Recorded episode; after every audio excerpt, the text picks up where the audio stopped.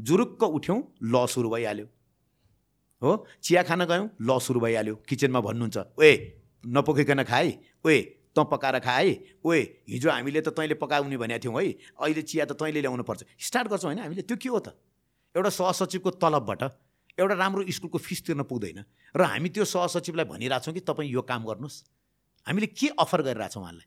घुमाइफिराइ हामी के तपाईँ करप्सन गर्नुहोस् भनिरहेको छैनौँ? कन्ट्रिज लाइक आवर्स जो चाहिँ in terms of territory in terms of economy in terms of multiple different डाइमेन्सन्सबाट weaker छ सो हाम्रो जस्तो देशले जस्टिस कसरी पाउँछ त? छोटो ल बनाउनु हुँदैन। छोटो ल बनायो भने एम्बिगुएस हुन्छ। एम्बिगुएस भयो भने जनताले बुझ्दैन अनि व्याख्याको गुन्जाइस रहन्छ। अनि त्यो व्याख्या के हुन्छ भन्दा प्रिभिलेज वर्गको फाइदामा व्याख्या जान्छ। हाइड्रो पावरमा मैले धेरै प्र्याक्टिस गरेँ हुनाले त्यहाँ म जहिले पनि हेर्छु कि यो यो कागज मिल्यो भने चाहिँ यति दिनभित्र दिइनेछ दिएन भने के हुन्छ त? ल है साइलेन्ट पार्लियामेन्टले त कानुन बनाउने हो हेर्नु सुई सुई नयाँ कानुन ल्याउने हो ठेलेका ठेले कानुन ल्याउने हो। त्यहीभित्र तपाईँको नियमावलीलाई त एकदमै कम ठाउँ दिने हो। फर इक्जाम्पल नेपालको केसमा कुनै एउटा कम्पनी छ त्यो लसमा गयो कम्पनी बन्द गर्नुपर्छ। कम्पनी बन्द गर्नु किन यति गाह्रो छ? धेरै सम्मेलन गर्छौँ हामी धेरै तपाईँको चाहिँ के अरे चाहिँ सभाहरू गर्छौँ र पोलिसीको बारेमा डिस्कसन गर्छौँ के? त्यो पोलिसी भन्ने नै छोडिदिउँ के? लको बारेमा डिस्कस गरौँ। अब कानुन कस्तो चाहिने हो? This episode is brought to you by The Physique Workshop, the first gym chain in Nepal with branches all over Kathmandu.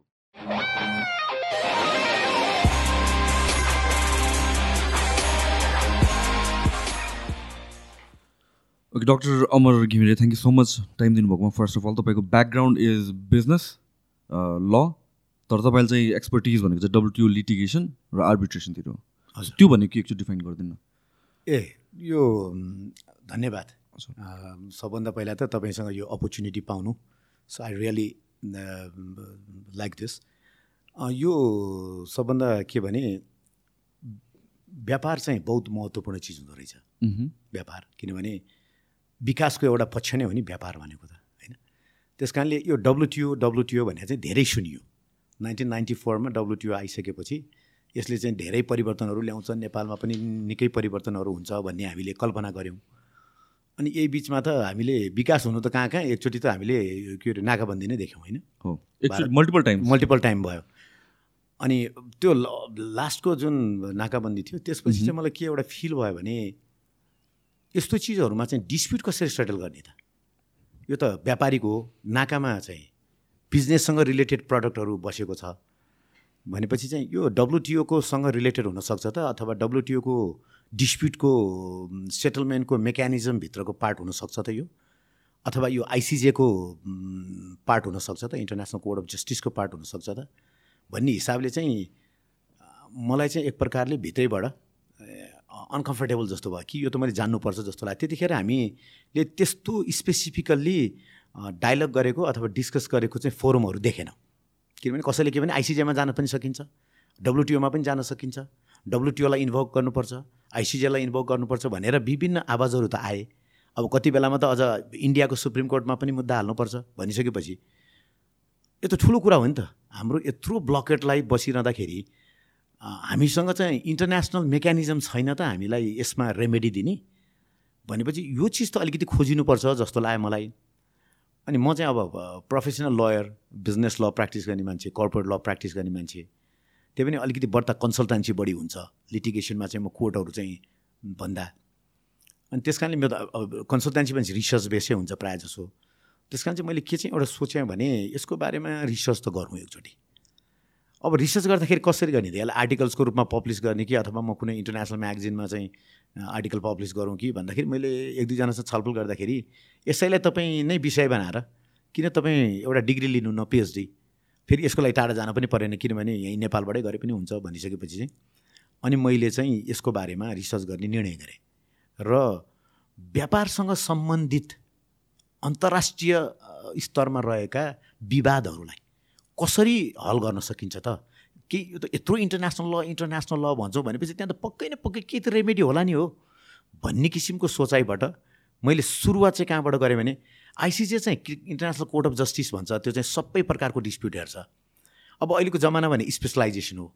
त्यस कारण मैले चाहिँ के भने व्यापारिक चिजमा मात्रै कन्फाइन हुनुपर्छ भन्ने सोचाइ राखेर अनि मैले चाहिँ डब्लुटिओ लिटिगेसन भनेको चाहिँ डब्लुटिओको ल अन्तर्गत विवादलाई कसरी समाधान गर्न सकिन्छ र इन्टरनेसनल आर्बिट्रेसन भनेको चाहिँ त्यसका बाहेक डब्लुटिओको मेकानिजम बाहेक अरू कस्ता मेकानिजम हुन सक्छन् अन्तर्राष्ट्रिय स्तरमा। यो कमर्स र चाहिँ तपाईँको ट्रेडलाई चाहिँ का डिस्प्युटहरूलाई हल गर्ने भन्ने कुराको अध्ययन गर्नको लागि चाहिँ अनि मैले त्यसैमा नै पिएचडी गरेर त्यस अन्तर्गत मैले अध्ययनलाई अगाडि बढाएपछि मैले त्यसैमा आफ्नो यो डिग्री लिएको हो। यो डब्लुटिओ लिटिकेसन भनेको चाहिँ डब्लुटिओको एउटा फ्रेमवर्क छ। जसमा एउटा मेजर उसको अङ्ग भनेको चाहिँ तपाईँको डिस्प्युट के अरे यो डिस्प्युट सेटलमेन्ट बडी छ डब्लुटिओभित्र त्यसले चाहिँ तपाईँको अन्तर्राष्ट्रिय स्तरका यो इन्टर ट्रेड रिलेटेड डिस्प्युट्सहरूलाई चाहिँ फोरम प्रदान गर्छ रेमेडीको लागि। त्यो टाइप अफ कोर्टै हो। कोर्ट जस्तै छ त्यहाँ। तपाईँको तपाईँको त्यहाँतिर पहिला तपाईँको कन्सल्टेन्सी कन्सल्टेसनको चाहिँ म्यान्डेटोरी मेकानिजम छ। त्यसपछि तपाईँको प्यानल डिस्कसन छ। त्यसपछि त अपिलेट बडी छ। त्यहाँ तपाईँको अपिलेट बडी भनेको a type of appeal mechanism छ त्यहाँ। भनेपछि ए यो त कोर्ट टाइपको सिस्टम देखिन्छ। तपाईँको एजुकेटरी मेकानिजम देखिन्छ भने त यसलाई चाहिँ डब्लुटिओमा विवाद निर्मूलीकरण गर्ने आधार भन्नुको ठाउँमा अहिले नयाँ वर्ड चाहिँ डब्लुटिओ लिटिगेसन भन्ने जस्तो हामी कोर्ट लिटिगेसन भन्छौँ नि हामीले त्यसै डब्लुटिओ लिटिगेसन भनेर भन्ने चलन र लेखाइमा पनि फर्मल्ली नै प्रयोग गर्ने चलन भएको हुनाले चाहिँ मैले यसलाई डब्लुटिओ डिस्प्युट सेटलमेन्ट मेकानिजम भन्नुको साटो डब्लुटिओ लिटिगेसन भनेको चाहिँ यो ल लयरले रेफ्लेक्ट गर्ने वर्ड हो त्यो चाहिँ। सो आर्बिट्रेसन भनेको चाहिँ के भन्छ आर्बिट्रेसन भनेको चाहिँ अहिले तपाईँले डब्लुटिओले चाहिँ इन्टरनेसनल ट्रेड हेर्ने भयो। इन्टरनेसनल ट्रेडमा चाहिँ डब्लुटिओको तपाईँले एउटा स्ट्रक्चर हेर्नुभयो भने त्यहाँ चाहिँ राष्ट्र मात्रै मे मेम्बर हुन पाउँछ। त्यहाँ कुनै इन्टरनेसनल अर्गनाइजेसन अथवा सोसियल बडिजहरू कुनै पनि आइएनजिओजहरू त्यसको मेम्बर हुँदैन। अनि डब्लुटिओले गर्ने जुन के अरे चाहिँ एक्सनहरू छ त्यो चाहिँ नेसनल लेभलमा हरेक राष्ट्रको नेसनल लेभलमा प्रभाव पार्ने तरिकाका डिस्प्युट्सहरूलाई मात्रै उसले ग्राफ्स गर्छ। उसको जुरिडिक्सनभित्र पर्छ। जस्तो नेपालले कुनै पोलिसी चेन्ज गर्यो अथवा नेपालले कुनै ल चेन्ज गर्यो र त्यसले डब्लुटिओ लले दिएका अधिकारहरू कर्टेल गर्ने किसिमका प्रावधानहरू सिर्जना गर्यो भने त्यसको अगेन्स्टमा भएको अवस्थामा चाहिँ डब्लुटिओको डिस्प्युट सेटलमेन्ट मेकानिजम प्रयोग गरिन्छ। तर प्राइभेट लेभलमा भएका बिजनेसहरू चाहिँ डब्लुटिओले हेर्दैन किनभने त्यहाँ त कुनै पनि प्राइभेट अर्गनाइजेसन त त्यसको मेम्बरै हुँदैन। त्यस कारण प्राइभेट लेभलमा भएको चिजलाई चाहिँ ट्रेड नबनेर यसलाई चाहिँ अलिकति बुझ्ने भाषामा चाहिँ कमर्स भनिन्छ। होइन? त्यस कारणले अलिकति ट्रेड र कमर्सलाई छुट्याउँदाखेरि चाहिँ सहज भाषामा चाहिँ हुन त त्यसको फेरि सिनोनिमस अङ्ग्रेजीमै गयो भने त फेरि मलाई फेरि भन्नु होला कि ओहो यो त ट्रेड र कमर्स त सिनोनिमस प्रयोग हुन्छ भन्ने पनि हुनसक्छ। तर अलिकति हाम्रो सेक्टरमा चाहिँ हामीले हेर्दाखेरि चाहिँ कमर्स भनेको चाहिँ प्राइभेट लेभलमा हुने अन्य प्रकारका व्यावसायिक के अरे के अरे चाहिँ एक्टिभिटिजहरूलाई देखिन्छ भने ट्रेडले चाहिँ इन्टरनेसनल ट्रेड भने चाहिँ डब्लुटिओको रेजिमभित्रको मेकानिजमले देखाउन खोज्छ भन्ने देखा हुनाले प्राइभेट सेक्टरले पनि व्यवसाय गर्छ नि त। प्राइभेट सेक्टरले व्यवसाय गर्यो भने त त्यो डिस्प्युट सेटलमेन्ट गर्नको लागि त डब्लुटिओमा जान पाइँदैन। किनभने only state is eligible to take the issue to WTO त्यस कारणले प्राइभेट प्राइभेट बिचको डिस्प्युटहरू सेटलमेन्ट गर्नको लागि चाहिँ इन्टरनेसनल आर्बिट्रेसनको मेकानिजम प्रयोग गरिन्छ। यो चाहिँ दुईवटा पार्टीहरू दोज वा इन डिस्प्युट्स उनीहरूले आर्बिट्रेटर नियुक्त गर्छ। कोही कसैले एउजनाबाटै पनि त्यो डिस्प्युट सेटलमेन्ट गराउँछ कसैले तिनजना आर्बिट्रेटरबाट गराउँछ र ती आर्बिट्रेटरहरूलाई चाहिँ कल्ड एज अ जज अ टाइप अफ जज हुन्छन् उनीहरूले। उनीहरूले त्यो डिस्प्युट सुनेर त्यसमा निर्णय दिन्छन् उनीहरूले। सो फर इक्जाम्पल चाहिँ केएफसीको डिस्प्युट पऱ्यो भने आर्बिट्रेसन अँ एक्ज्याक्टली सो तर स्टेट स्टेटको जुन मेबी ट्रेडसँग रिलेटेड लहरू छ या ल पोलिसीहरूमा डिस्प्युट पऱ्यो भने चाहिँ डब्लुटिओमा जाने यस तपाईँको बेसिक तरिकाले बुझ्दाखेरि चाहिँ त्यसरी बुझ्दाखेरि इनिसियल स्टेजमा चाहिँ सजिलो होला। ओके सो यो जुन तपाईँले अघि ब्लकेटको पनि कुरा गर्नुभयो होइन? ब्लकेटबाट तपाईँको वान अफ द भनौँ न एउटा हिसाबले inception towards this goal journey भनौँ न। सो जुन यो जुन यो ल के अरे ब्लकेट गरियो नि त सो त्यसलाई चाहिँ कसरी हेर्छ त डब्लुटिओले या इन्टरनेसनल हामीले जस्टिस कसरी पाउने? मेरो कन्सर्न के हो भनेर भनेपछि यो ब्लकेट त पहिला पनि भएको थियो। धेरै पहिला भएको थियो सिमिलर रिसेन्ट टाइम्समा चाहिँ हाम्रो जेनेरेसनले देख्यो भनेको चाहिँ त्यही पाँच सात वर्ष अगाडिको बेलाको के अरे अर्थको अराउन्डकोमा सो यो फेरि नहोस् भनेर इन्स्योर कसरी गर्छ त? अँ यसमा यस्तो हुँदो रहेछ। सबभन्दा ठुलो कुरो के हुन्छ भने अहिले अब तपाईँले यसैमा जानुभन्दा पहिला म तपाईँले एकचोटि इन्टरनेसनल लमा लिएर जान्छु। ओके किनभने तपाईँलाई हामीले डब्लुटिओ ल पढ्यौँ भने एकदम चाइनी पार्ट अफ इन्टरनेसनल ल हो त्यो होइन डब्लुटिओ ल पनि इन्टरनेसनल ल हो। यसलाई पब्लिक इन्टरनेसनल लभित्र राखिन्छ। इन्टरनेसनल ल पनि दुईवटा हुन्छ।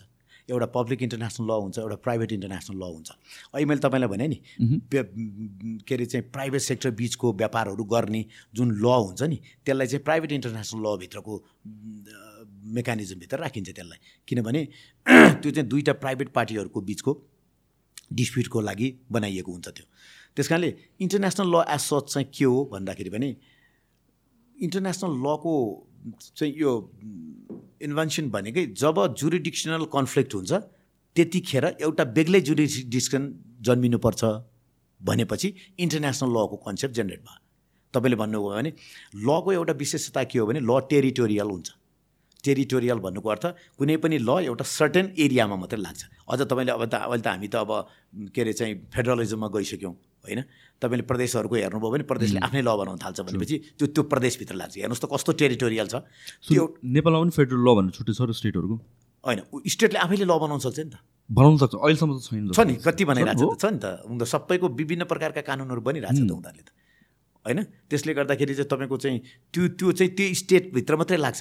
अनि फेडरलले लगाउने चाहिँ देशभरि लाग्छ। ओके होइन?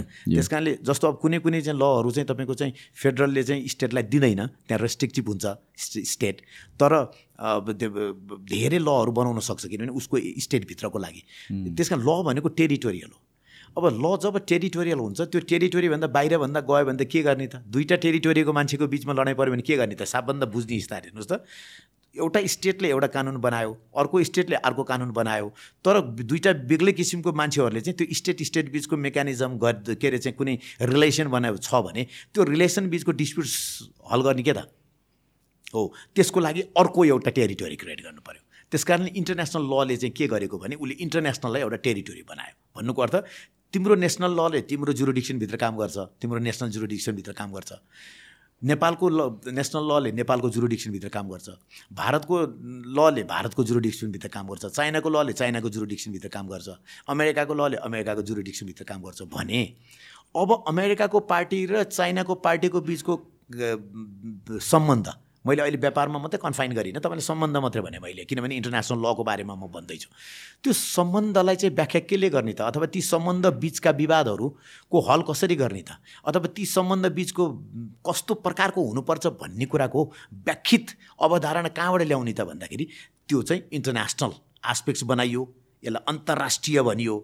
त्यो अन्तर्राष्ट्रिय लेभलमा अन् डिफ्रेन्ट जुरोडिक्सनका स्टेट बिचको रिलेसन डिफाइन गर्ने र ती रिलेसनबाट उब्जिएका विवादहरू हल गर्नको लागि बनाइएको कानुनको अवधारणाले अन्तर्राष्ट्रिय कानुन भनियो म यसलाई अहिले तपाईँले चाहिँ यसको चाहिँ लेगल फ्रेमवर्क भन्दा पनि म यसलाई अलिकति फिलोसफिकल एङ्गलबाट हेऱ्यो भने अलिकति दर्शकहरूलाई बुझ्न सजिलो होला होइन? त्यस कारणले गर्दाखेरि इन्टरनेसनल ल जब हामीले भन्यौँ त्यसले के गर्ने भयो भने दुईवटा डिफ्रेन्ट जुरोडिक्सनका बिचका व्यक्तिहरू व्यक्ति मैले यहाँ किन भनिरहेको छु भन्दाखेरि पनि मैले इन्डिभिजुअल भनेको छैन सिटिजन भनेको छैन। व्यक्ति भनेको चाहिँ त्यसलाई व्यक्ति भनेको नेचुरल पनि हुन्छ व्यक्ति भनेको लेगल पनि हुन्छ। पर्सन भन्छौँ नि हामीले होइन? त्यस कारणले व्यक्ति भन्ने बित्तिकै त्यो तपाईँ सबैले जान्नुपर्ने कुरा हो। व्यक्ति भनिदियो भने त्यसले कम्पनी पनि पऱ्यो त्यसले कुनै संस्था पनि पऱ्यो त्यो नेचुरल पर्सन पनि पऱ्यो त्यस कारणले दु इन्टरनेसनल लेभलमा चाहिँ रिलेसन कसले गर्छ भन्दा सिटिजनले पनि गर्छ इन्डिभिजुअलले पनि गर्छ कम्पनीले पनि गर्छ बिजनेसेसले गर्छ तपाईँ कर्पोरेसन्सहरूले गर्छ। यी दुईवटा बिच यिनीहरूले गर्ने सम्बन्ध यिनीहरूले प्रयोग गर्ने के अरे चाहिँ व्यापारिक अवधारणाहरूलाई डिफाइन गर्नको लागि बनेको कानुन हो। होइन? यो किन यो यो चाहिँ कानुन हो? अब यो चाहिँ यसले के गर्छ त? यसले भन्दाखेरि भने दुईवटा डिफ्रे डिफ्रेन्ट जुरिडिक्सनल एरियामा भसे भएका व्यक्तिहरूको विभिन्न प्रकारको सम्बन्धहरूलाई नै व्याख्या गर्छ यसले। अब त्यो सम्बन्ध जुनसुकै प्रकारको पनि हुनसक्छ त्यो व्यापारिक हुनसक्छ होइन? त्यो चाहिँ तपाईँ जस्तो स्टेट स्टेटको बिचको भन्नु तपाईँले भने बोर्डरको हुनसक्छ। होइन? त्यो तपाईँले जस्तो भन्नु न राजदूत नियुक्त गर्यो एउटा देशको मान्छे अर्को देशमा गएर राजदूत भएर बसेको हुन्छ। त्यहाँ राजदूतले अबको उसका दायित्वहरू के हुन्छ भनेर भन्यो भने त ऊ त एउटा बेग्लै स्टेटको मान्छे बेग्लै ठाउँमा गएर बसेको छ नि। अब त्यसलाई तपाईँले उसको स्टेट लले पनि उसलाई गभर्न गर्दैन। यहाँको ल त उसले मान्दैन भनेपछि त्यसलाई केले गभर्न गर्छ त भन्ने बित्तिकै त्यो इन्टरनेसनल लले गभर्न गर्छ होइन? हो त्यसरी नै व्यापारलाई पनि व्यापार त झन् मेजर हुने भयो। होइन? सबभन्दा बढ्ता त प्रायः डेली बेसिसमै हुने एक्टिभिटिज भयो नि व्यापार त होइन हो व्यापारलाई पनि इन्टरनेसनल लले गभर्न गर्ने भयो। तिमी दुईवटा डिफ्रेन्ट जुरिडिक्सनमाबाट व्यापार गर्ने मानिसहरूलाई चाहिँ तिमीले चाहिँ यदि तिम्रो बिचमा कुनै सम्बन्धका बारेमा कन्फ्युजनहरू भयो एम्बिग्युटिजहरू भयो भने चाहिँ इन्टरनेसनल लले त्यसलाई गभर्न गर्न सक्छ अथवा त्यसलाई गाइड गर्न सक्छ भन्ने हिसाबले ल बनाइएको। होइन? अब तपाईँले त्योभन्दा पहिला लको एउटा डेफिनेसन हामीले हेर्ने हो भने लले चाहिँ जहिले पनि ल कुनै कम्प्लेक्स चिज होइन। हामीले ललाई कसरी बुझिदिएका छौँ भने हाम्रो यो पार्लियामेन्टले बनाउने ऐन त्यसपछि सरकारले बनाउने नियमावलीलाई भन्छौँ होइन? ल स्टार्ट फ्रम द किचन। ल स्टार्ट फ्रम बेडरुम। ल स्टार्ट विदिन यो कम्पाउन्ड। ल। त्यसमा अनि फेरि तपाईँले भन्नु त्यसमा त्यो कसले मान्छ र? ल मान्नै पर्छ भन्ने होइन नि त। संसारमा सबै लहरू चाहिँ मान्नै पर्छ होइन कि ती नमानेको खण्डमा सजाय दिनुपर्छ भन्ने हुँदैन ल। हामी मान्छौँ है भनेर चाहिँ सम्झौता गऱ्यौँ भने त्यो कानुन हुन्छ। सम्झौता agreement is a law private law. हेर्नुहोस् त। अनि त्यसमा त त्यसमा त के? तिमी एसएलसी पास गर म तिमीलाई फोन किनिदिन्छु भन्यो भने बाउले चाहिँ छोरालाई फोन किनेर भने छोराले बाउलाई मुद्दा हाल्न पाउँछ त पाउँदैन। तर त्यो उनीहरू ल लेगली बाइन्डिङ थिए लेगली बाइन्डिङ थिए।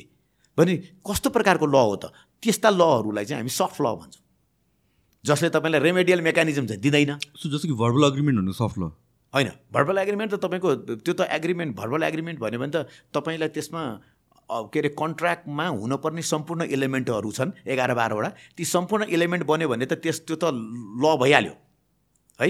त्यो ल हुने बित्तिकै त त्यसलाई फेरि त्यसको गभर्निङ ल हुन्छ। इन्टरनेसनल कन्ट्र्याक्ट छ भने डोमेस्टिक लले गभर्न गर्दैन त्यसलाई इन्टरनेसनल लले गभर्न गर्नु पऱ्यो कुन चाहिँ इन्टरनेसनल लले गभर्न गर्छ? होइन? जस्तो डब्लुटिओसँग रिलेटेड कुरा हो भने डब्लुटिओ लले गभर्न गर्ला। होइन? त्यस कारणले गर्दाखेरि चाहिँ ल भन्ने बित्तिकै के भने यसले चाहिँ गाइडेन्स बिहेभियरल गाइडेन्स भन्छु यसलाई। सोसियल बिहेभियरल गाइडेन्स सोसाइटीलाई कसरी गाइड गर्ने त? भन्दा लले गाइड गर्छ। अनि सोसाइटीभित्र हेर्नुहोस् त यो गर यो नगर भने हुन्छ। त्यो के हो? त्यो ल नै हो नि। त्यो कानुनै हो। हामीले गलत के बुझ्यौँ भने त्यसलाई कानुन नभन्ने के भन्ने त तपाईँलाई मैले प्रतिप्रश्न गरेँ हामीले समाजमा भन्यौँ कि यो चोकमा चाहिँ हामीले खेल्दाखेरि चाहिँ चार बजे मात्रै खेल्नुपर्छ है। भनेर हामीले चार बजे एउटा पाँच सातजना बौद्धिक मान्छेहरू बसेर एउटा नियम बनाउनु भयो। कहीँ पनि लेखिएको छैन केही पनि छैन। त्यो के हो त? रुल्स रेगुलेसन्स द्याट इज ल लभित्र त रुल्स पनि पर्छ लभित्र त रेगुलेसन पनि पर्छ लभित्र त पोलिसी पनि पर्छ। सो यो केसमा चाहिँ त्यसको सजाय चाहिँ नहुने भयो। हो तपाईँले के भने त्यस कारण त सफ्ट ल हुने भयो नि त। ओके तपाईँले म तपाईँले भन्नु अनौठो लाग्ला तपाईँलाई। संविधानभित्र तपाईँलाई के भनेको छ भने प्रत्येक नागरिकलाई सफा वातावरणमा बाँच्न पाउने अधिकार छ। कन्स्टिट्युसनल राइट होइन? अनि सफा वातावरणमा बस्न पाएन भने तपाईँ के गर्नुहुन्छ त? फेरि राज्यले तपाईँ अदालतमा जानु भने के भन्छ भने खै मैले तपाईँलाई अब के कसलाई के सजाय गर्ने कानुन छैन तपाईँ स्पेसिफिक कानुन सम्झेर आउनु भएन लिएर आउनु भएन अब कन्स्टिट्युसनल राइट त हो तर रेमेडी डिफाइन नभएको अवस्थामा मैले के गर्ने त? फेरि तपाईँले फेरि फेरि मैले फेरि मेरो फेरि लेगल फर्टिनिटीको साथीहरूले भन्नु होला आमा आमामा यसले त कन्स्टिट्युसनल ललाई पनि सफ्ट ल भन्यो। होइन त्यो हार्ड ल नै हो। कहिलेकाहीँ रेमेडी नहुँदाखेरि पनि त्यो ल हार्ड ल हुन्छ। सो कसरी डिफाइन गर्ने त? कुन हार्ड ल कुन सफ्ट ल यो चाहिँ यो चाहिँ हेर्नु यो मैले विभिन्न ठाउँमा प्रेजेन्टेसन गर्दाखेरि एक्चुली सिडनी युनिभर्सिटीको एउटा प्रोफेसर हुनुहुन्थ्यो उहाँ र हामी मेलम्चीमा एउटा उहाँहरूको यो सिडनी युनिभर्सिटीको पिएचडीका स्टुडेन्टहरू के अरे चाहिँ आएको बेलामा मैले पनि प्रेजेन्टेसन गर्ने अवसर पाएको थिएँ।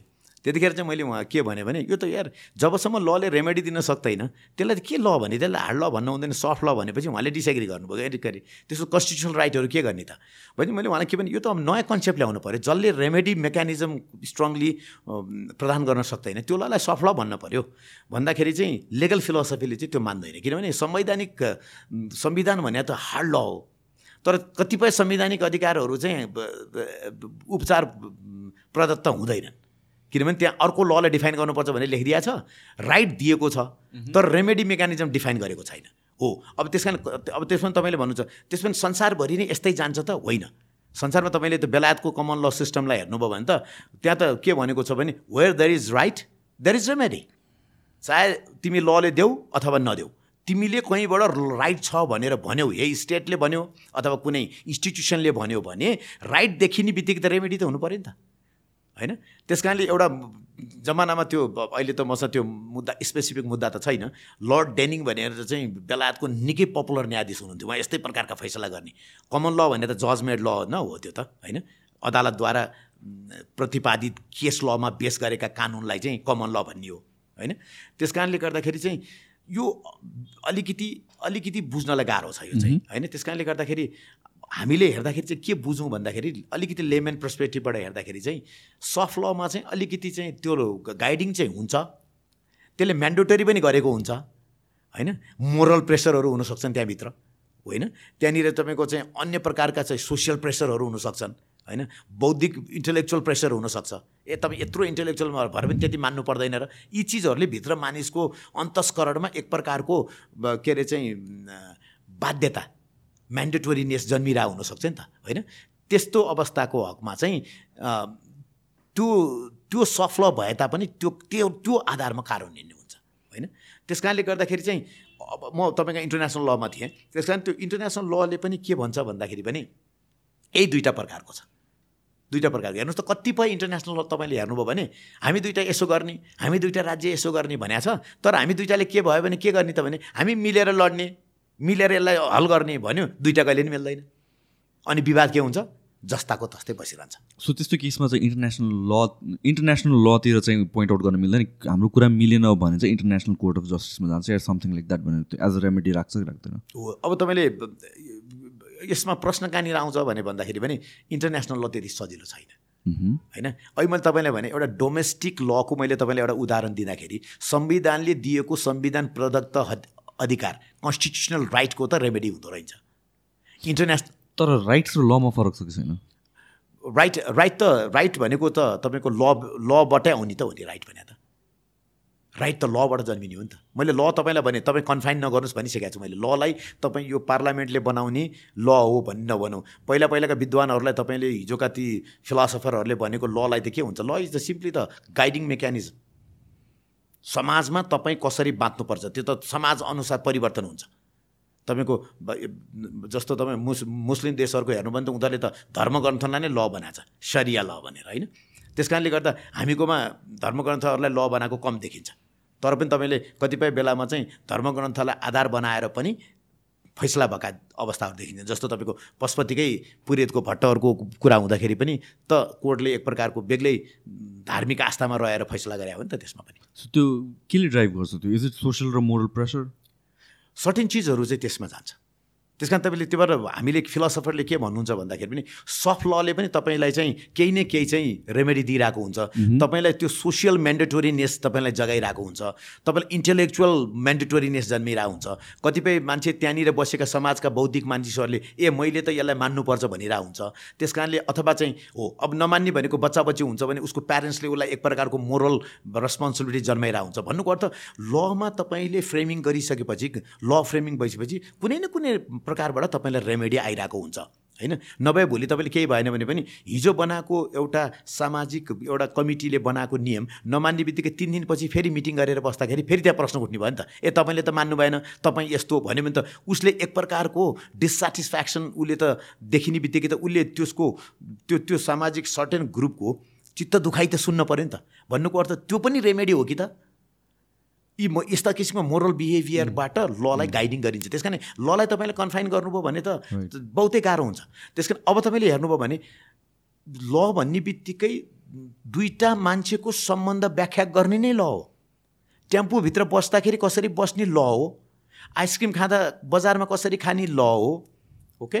त्यस कारण अहिले मलाई तपाईँलाई अनौठो लाग्ला। कुनै दिन तपाईँसँग अलिकति फिलोसफिकली पनि डाइलग गरौँला। म के भन्छु भने life is all about contract agreement तपाईँले हेर्नुहोस् त अलिकति। No I hundred percent agree मैले भने यो every interaction is a form of negotiation exactly हो म मेरो मेरो म म मेरो चिल्ड्रेनहरूलाई नि के भन्छु भने if you are good to me I am good to you don't expect that there is a blood relation and you are always bad to me and I am I have a responsibility to be good to you त्यसले के भन्न खोजिरहेको छु त मैले भन्दाखेरि पनि तिम्रो र मेरो सम्बन्धले हाम्रा अघिका सम्बन्धहरू निर्कोल हुने होइनन् र। हो नि त। तर हामीले के भनिरहेको छौँ भने होइन बाउ र छोराको बिचमा त रगतको नाता हुन्छ। रगतको नाता भएको भए त कुनै पनि छोराको हात त बाउमा त उठ्नै नहुनु पर्ने हो। रगतले छ्याट्ट रोक्नु पर्ने हो नि त। रोक्दैन नि त। हेर्नुहोस् त अथवा छोराको बाउले रोक्दैन नि त्यतिखेर के हुन्छ? कन्ट्र्याक्चुअल बिहेभियर कन्ट्र्याक्चुअल प्रोग्रेसन के अरे चाहिँ यो के अरे हार्डसिपहरू आउँछ त्यतिखेर। ए तिमी चाहिँ मसँग असल नहुने तिमी चाहिँ मैले भनेको नगर्ने तिमीले चाहिँ मैले भनेको मान्न नपर्ने अनि मैले चाहिँ तिम्रो कुरा सुनिरहनु पर्ने भनेको के हो त त्यो? कन्ट्र्याक्चुअल रिलेसनको डिससेटिस्फ्याक्सन होइन त्यो। हामीले त्यसलाई त व्याख्या गर्न मात्रै नसक्यो भने। त्यही भएर जिन्दगीको टोटल सिस्टमै तपाईँले हेर्नुभयो भने त अग्रिमेन्टमा बेच्छ नि। त्यसै तपाईँको सोसियल कन्ट्र्याक्ट थ्योरी आएको हो र सोसियल कन्ट्र्याक्ट थ्योरीमा त्यो बेलाका फिलोसफरहरूले के भने सो सोसियल कन्ट्र्याक्ट थ्योरी आउनुभन्दा अगाडि स्टेट अफ नेचर भन्थ्यो। किनभने मान्छे त कहिलेदेखि थियो त कसलाई थाहा छ होइन? तर कुनै कुनै ग्रन्थहरू त एउटा पर्टिकुलर टाइममा आएर जन्मिएका त हो नि। वेद एउटा पर्टिकुलर टाइममा जन्मिएको हो। अनि तपाईँको बाइबल एउटा पर्टिकुलर टाइममा जन्मिएको हो कुरान एउटा पर्टिकुलर टाइम त्योभन्दा पहिला के थियो त? मान्छेले त्यो तिनीहरूले डिफाइन गरेका छन् र तर उनीहरूले के गरेका छन् भने त्यहाँनिर उसलाई लिङ्क गरेर जसले मैले लिङ्क गरेको छु त्यस कारण तिमीले त्यसलाई विश्वास गर भनेर त्यसका आधारहरू खडा गरेर त्यसका फलोवरहरूलाई चित्त बुझाएको छ उसले। होइन? त्यस कारणले गर्दाखेरि लले त तपाईँलाई त त्यो कन्ट्र्याक्टले त डिफाइन गरिरहेको हुन्छ। कन्ट्र्याक्ट त प्राइभेट ल हो। त्यस कारण हामीले के बुझ्नुपर्छ भने जुरुक्क उठ्यौँ ल सुरु भइहाल्यो।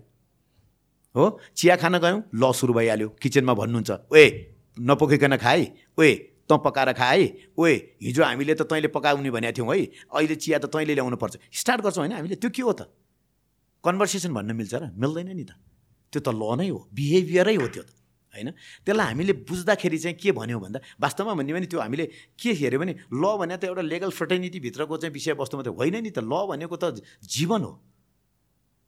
ल भनेको त सम्बन्ध हो। ल भनेको त हेराइ हो।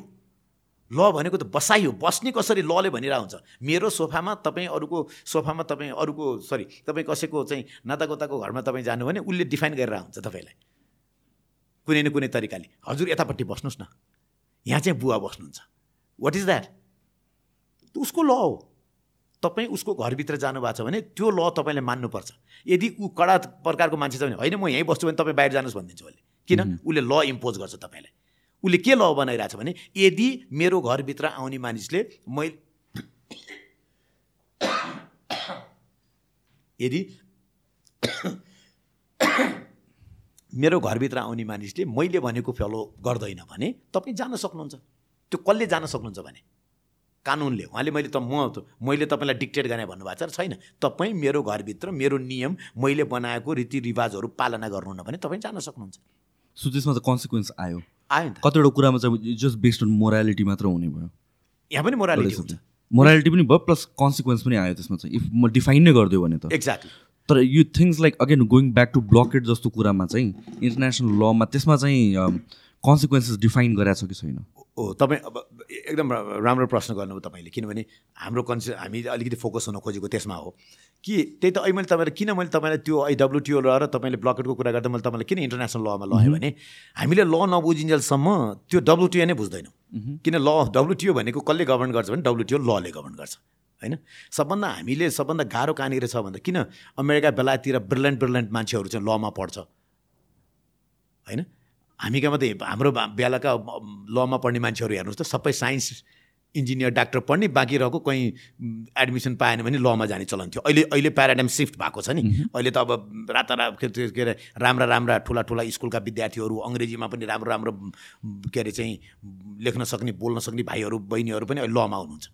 उहाँहरू चाहिँ हिजो हामीलाई हिजो कस्तो कम च्यालेन्ज थियो कम कम्पिटिसन थियो। अहिले कस्तो कम्पिटिसन छ? किनभने अङ्ग्रेजी राम्रो बोलिदिने बित्तिकै अर्को क्लाइन्टले त ओहो ए पनि इक्वल्ली कम्पिटेन्ट देखिन्छ। त्यस कारणले सिफ्टिङ भएको छ नभएको होइन। त्यस कारण अहिले मैले तपाईँलाई त्यो चाहिँ अहिले तपाईँले भनेको त्यसमा चाहिँ के गरेको छ भन्दाखेरि पनि ल चाहिँ कसको लागि हुँदो रहेछ? फेरि म एउटा अर्को फिलोसफी तपाईँलाई मैले भन्नै definitely. किन भन्दाखेरि पनि ल कसको लागि त? ल किन बनाइदो रहेछ? भन्दाखेरि पनि ल चाहिँ बाटो देखाउनको लागि बनाइदो रहेछ। मैले भने नि बाटो देखाउनु। त्यो बाटो पनि हामीले हिँड्ने मात्रै बाटो होइन है। बाँच्ने बाटो जिउने बाटो पिउने बाटो जुनसुकै जुनसुकै तरिकाबाट भन्यो भने ल चाहिँ हिँड्नको लागि बाटो हिँड्नको लागि बनाइदो रहेछ। त्यस कारणले त्यो ल चाहिँ तपाईँले चाहिँ त्यो ल बनाउँदाखेरि चाहिँ सकभर त्यसमा चाहिँ रेमेडी पनि हुन सक्ने तरिकाबाट बनाउनु पर्दो रहेछ। ल चाहिँ बनाउने हो भने चाहिँ वास्तविक ल हार्ड ल बनाउने। एकदम पुरा के अरे चाहिँ राइट पनि व्याख्या गर्ने अनि रेमेडी पनि व्याख्या गर्ने कि त्यस्तो ल बनाउनु पर्दो रहेछ होइन? त्यसो भने त त्यस्तो ल नभइन्जेलसम्म त त्यसले चाहिँ तपाईँको चाहिँ अहिले तपाईँले भने कन्सिक्वेन्स नदिँदो रहेछ। तपाईँले त पर्टिकुलरली कन्सिक्वेन्स सोध्नु भएको थियो कन्सिक्वेन्सै दिँदैन त्यसले। भने अब ल कसले प्रयोग गर्दो रहेछ त भन्दाखेरि भने ठ्याक्कै तपाईँले छ नि के अरे चाहिँ गरिबलाई ऐन धनीलाई चैन। भन्नुको अर्थ त्यो ऐनको सबभन्दा बढ्ता प्रयोग। सक्षम वर्गले असक्षम वर्गमाथि प्रयोग गरेर आउँछ। किन? हेर्दाखेरि उल्टो देखिन्छ। हेर्दाखेरि के गर्छ भने मैले राम्रो कानुन बनाइदिएको छु त्यस कारण तपाईँलाई यसले भलो गर्छ भनिरहेको छौँ। उसको भलो गर्ने किसिमको कानुन बनाउन सक्यो भने त हो। त्यसो गर्नको लागि तपाईँको ऐनका इच एन्ड एभ्री पार्टहरूलाई तपाईँले डिफाइन गर्नुपर्छ। होइन? त्यसो गर्नको लागि ऐनहरू राज्यले बनाउने कानुनहरू त लामा लामा पुरा हाम्रो बेलायत अमेरिकातिरको कानुनहरू हेर्नुभयो भने कति लामो छ कति लामो छ। म तपाईँको चाहिँ टु थाउजन्ड टु थाउजन्डतिर टु थाउजन्डतिर म बेलायतमा एलएलएम गर्दाखेरि त्यहाँको कम्पनी ऐनको टोटल दुईवटा कम्पनी ऐन थियो होला चौध सय दफा कि कति दफा थियो? हामी कहाँ लेस देन दुई सय दफा छ। भनेपछि हाम्रो प्रत्येक कानुनमा एम्बिगुटी छ। भन्नुको अर्थ तपाईँलाई यतापट्टिबाट घुमाइदिन पनि सक्ने भयो तपाईँलाई उतापट्टिबाट घुमाइदिन पनि सक्ने भयो। न त्यो जान जानी गरिया हो कि तपाईँ कम्पि त्यो चाहिँ कम्पिटेन्सी नपुगेको तपाईँको चाहिँ त्यो चाहिँ के भने जानी जानी नै होइन किनभने तपाईँसँग त्यो लेभलको म्यान पावरै छैन जसले तपाईँको इन्टरनेसनल ल फ्रेमिङ मेकानिजमको प्याटर्नबाट ल बनाइयोस्। किन अहिले पनि छैन? छँदै छैन नि त्यो त तपाईँसँग किनभने एउटा कुरा त कम्पिटेन्सी आउनको लागि त तपाईँसँग म्यान पावर हेरिनु पऱ्यो नि त। होइन? म्यान पावर हेरिनु पऱ्यो तपाईँको चाहिँ प्राइभेट लेभलमा तपाईँलाई सपोर्ट गर्ने ग्रुपहरू हेर्नु पऱ्यो तपाईँको संसारका विकसित देशहरूले कानुन बनाउँदाखेरि त कानुन ल्याउनुभन्दा अगाडि एक वर्षसम्म त वेबसाइटमा राख्छन्। तपाईँहरूको कसैले डिस्प्युट गर्छ कि भनेर? होइन तपाईँको कमेन्ट ल्याउनुहोस् भनेर। ओके होइन? हामी कहाँ के गरिन्छ बिचरा? एउटा मन्त्रालयको कर्मचारीले ड्राफ्ट गर्नुहुन्छ त्यही मन्त्रालयभित्र सिद्धिन्छ यसो मन्त्रालय परिषदमा लान्छ मन्त्री परिषदले एकजनाले व्याख्या गर्नुहुन्छ अहिले के अरे चाहिँ अलिअलि गरेर भने पार्लियामेन्टमा लानुहुन्छ। त्यसको कोर भोगाई बेहोर्ने मानिसले त्यो कानुनको बारेमा त थाहा पाएकै छैन। आएपछि थाहा पाउँछ। झसँग हुन्छ ल। यो दफा त हामीलाई त मिल्दै मिल्दैन। भन्छ अनि हामी के गर्छौँ? अब हामी संशोधन गर्छौँ भन्छु। किनभने त्यो हामीले नगरेको किन हामीलाई थाहा छ नि? तपाईँले हाम्रा ती ती ती सरकारमा बस्ने के अरे चाहिँ विद्वान कर्मचारी वर्गजीवहरूलाई त्यो थाहा छैन थाहा छ नि। त्यहाँ त कति ब्रिलियन्ट मान्छेहरू हुनुहुन्छ हेर्नुहोस् त। होइन तर किन भन्दाखेरि भने उहाँसँग कम्पिटेन्सी किन हुँदैन भन्दा एउटा रिसोर्सेस छैन उहाँसँग। होइन एउटा उहाँसँग मलाई जहिले पनि के लाग्छ भन्दाखेरि नेपालमा चाहिँ कर्मचारी तन्त्रलाई स्ट्रङ बनाउने मेकानिजमै क्रिएट गरिएन कहिले पनि। अब त्यसो गर्दाखेरि मलाई के लाग्छ भने त्यो नभइन्जेलसम्म तपाईँको त्यो कम्पिटेन्सी डेभलपै हुँदैन। सबभन्दा विद्वान सेक्टर सबभन्दा बढ्ता जुझारु सेक्टर र चाहिँ पुरा वाचडगको रूपमा काम गर्ने कर्मचारी तन्त्र नै।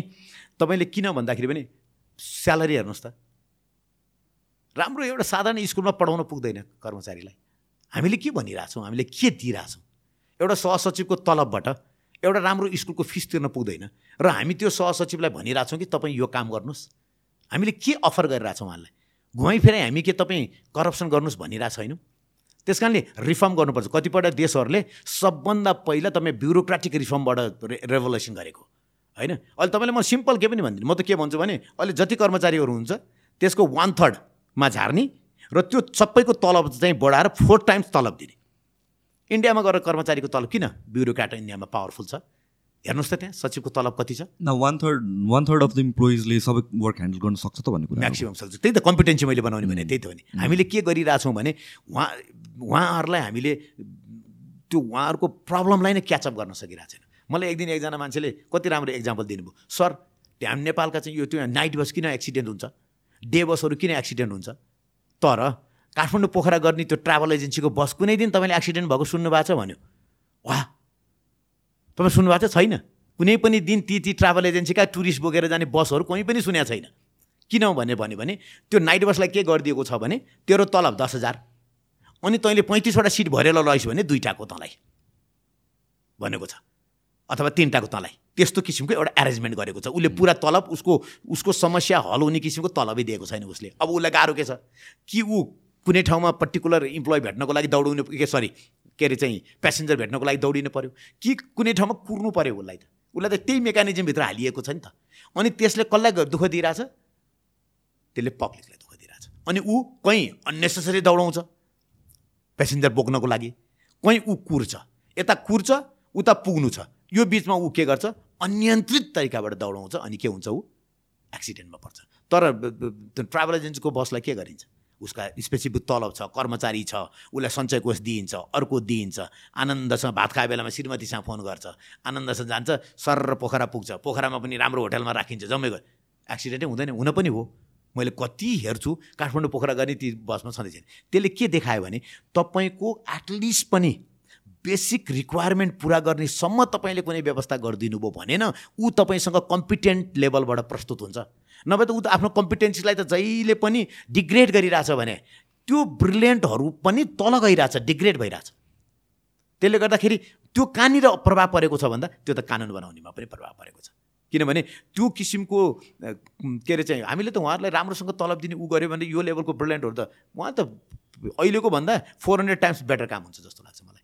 पहिला त्यो दिमागमा चाहिँ त्यो किसिमको समस्या चाहिँ मेरोमा छैन भन्ने किसिमको व्यवस्था चाहिँ गरिदिनै पर्छ त्यो चाहिँ। हामीले त्यो फ्रेमअप गर्न सकेका छैनौँ। त्यो चिज चाहिँ कानुन बनाउनेमा पनि रिफ्लेक्ट भइरहेछ। किनभने तपाईँले त्यो चिज जुन मेहनत गर्नुपर्ने हो त्यो त त्यो त्यो मेहनत गर्नलाई गाह्रो छ। त्यो किसिमको फ्रेमवर्कमा जानु पऱ्यो त्यसलाई प तपाईँको पब्लिकमा लिएर जानु पऱ्यो पब्लिकमा लिएर जानको लागि इन्टरनेटको मे मेकानिजम होला। तपाईँले चाहिँ अवेरनेसको लागि तपाईँ ठाउँ ठाउँमा गएर गोष्ठीहरू गर्नु पऱ्यो होइन? भएको छ नभएको होइन। तर के भने जुन लेभलबाट हुनुपर्ने हो त्यो त भएको छैन नि त। Now can it be because like हाम्रो इकोनोमी नै सानो छ हाम्रो इकोनोमिक एक्टिभिटी नै सानो छ हामीलाई त्यति धेरै लहरू नचाहिने भएकोले हो कि हामीलाई इक्वली इक्वल अमाउन्ट अफ ल चाहिँ चाहिन्छ नि? डेप्थमा चाहिन्छ नि हामीलाई पनि? होइन यो दुइटै दुइटै पक्षबाट तपाईँ जोड्न सक्नुहुन्छ हेर्नुहोस्। मैले अहिले भनिहालेँ तपाईँसँग। अब मैले कम्पिटेन्सी भनेर चाहिँ क्ष- क्षमतालाई चाहिँ मैले रिसोर्सेस बेसमा मात्रै भने हो। मैले अहिले भने नि उहाँहरू ब्रिलियन्ट हुनुहुन्छ सक्षम हुनुहुन्छ तर रिसोर्सेसको कमीले गर्दाखेरि जस्तो इन्टरनेटबाट डिसि इन्टरनेटबाट ड्राफ्ट ललाई डिसिमिनेट गर्ने मेकानिजम होइन? त्यो चाहिँ तपाईँको चाहिँ पुरा त्यो त्यो तपाईँको चाहिँ रिक्वायर कम्युनिटीमा पुर्याउने मेकानिजम ती त ती रिसोर्सेसको मैले कुरा गरेको। तपाईँले नत्र त तपाईँको सेल्फ कन्फ कम्पिटेन्सी त तपाईँले काम गर्दै जाँदाखेरि म त के भन्छु भने हरेक मान्छे यो दुनियाँमै ब्रिलियन्ट छ हेर्नुहोस्। हुन त मैले एसएलसीमा सयमा उनान्से नम्बर ल्याएको। होइन एक नम्बर कहाँ गयो थाहा छैन। तर म अरूले भन्छु म सबै मान्छे ब्रिलियन्सी हो कुनै मान्छे कुनै सेक्टरमा राम्रो छ कुनै मान्छे कुनै सेक्टरमा राम्रो छ। त्यो चाहिँ के भने उसको वेभलेन्थ त्यहाँनिर गएर क्याच गर्यो। त्यो दुइटाको बिचको सिमुलेसन राम्रो भएको कारणले उसले त्यो विषयमा राम्रो गर्यो। तपाईँले अर्को विषयमा भन्यो भने मेरो नराम्रो आयो होला होइन? त्यस कारणले मलाई दुनियाँमा के लाग्छ भने कोही पनि मान्छे कमजोर छैन। त्यो हाम्रो सोचाइ मात्रै हो। कमजोर हुने हो भने त तपाईँले एउटा कुरा के हुन्छ भने सबभन्दा धनाढ्य पैसाले सक्षम हुने हो भने अलान मक्स नै हुन पऱ्यो अरू सबै गरिब हुन्। होइन? किन धनी त एकजना हुने भयो त्यसको तुलनामा त अरू पनि गरिब हुनु होइन भने त तपाईँ म हामीले जात्ने भने त हामी धनाढ्य। होइन? त्यस कारणले गर्दाखेरि कम्पेरिजन कोसँग गर्ने भन्नेले जीवनमा महत्त्वपूर्ण के अरे चाहिँ अर्थ राख्दो रहेछ। त्यस कारणले गर्दाखेरि चाहिँ कम्पिटेन्सी चाहिँ मैले खालि रिसोर्सेस बेसलाई मात्रै भने हो। तपाईँले भनेको चाहिँ इकोनोमीको कारणले पनि हो। तर मैले भने इकोनोमीको कारणले गर्दाखेरि पनि हामीले मेजर कुरामा चाहिँ अलिकति अभोइड गर्दै गयौँ मे मेजर कुरामा अनदेखाहरू गर्दै गयौँ भने चाहिँ त्यसले अरू सेक्टरमा अझ अलि लार्जर स्केलमा चाहिँ इम्प्याक्ट पार्छ। नाउ इकोनोमी भन्दा पनि इकोनोमिक एक्टिभिटिज चाहिँ हाम्रो कम भएर गभर्न गर्नलाई धेरै चिजहरूमा हेर्नु नपर्ने हो कि भन्नु खोजेँ मैले खासमा? अनि त्यो त्यो त तपाईँले भने इकोनोमिक एक्टिभिटिज होइन इको इकोनोमिक एक्टिभिटिज त अब हामीले के गरिसक्यौँ भन्दाखेरि तपाईँले भनेको कुरा हो। अब अमेरिकामा जस्तो जुन तपाईँको चाहिँ फाइनेन्सियल र इकोनोमिक एक्टिभिटिज छ उनीहरूलाई मोर ल चाहिन्छ। या नेटवर्क अफ बिजनेसेसहरू भयो टाइप्स अफ बिजनेसेसहरू त्यसमा त मेरो त्यो त त्यसमा त म एग्री गर्छु तपाईँसँग। जति प्रकारका तपाईँले एउटा व्यवसाय गर्नको लागि अमेरिकामा बाह्रवटा कानुन हेर्नुपर्छ भने यहाँ एउटा व्यवसाय हेर्नुको लागि सबभन्दा पहिला कम्पनी लमा हेर्नुहुन्छ उस्तै पर पनि कम्पनी लकै उद्देश्यमा व्यवसाय पनि हाल्नुहुन्छ र भोलिपल्टदेखि गएर काम सुरु गर्नुहुन्छ। अब त्यो प्रभावली अरू देशमा डेफिनेटली पनि हुँदैन त्यहाँ डिफ्रेन्ट टाइपको अप्रुभल मेकानिजम हुन्छ उहाँ पनि। तर खालि उहाँतिर चाहिँ वान विन्डो मेकानिजम स्ट्रङ हुनसक्छ कुनै देशमा। होइन? कुनै देशमा त्यहाँ पनि अलि स्क्याटर लहरू भएर त्यहाँ पनि स्क्याटर एप्रोचहरू चाहिएला त्यहाँनिर होइन तर तपाईँले भनेको कुरा त्यो। तर भएका लहरूमा पनि एम्बिग्युटीहरू बढ्ता भयो नि त होइन तपाईँ भने संविधानको कुरा गऱ्यौँ. संविधानका व्याख्याहरू गर्नुपर्ने त्यसका बारेमा ऐन ल्याउनु पर्ने किन रोकिएको छ त संसदको मा हेर्नुभयो भने मेजोरिटी टाइम संसद खाली नै हुन्छ। होइन संसद भरिएको हुँदैन। भने ती अरू अरू त्यहाँका सांसदहरू कहाँ जानुभयो? उहाँहरूले प्राइभेट लको रूपमा आफै ड्राफ्ट गरेर लान सकिन्छ अथवा अन्य मेकानिजमहरू छ। हो यो रिसोर्सेसलाई हामीले प्रयोग गऱ्यौँ उहाँहरूलाई कम्पिटेन्ट बनायौँ भने त कम्पिटेन्सी त त्यसबाट इन्क्रिज हुँदै जाने हो नि। लार्जर सेक्टरहरू त्यो भित्र आउँछ। अनि त्यसले अनि त्यसले तपाईँको रेस्पोन्स हुने हो नि त त्यहाँनिर। हामीसँग चाहिँ त्यो किसिमको मेकानिजमहरू चाहिँ छैन। किनभने मलाई चाहिँ के लाग्छ भने यो देशमा जुनसुकै ठाउँमा पनि तपाईँ जानु भने हरेक मान्छे डे टु डे लाइफको रिक्वायरमेन्टसँग नै स्ट्रगल गरिरहेछ। फ्रेमवर्कै त्यसरी गइसक्यो कि? किनभने तपाईँको चाहिँ डिस्प्यारिटी छ क्लासेसको डिफ्रेन्सेसहरू छ अनि त्यो भएपछि तपाईँले मान्छेले चाहिँ के अरे के अरे त्यो त्यो चिज चाहिँ प्राप्त गर्न सक्दैन म्याच गर्न सक्दैन अनि त्यसले के गर्छ? डिसेटिस्फ्याक्सन दिन्छ अनि यसो गऱ्यो मोटिभेसन गरेर सुन्यो खुसी चाहिए भनेर एउटा हिन्दीले भने हुन्छ अर्कोले खुसी हुनुपर्छ भने छ खुसी त हुने कहाँनिर हुने? खुसी भनेको प्रडक्ट होइन किन्न पाइँदैन हेर्नुहोस् इट इज अ प्रोसेस अब यो खुसी भनेको प्रोसेस त सिद्धिँदै सिद्धिँदैन त्यस कारण एब्सोलुट खुसी त हुँदै हुँदैन। अनि त्यसपछि तपाईँको ब्यालेन्स एप्रोच बेस खुसी चाहिन्छ अब ब्यालेन्स एप्रोच बेस खुसीमा चाहिँ फेरि तपाईँको चाहिँ फेरि अलिकति तपाईँलाई अनौठो लाग्ला म अलिअलि कहिलेकाहीँ चाहिँ यो यो कुण्डली भन्छ नि यो त्यो पनि हेर्छु। यो तपाईँको शनि कहाँनिर छ तपाईँ कुनमा जन्मिनु हो तपाईँको लग्न कहाँनिर हो त्यस कारण किन म त्यो हेर्छु भने तपाईँले सुन्नुभएको छ यो चन् चन्द्रमा दाहिने हुनुपर्छ भनेर? त्यो पोजि मुनको पोजिसन हेर्छ भनेर थाहा छ मलाई एक्ज्याक्टली थाहा त्यस कारण जति मुन स्ट्रङ भयो नि त्यति तपाईँसँग कम भयो भने तपाईँ ह्याप्पी हुनुहुन्छ कि मुन चाहिँ स्ट्याटस अफ माइन्ड कन्ट्रोल गर्छ मुनले। अनि तपाईँलाई चाहिँ नभए पनि खुसी बनाइदिन्छ कि? त्यस कारण तपाईँ त्यही एउटै लेभलमा एउटै प्रकारको प्रोफेसनमा एकजना मान्छे अलिकति कम सक्सेसफुल हामीले हेर्दाखेरि भए तापनि अर्को भयङ्कर भयो भने दुइटाकोलाई हेर्नु भने त्यो भयङ्करवाला चाहिँ पीडित जस्तो देखिन्छ। अर्को चाहिँ याद गरियो यार बुझ्नुभयो? मजा भएको छ यार लाइभ भन्छ। किनभने उहाँको पक्कै पनि चन्द्रमा कडा राम्रो हुन्छ। चन्द्रमा विक त्यस कारण हाम्रो हाम्रो पहिल्यै पुरा परापूर्व कालदेखि आएको। चन्द्रमा दाहिने हुनुपर्छ चन्द्रमा। अनि जे पनि पाइन्छ। त्यो पाउने होइन कि स्ट्याटस अफ माइन्ड त्यो खुसीलाई तपाईँको चाहिँ जुन खुसी इज अ प्रोसेस त्यो प्रोसेसमा चाहिँ तपाईँ अलिकति माथि पुग्नुहुन्छ त्यसले। अनि नभए पनि देखा जाएगा यार आज पो भएन। भोलि त प्राप्त हुन्छ नि भन्ने किसिमको अनुभूति दिलाउँछ। सो कमिङ ब्याक टु अलिकति यो फिलोसफी होइन अब मेरो चाहिँ कस्तो गाह्रो हुन्छ राम्रो होइन अब मैले तपाईँसँग अहिले मैले भनिहालेँ भने तपाईँको होइन अब हामीले जुन तपाईँ हाम्रो श्रोताहरूको लेभलबाट हेरेर अहिले मैले ऐनको दफा होइन डिस्प्युट सेटलमेन्ट अन्डरस्ट्यान्डिङको दफा चारमा के भनेको छ भन्ने त म आएको होइन तपाईँसँग होइन। मैले के भने म अलिकति ललाई फिलोसफिकलबाट हेर्ने हो भने मैले कुनै दिन भविष्यमा केही लेखेँ भने पनि म लजिकको बेसमा लेख्छु। किनभने दुनियाँ भनेकै लजिकमा रहेछ। अनि ल भनेको लजिकै हो किनभने तपाईँले एम मैले भने एम्बिगुटी धेरै हुन्छ नबुझ्ने चिज हुन्छ अनि त्यसको प्रयोग गर्दाखेरि चाहिँ लजिकलाई प्रयोग गर्नुपर्छ। लजिक डिफाइन द ल त्यस कारणले गर्दाखेरि अलिकति फिलोसफिकल नभइकन लभित्र त छिर्नै सकिँदैन। No no definitely both both कुराको ब्यालेन्स हुनु पऱ्यो सुन्दाखेरि रमाइलो पनि लाग्नु पऱ्यो अनि टेक्निकल मात्र भएर पनि भएन। तर लाइक मेरो चाहिँ अनि मेरो चाहिँ कस्तो छ भने अलिअलि चाहिँ तपाईँले अब म तपाईँले मलाई तपाईँ र म कन्भर्सेसन गर्दाखेरि चाहिँ इन्टरनेसनल लको बारेमा अलिक फोकस हुँ भन्यो। अब त्यसमा फोकस गर्नलाई के छ भने अब पोलिसी फिलोसफी नबुझिँदैसम्म इन्टरनेसनल ल नै बुझिँदैन। अहिले मैले अहिले म त अझ अहिले अहिले अझ म इन्टरनेसनल लको भित्र तपाईँलाई सोधेकोमा त मैले एन्सर दिएकै छैन। तपाईँले फेरि सोध्नु होला र अनि भन्नुहोला भने मैले भनेको छु। तपाईँले अहिले भन्नु पनि कन्सिक्वेन्सेस भन्नु पनि इन्टरनेसनल लमा मैले कहाँबाट टुङ्ग्याएको थिएँ त्यहाँ अहिले भन्दाखेरि पनि कन्सिक्वेन्सेस ल्याउनको लागि त पहिला सुरु त के हुनु पर्दो रहेछ भन्दाखेरि पनि ल बनाउने जुन पात्रहरू छ नि स्टेटलाई पनि पात्र बनाऊ है मैले यहाँनिर। ल बनाउने पात्रहरू छ। पात्र बडी अथवा चाहिँ तपाईँको चाहिँ अर्ग्यान वरेवर युसे त्यो पात्रहरूको मनसाय पहिला क्लियर हुनु पऱ्यो मैले यो ल बनाएर मैले कसलाई प्रोटेक्सन दिन खोज्दैछु? तपाईँलाई लाग्छ यो देशमा प्रोटेक्सनहरू सबै पुरा गरिब जनताको लागि अथवा सोसाइटीको लागि बनाइन्छ कानुन? कतै पनि बनाइँदैन। बनाइँदैन होइन? हामीले कतिचोटि सुन्छौँ नि ब्याङ्किङ ल बनाएको छ अनि त्यो ब्याङ्करहरू नै त्यहाँनिर बसेर सबभन्दा प्रभुत्व उहाँले गरिरहनु भएको छ भने उहाँले सबभन्दा बढ्ता इन्ट्रेस्ट उहाँनिर हेर्नु छ। अब त्यहाँ सिम्पल फिलोसफीले के वर्क गर्छ भने मेरो कन्फ्लिक्ट अफ इन्ट्रेस्टले यो दिँदैन भन्न सक्नु पर्थ्यो। तर we are govern by human mind human mind is greedy human mind is always looking something अनि त्यो कारणले गर्दा हामी के गर्छौँ? त्यहाँनिर हाम्रो प्रभुत्व जमाउनेतिर जान्छौँ। हामीले वास्तवमा के बुझिया छैन भने नि त्यो प्रभुत्वले म त बनाउला तर मेरो छोरालाई बनाउँछ कि बनाउँदैन। त्यस कारण म हरेक मान्छेलाई के भन्छु भने देश बन्यो भने म पनि बन्छु त्यहाँ छोरा पनि अड्छ। तर म बन्यो भने म चाहिँ बन्छु तर मेरो छोरा चाहिँ भन्छ कि भन्दैन त्यहीँनिर चुकेका छौँ। र हरेक मान्छेले त्यो किसिमको अलिकति अलिकति खराब काम गर्नको लागि प्रेरित भएको कारण चाहिँ हेर्नुहुन्छ भने जेनेरेसनको लागि हो फेरि उसको लागि होइन। किनभने त्यो खराब काम गर्नको लागि प्रेरित हुन हुनको लागि तपाईँ पावरमा पुग्नुपर्छ। होइन? पावरमा पुग्ने मान्छेहरूले हो खराब काम गर्ने। ती पावरमा अलरेडी पुगिसके लाइफ इन्जोय गरिसके। अब उनीहरू त म के भन्छु भने हाम्रो संस्कृत हाम्रो सनातन धर्मले चाहिँ चार आश्रममा बाँडेको छ। पचास पुगेपछि त तपाईँको चाहिँ वानप्रस्थ आश्रममा लागिसक्नुपर्छ। अध्ययनतिर लाग्नुपर्ने बेलामा हामी के गरिरहेछौँ भने कहाँ म्यानुपुलेसन गरेर पैसा कमाउन सकिन्छ भनेर हिँडिरहेछौँ पचास कटेपछि। कसको लागि गरिरहेछौँ भन्दाखेरि त्यो बच्चाको लागि गरिरहेछौँ। त्यो बच्चालाई हामीले एक दिन सोधेका छैनौँ। कि बाबु म यसरी पैसा कमाएर तिमीलाई पढ्न पठाउँछु भन्दाखेरि हुन्छ बा तिमीले चोरेर पनि ल्याऊ मलाई राम्रो स्कुल पठाऊ भनेर अहिलेको जेनेरेसनले भन्दै भन्दैन। हामीले यहाँनिर ग्याप राखिरहेछौँ त्यसले गर्दाखेरि तपाईँको ललाई तपाईँको चाहिँ टोटल सिस्टमलाई नै तपाईँले हेर्नुभयो भने हामीले चाहिँ फिलोसफिकल्ली नै त्यो यो के अरे चाहिँ जीवन पद्धतिलाई हेर्नै पर्ने हुँदो रहेछ। त्यो फिलोसफीभित्र त ल पनि त्यहीँभित्र छ। त्यो फिलोसफीको बेस भनेकै लजिक हो।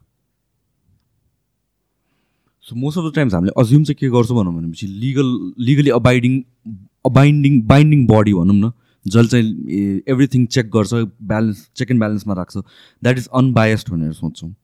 होइन इन्टरनेसनली हेर्दाखेरि पनि हामी के सोच्छौँ भनेपछि मेबी डब्लुटिओ जो चाहिँ maybe it's a parent body ऊ चाहिँ अनबायस्ड हुन्छ भनेर सोच्छौँ। तर that is not the case body त अनबायस हुनसक्छ भन्नु पऱ्यो बडीलाई चाहिँ हामीले के चाहिँ एउटा गर्नु हुँदैन भने म चाहिँ अलिकति के भने जस्तो भनौँ न मैले तपाईँलाई जुनसुकै ठाउँमा पनि बोल्दाखेरि चाहिँ म पर्टिकुलर कुनै पनि व्यक्तिलाई चाहिँ म व्यक्तिगत आक्षेप लगाउँदिनँ। किनभने त्यो उस उसको स्ट्याटस अफ माइन्डले सोच्ने कुरा हो होइन? तपाईँले मैले अहिले भनिहालेँ तपाईँले मैले जेनरल जेनरल कमेन्टहरू गर्छु म। हरेक मान्छेको स्ट्याटस अफ माइन्ड हुन्छ त्यो स्ट्याटस अफ माइन्डमा त्योभन्दा बाहिर ऊ आउन सक्दैन। किन? तपाईँले भने त सबै चिजबाट तपाईँ प्रुफ हुनुभयो मलाई यो पनि चाहिँदैन त्यो पनि चाहिँदैन म त्याग गर्न सक्छु भने तपाईँ त योगी भइहाल्नु भयो नि त।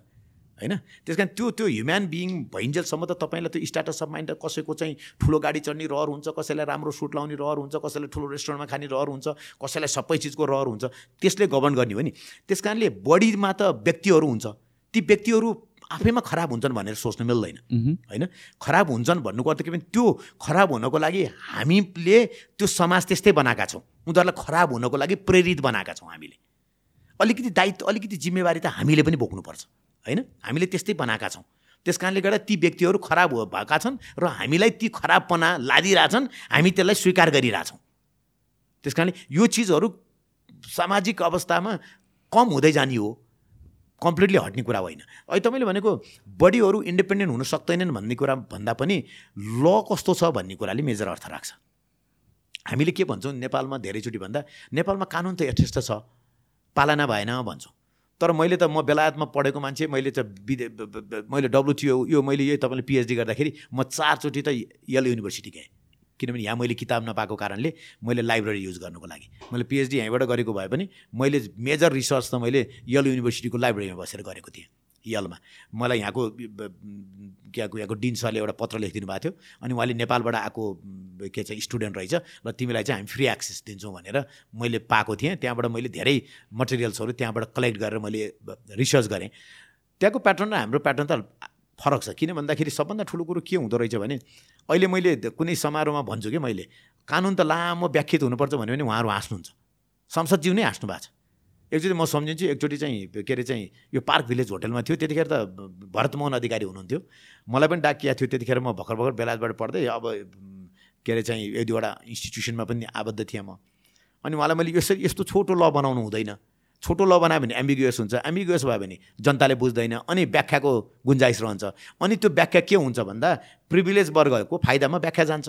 त्यसमा तपाईँ क्लियरली लेखिदिनुपर्छ ल भनेको त। किन मैले त त्यो बुझेँ। त्यस कारण त विदेशतिर त भोल्युमिस्ट हुन्छ नि त ल। भन्दाखेरि उहाँले के कहाँ हुन्छ? ल त छोटो बनाउने हो नि। त्यो त नियमावलीले पो तोक्छ सबै कुरा भन्नुभयो। होइन? नियमावली त सरकारले बनाउने हो नि त। तपाईँले लमा एम्बिगुएस पार्ट दिनुभयो भने त नियम सरकारले नियमावली बनाउँदा के हुन्छ? उसले सबै चिज आफ्नो फाइदामा राख्छ नि त्यस कारणले हाम्रो त हामीले दिने पासपोर्टको एप्लिकेसन के छ भन्ने पनि पार्लियामेन्टले हेरिदिनुपर्छ। लमा आउनुपर्छ त्यो पनि। त्यो भन्यो भने अहिले पत्याउनु न मान्छेहरू आमामामामा संसदको अरू काम छैन। पासपोर्टको एप्लिकेसन कानुनको दफामा हाल्ने। यस! ताकि प्रत्येक मान्छेले कानुन पल्टाउने बित्तिकै पासपोर्टको एप्लिकेसन पनि त्यहाँनिर होस्। कति यो चिज पुग्यो भने कति दिनभित्र पासपोर्ट दिने पनि त्यहाँनिर होस्।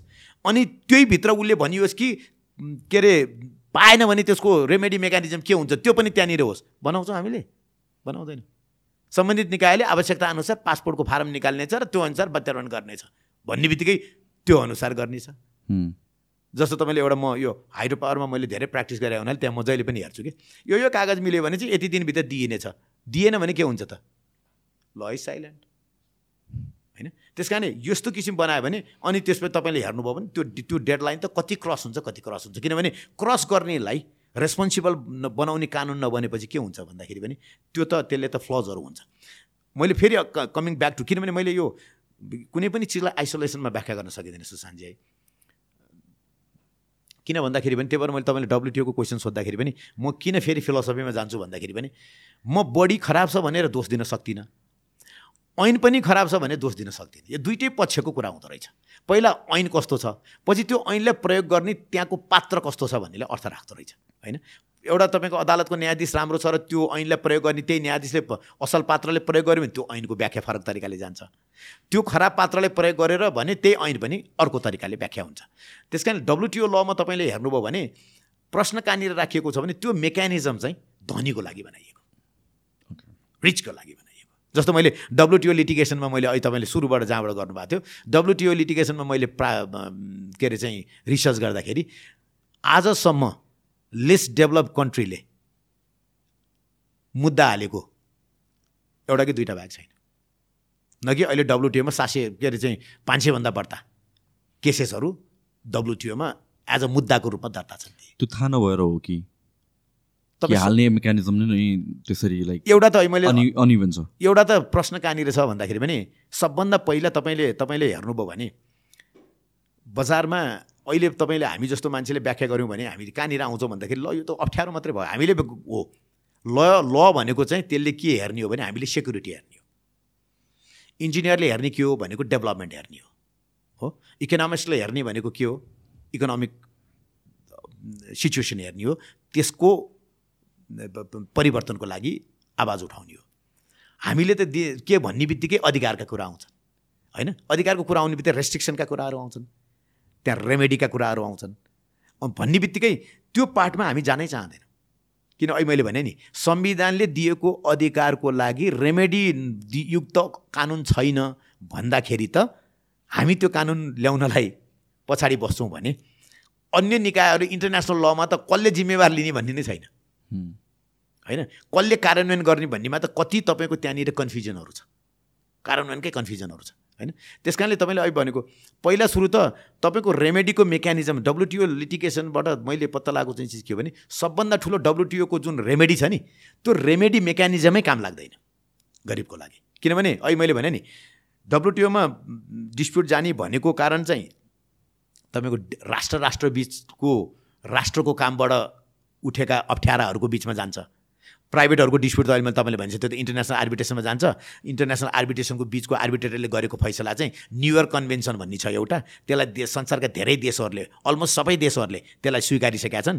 त्यसको आधारमा त्यो फैसलालाई आर्बिट्रेसनले गरेको फैसलालाई उसको अदालतले कसरी कार्यान्वयन गर्छ भन्ने पनि उल्लेख भएको छ।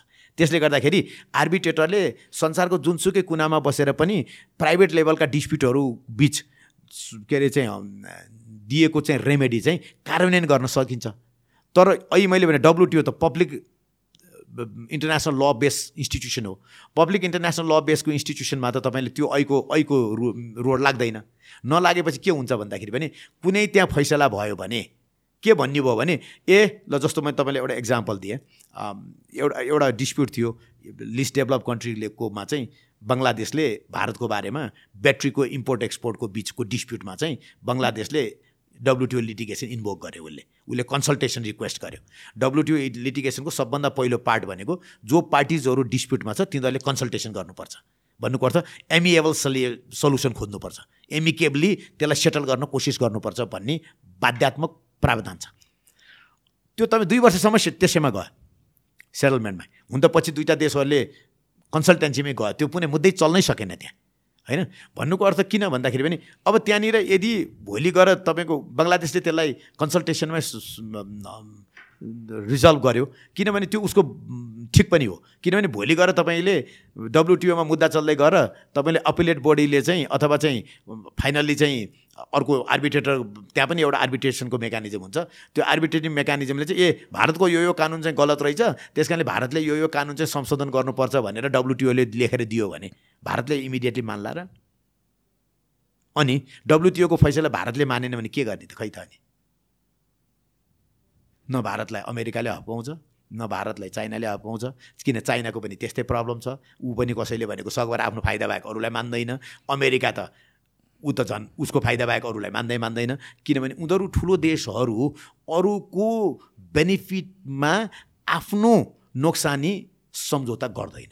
सो यसो हेर्दाखेरि त यो पावरफुल कन्ट्रीहरूको लागि त कन्ट्रोल मेकानिजम नै छैन जस्तो भयो नि त। इन्टरनेसनल ल इज अल द्याट तपाईँले एउटा सबै पावर मुभ नै हो त्यसो भए यो यसरी हेर्दाखेरि। इन्टरनेसनल ल त तपाईँले हेर्नुहोस् अनक्लोज भन्ने छ। United Nation Convention for law of sea भन्ने। है जसले हाम्रो समुद्रसम्मको बाटोलाई ग्यारेन्टी गर्छ ल्यान्डलक कन्ट्रीको होइन?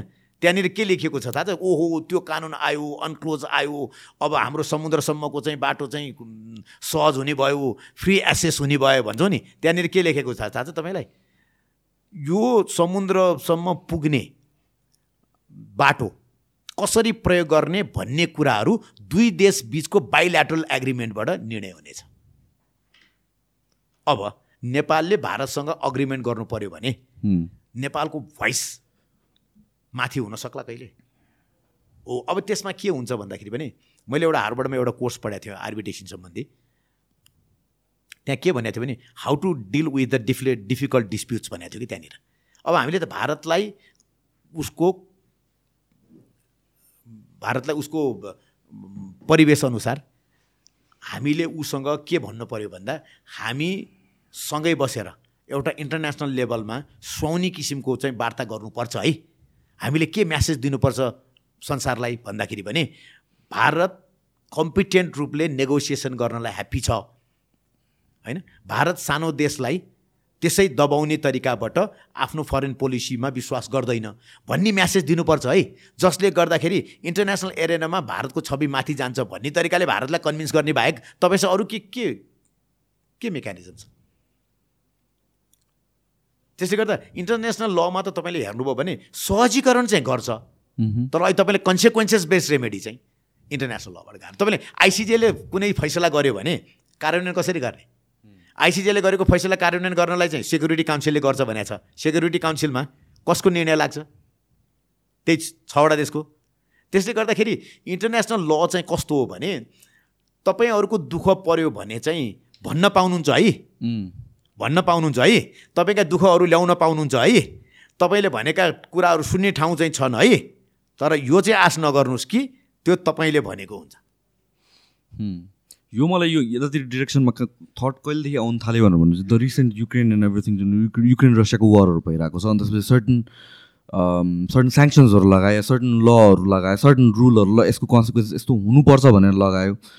तर उता पुटिनले मान्दिनँ भन्छ। कसले कसले के गरोस् त काइन्ड अफ क्या so at the end of the day त इन्टरनेसनल अरिनामा पनि पावर प्ले नै हुने रहेछ।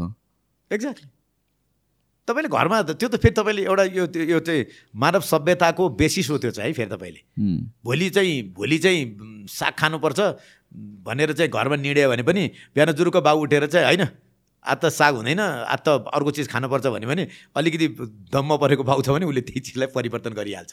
भन्नुको अर्थ तपाईँले अलिकति के अरे चाहिँ अलिकति पावरफुल नेसन अथवा अथवा अलिकति पावरफुल व्यक्तिले आफ्नो चाहनाअनुसार प्रभुत्व जमाउन सक्ने भने त ह्युम्यान बिहेभियरै हो त्यो चाहिँ। मानिसको सोसाइमै छ त्यो होइन? घरभित्र पनि तपाईँले तपाईँकै घरभित्र पनि तपाईँले हेर्नुभयो भने कुनै कुनै दिन त्यहाँनिर इगो आउँछ। अनि इगो आएपछि इगोमा कसले जित्ने भन्दाखेरि त ओहो तपाईँको सबभन्दा मालिक मान्छेले त ल मालिकले पो भनेको मान्नुपर्छ भने त्यहाँनिर पनि आउँछ। अनि राइट कसको प्रोजेक्ट के अरे चाहिँ स्थापित हुनुपर्छ भन्ने सोच्छौँ भने के अरे चाहिँ सक्षमको स्थापित हुनुपर्छ भन्ने कुराको अगाडि बढ्छ। अनि भन्न त हामीले भन्छौँ होइन म कहाँ खराब छु र? म सबैको सोचेर पो म निर्णय गर्छु पनि भन्छौँ भन्नलाई चाहिँ। तर अन्तिममा चाहिँ तपाईँ प्रयोग गर्दाखेरि कसरी प्रयोग हुन्छ भन्दाखेरि पनि त्यो सोचाइ चाहिँ बढ्ता प्रेबल गरेको देखिन्छ।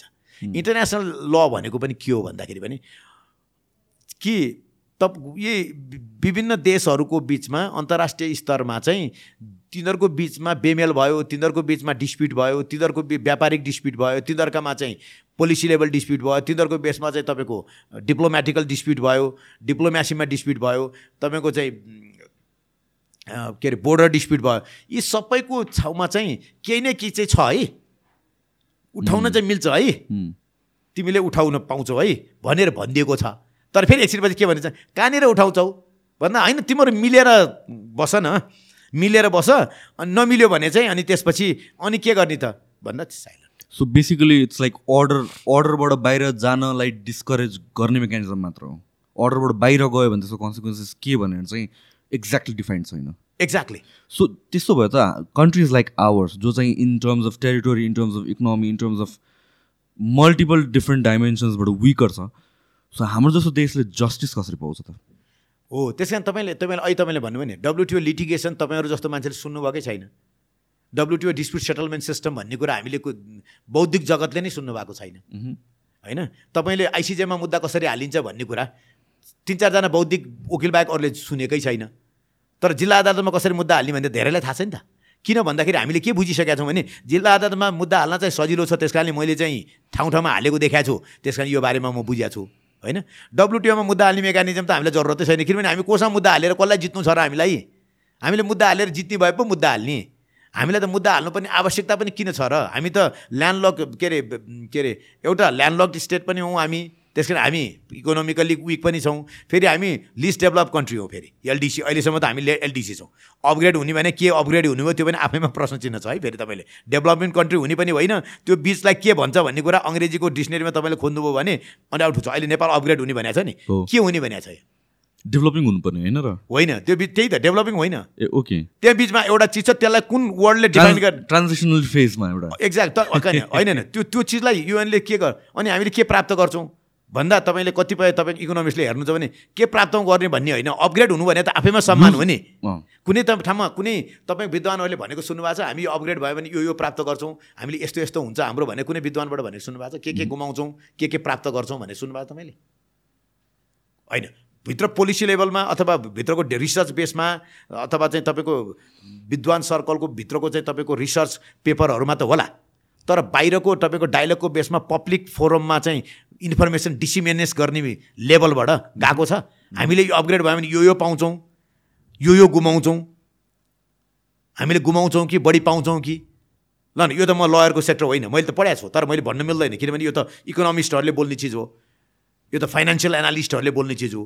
फाइनेन्सियली हाम्रा डिफिकल्टिजहरू के हुन्छन्? पोलिटिकल के अरे चाहिँ इन्टेलेक्टले बोल्ने चिज हो। पोलिटिकल एरेनामा के असर पर्छ? हाम्रो लमा त के छ र? लमा खास चेन्ज हुने होइन। हो। तपाईँ एलडिसीलाई भनेर जुन केही सुविधाहरू विभिन्न इन्टरनेसनल लले दिएको छ त्यो चाहिँ घुम्छ। भन्नुको अर्थ तपाईँ सक्षम हुनुभयो भने तपाईँलाई चाहिँ स्पेसियल प्रोटेक्सन पाउनुहुन्न। तर त्यसको एन्सर के आउँछ प्रायः जसोले भन्दाखेरि भने ए के अब केही फाइदा पाइन्छ भनेर सधैँ तल बस्ने हो त। आफ्नो दम्ब पनि त देखाउनु पऱ्यो नि त। आफ्नो भ्यालु पनि त देखाउनु पऱ्यो नि त। त्यस कारणले अपग्रेड किन नहुने? भन्ने प्रायः जसो सोर्स सुनिन्छ किन भन्दा हामीले के देखाएको छौँ भने यसले अलिकति हाम्रो फेम बढ्छ नेपाल अलिकति विकास भएछ भन्ने सुनिन्छ। भन्ने आधारमा त्यसलाई हामीले स्वीकार्नुपर्छ भनेका छौँ। न त त तपाईँले सबभन्दा बढ्ता अरूले माया गर्ने कसलाई? एलडिसीलाई लिस्ट डेभलप कन्ट्रीलाई अन्डरडगहरूलाई बेसिकली एक्ज्याक्टली हो हामीले के अब हामीले यदि हामी अपग्रेडको लागि अग्री गर्ने हो अग्री गरिसकेका छौँ बाई अब केही वर्षभित्र त हामीलाई उसले अपग्रेड गर्छ होला। तर अपग्रेड गरिसके फेरि तपाईँलाई अनौठो लाग्छ हेर्नुहोस्। युएन सिस्टम र डब्लुटिओ सिस्टम कम्प्लिटली डिफ्रेन्ट छ। किन कुन टर्म छ? युएनको आफ्नै ल छ। डब्लुटिओको आफ्नै ल छ। होइन? तपाईँ लिस्ट डेभलप कन्ट्री एलडिसी भनेर डब्लुटिओले व्याख्या गर्दैन।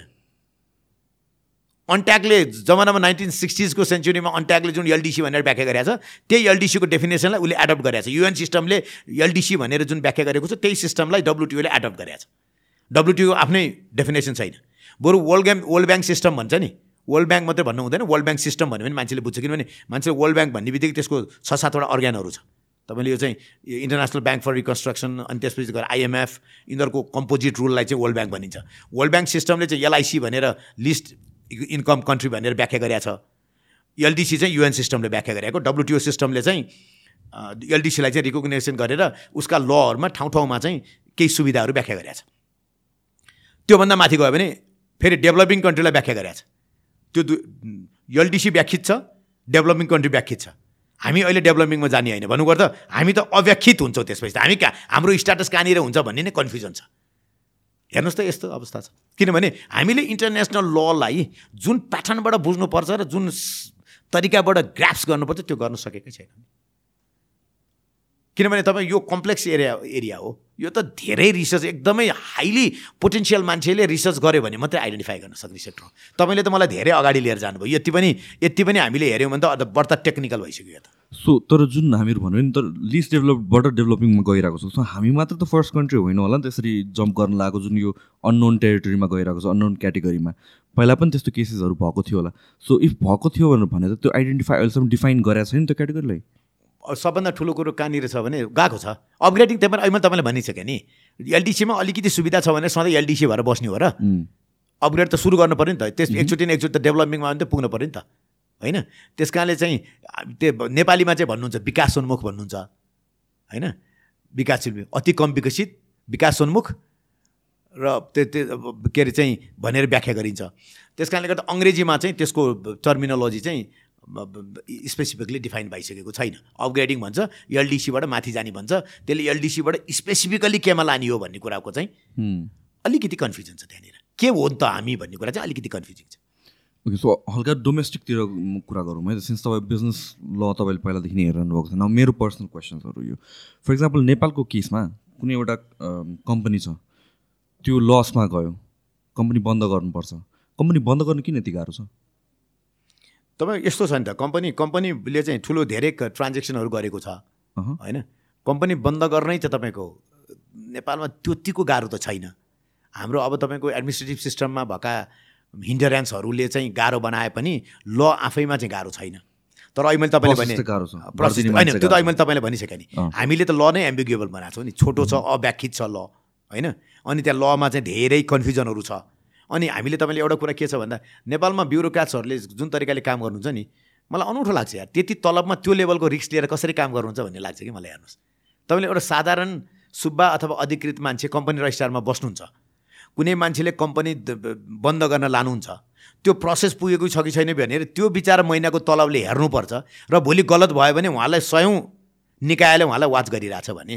किनभने त हामीले उहाँहरूलाई सहजीकरण गर्ने तरिकाको ल नै बनाएको छैनौँ। तपाईँले लिक्विडेटर नियुक्त गर्नुपर्छ भने चाहिँ लिक्विडेटरको दायित्व कहाँ हो? लिक्विडेटरको रिपोर्टभित्र के के पर्नुपर्छ? लिक्विडेटरको चाहिँ कस्तो किसिमको के अरे चाहिँ रिपोर्टको चाहिँ रिपोर्ट लिक्विडेटरले डिफाइन गरिसकेपछि त्यसलाई म्यान्डेटोरीली एक्सेप्ट गर्नुपर्ने हो कि नगर्नुपर्ने हो? अथवा चाहिँ ती चिजहरूको लमा व्याख्यै छैन नि त्यसले गर्दाखेरि के देखिन्छ भन्दाखेरि पनि एम्बिगुटी देखिन्छ। अब लिक्विडेटरले रिपोर्ट बनाउँछ लिक्विडेटरको रिपोर्टको फर्म्याट छैन। होइन? फर्म्याट छ भने पनि उसले त्यो फर्म्याटमा फलो गरेका छैन। अनि तपाईँ के गर्छौँ भन्दा कम्पनी आएको छ क हिजो करोडौँ रुपियाँको ट्रान्जेक्सन गरेको कम्पनी लिक्विडेसनमा आएको छ। भन्नुको अर्थ त्यो कम्पनीले सयौँजनालाई पैसा तिर्न बाँकी छ कि? पैसा तिर्नुपर्ने कम्पनी लिक्विडेट गर्ने बित्तिकै त कम्पनीको अस्तित्व सिद्धियो। फेरि तपाईँको चाहिँ कम्पनी ल भनेको त कम्पनी भनेको त लिमिटेड लाइबिलिटिजमा हुन्छ। सेयर होल्डरको दायित्व त उसको सेयरको पेड सेयरको भ्यालुसम्म मात्रै रेस्ट्रिक्ट हुन्छ। अनि तपाईँले गर्दाखेरि त्यो कम्पनी लिक्विड गर्ने बित्तिकै तपाईँ सेयर होल्डरलाई त समात त पाउनुहुन्न कम्पनी नै छैन। अनि त्यत्रो लेनदेन गर्नुपर्ने मान्छेहरू सबै बन्द हुन्छ त्यस कारणले सूचना प्रपर हुनु पऱ्यो कस्तो ठाउँमा सूचना दिनुपर्ने हो? कान्तिपुरमा दिनुपर्ने हो कि? अथवा टिमैमै दिनुपर्ने हो कि? अथवा ती छुट्न कुनै चिजहरूको स्पष्ट रूपले व्याख्या गरेकै छैनौँ हामीले। अँ राष्ट्रिय स्तरको पत्र पत्रिकामा दिनुपर्छ भने चाहिँ राष्ट्रिय स्तरको पत्र पत्रिका भनेको के? उहाँले कस्तोलाई मान्नुपर्ने। एउटाले कान्तिपुरमा गर्यो एउटाले चाहिँ बल्ल बल्ल बल्ल सब्सक्रिप्सन हुनेमा गर्यो। मान्न पाउने कि नपाउने? अब यस्ता किसिमका सयौँ अम्बुगुटी भएको ठाउँमा एउटा साधारण तलब खाएको कर्मचारीलाई भयभरको दायित्व तपाईँले प्रयोग गर्नुपर्छ।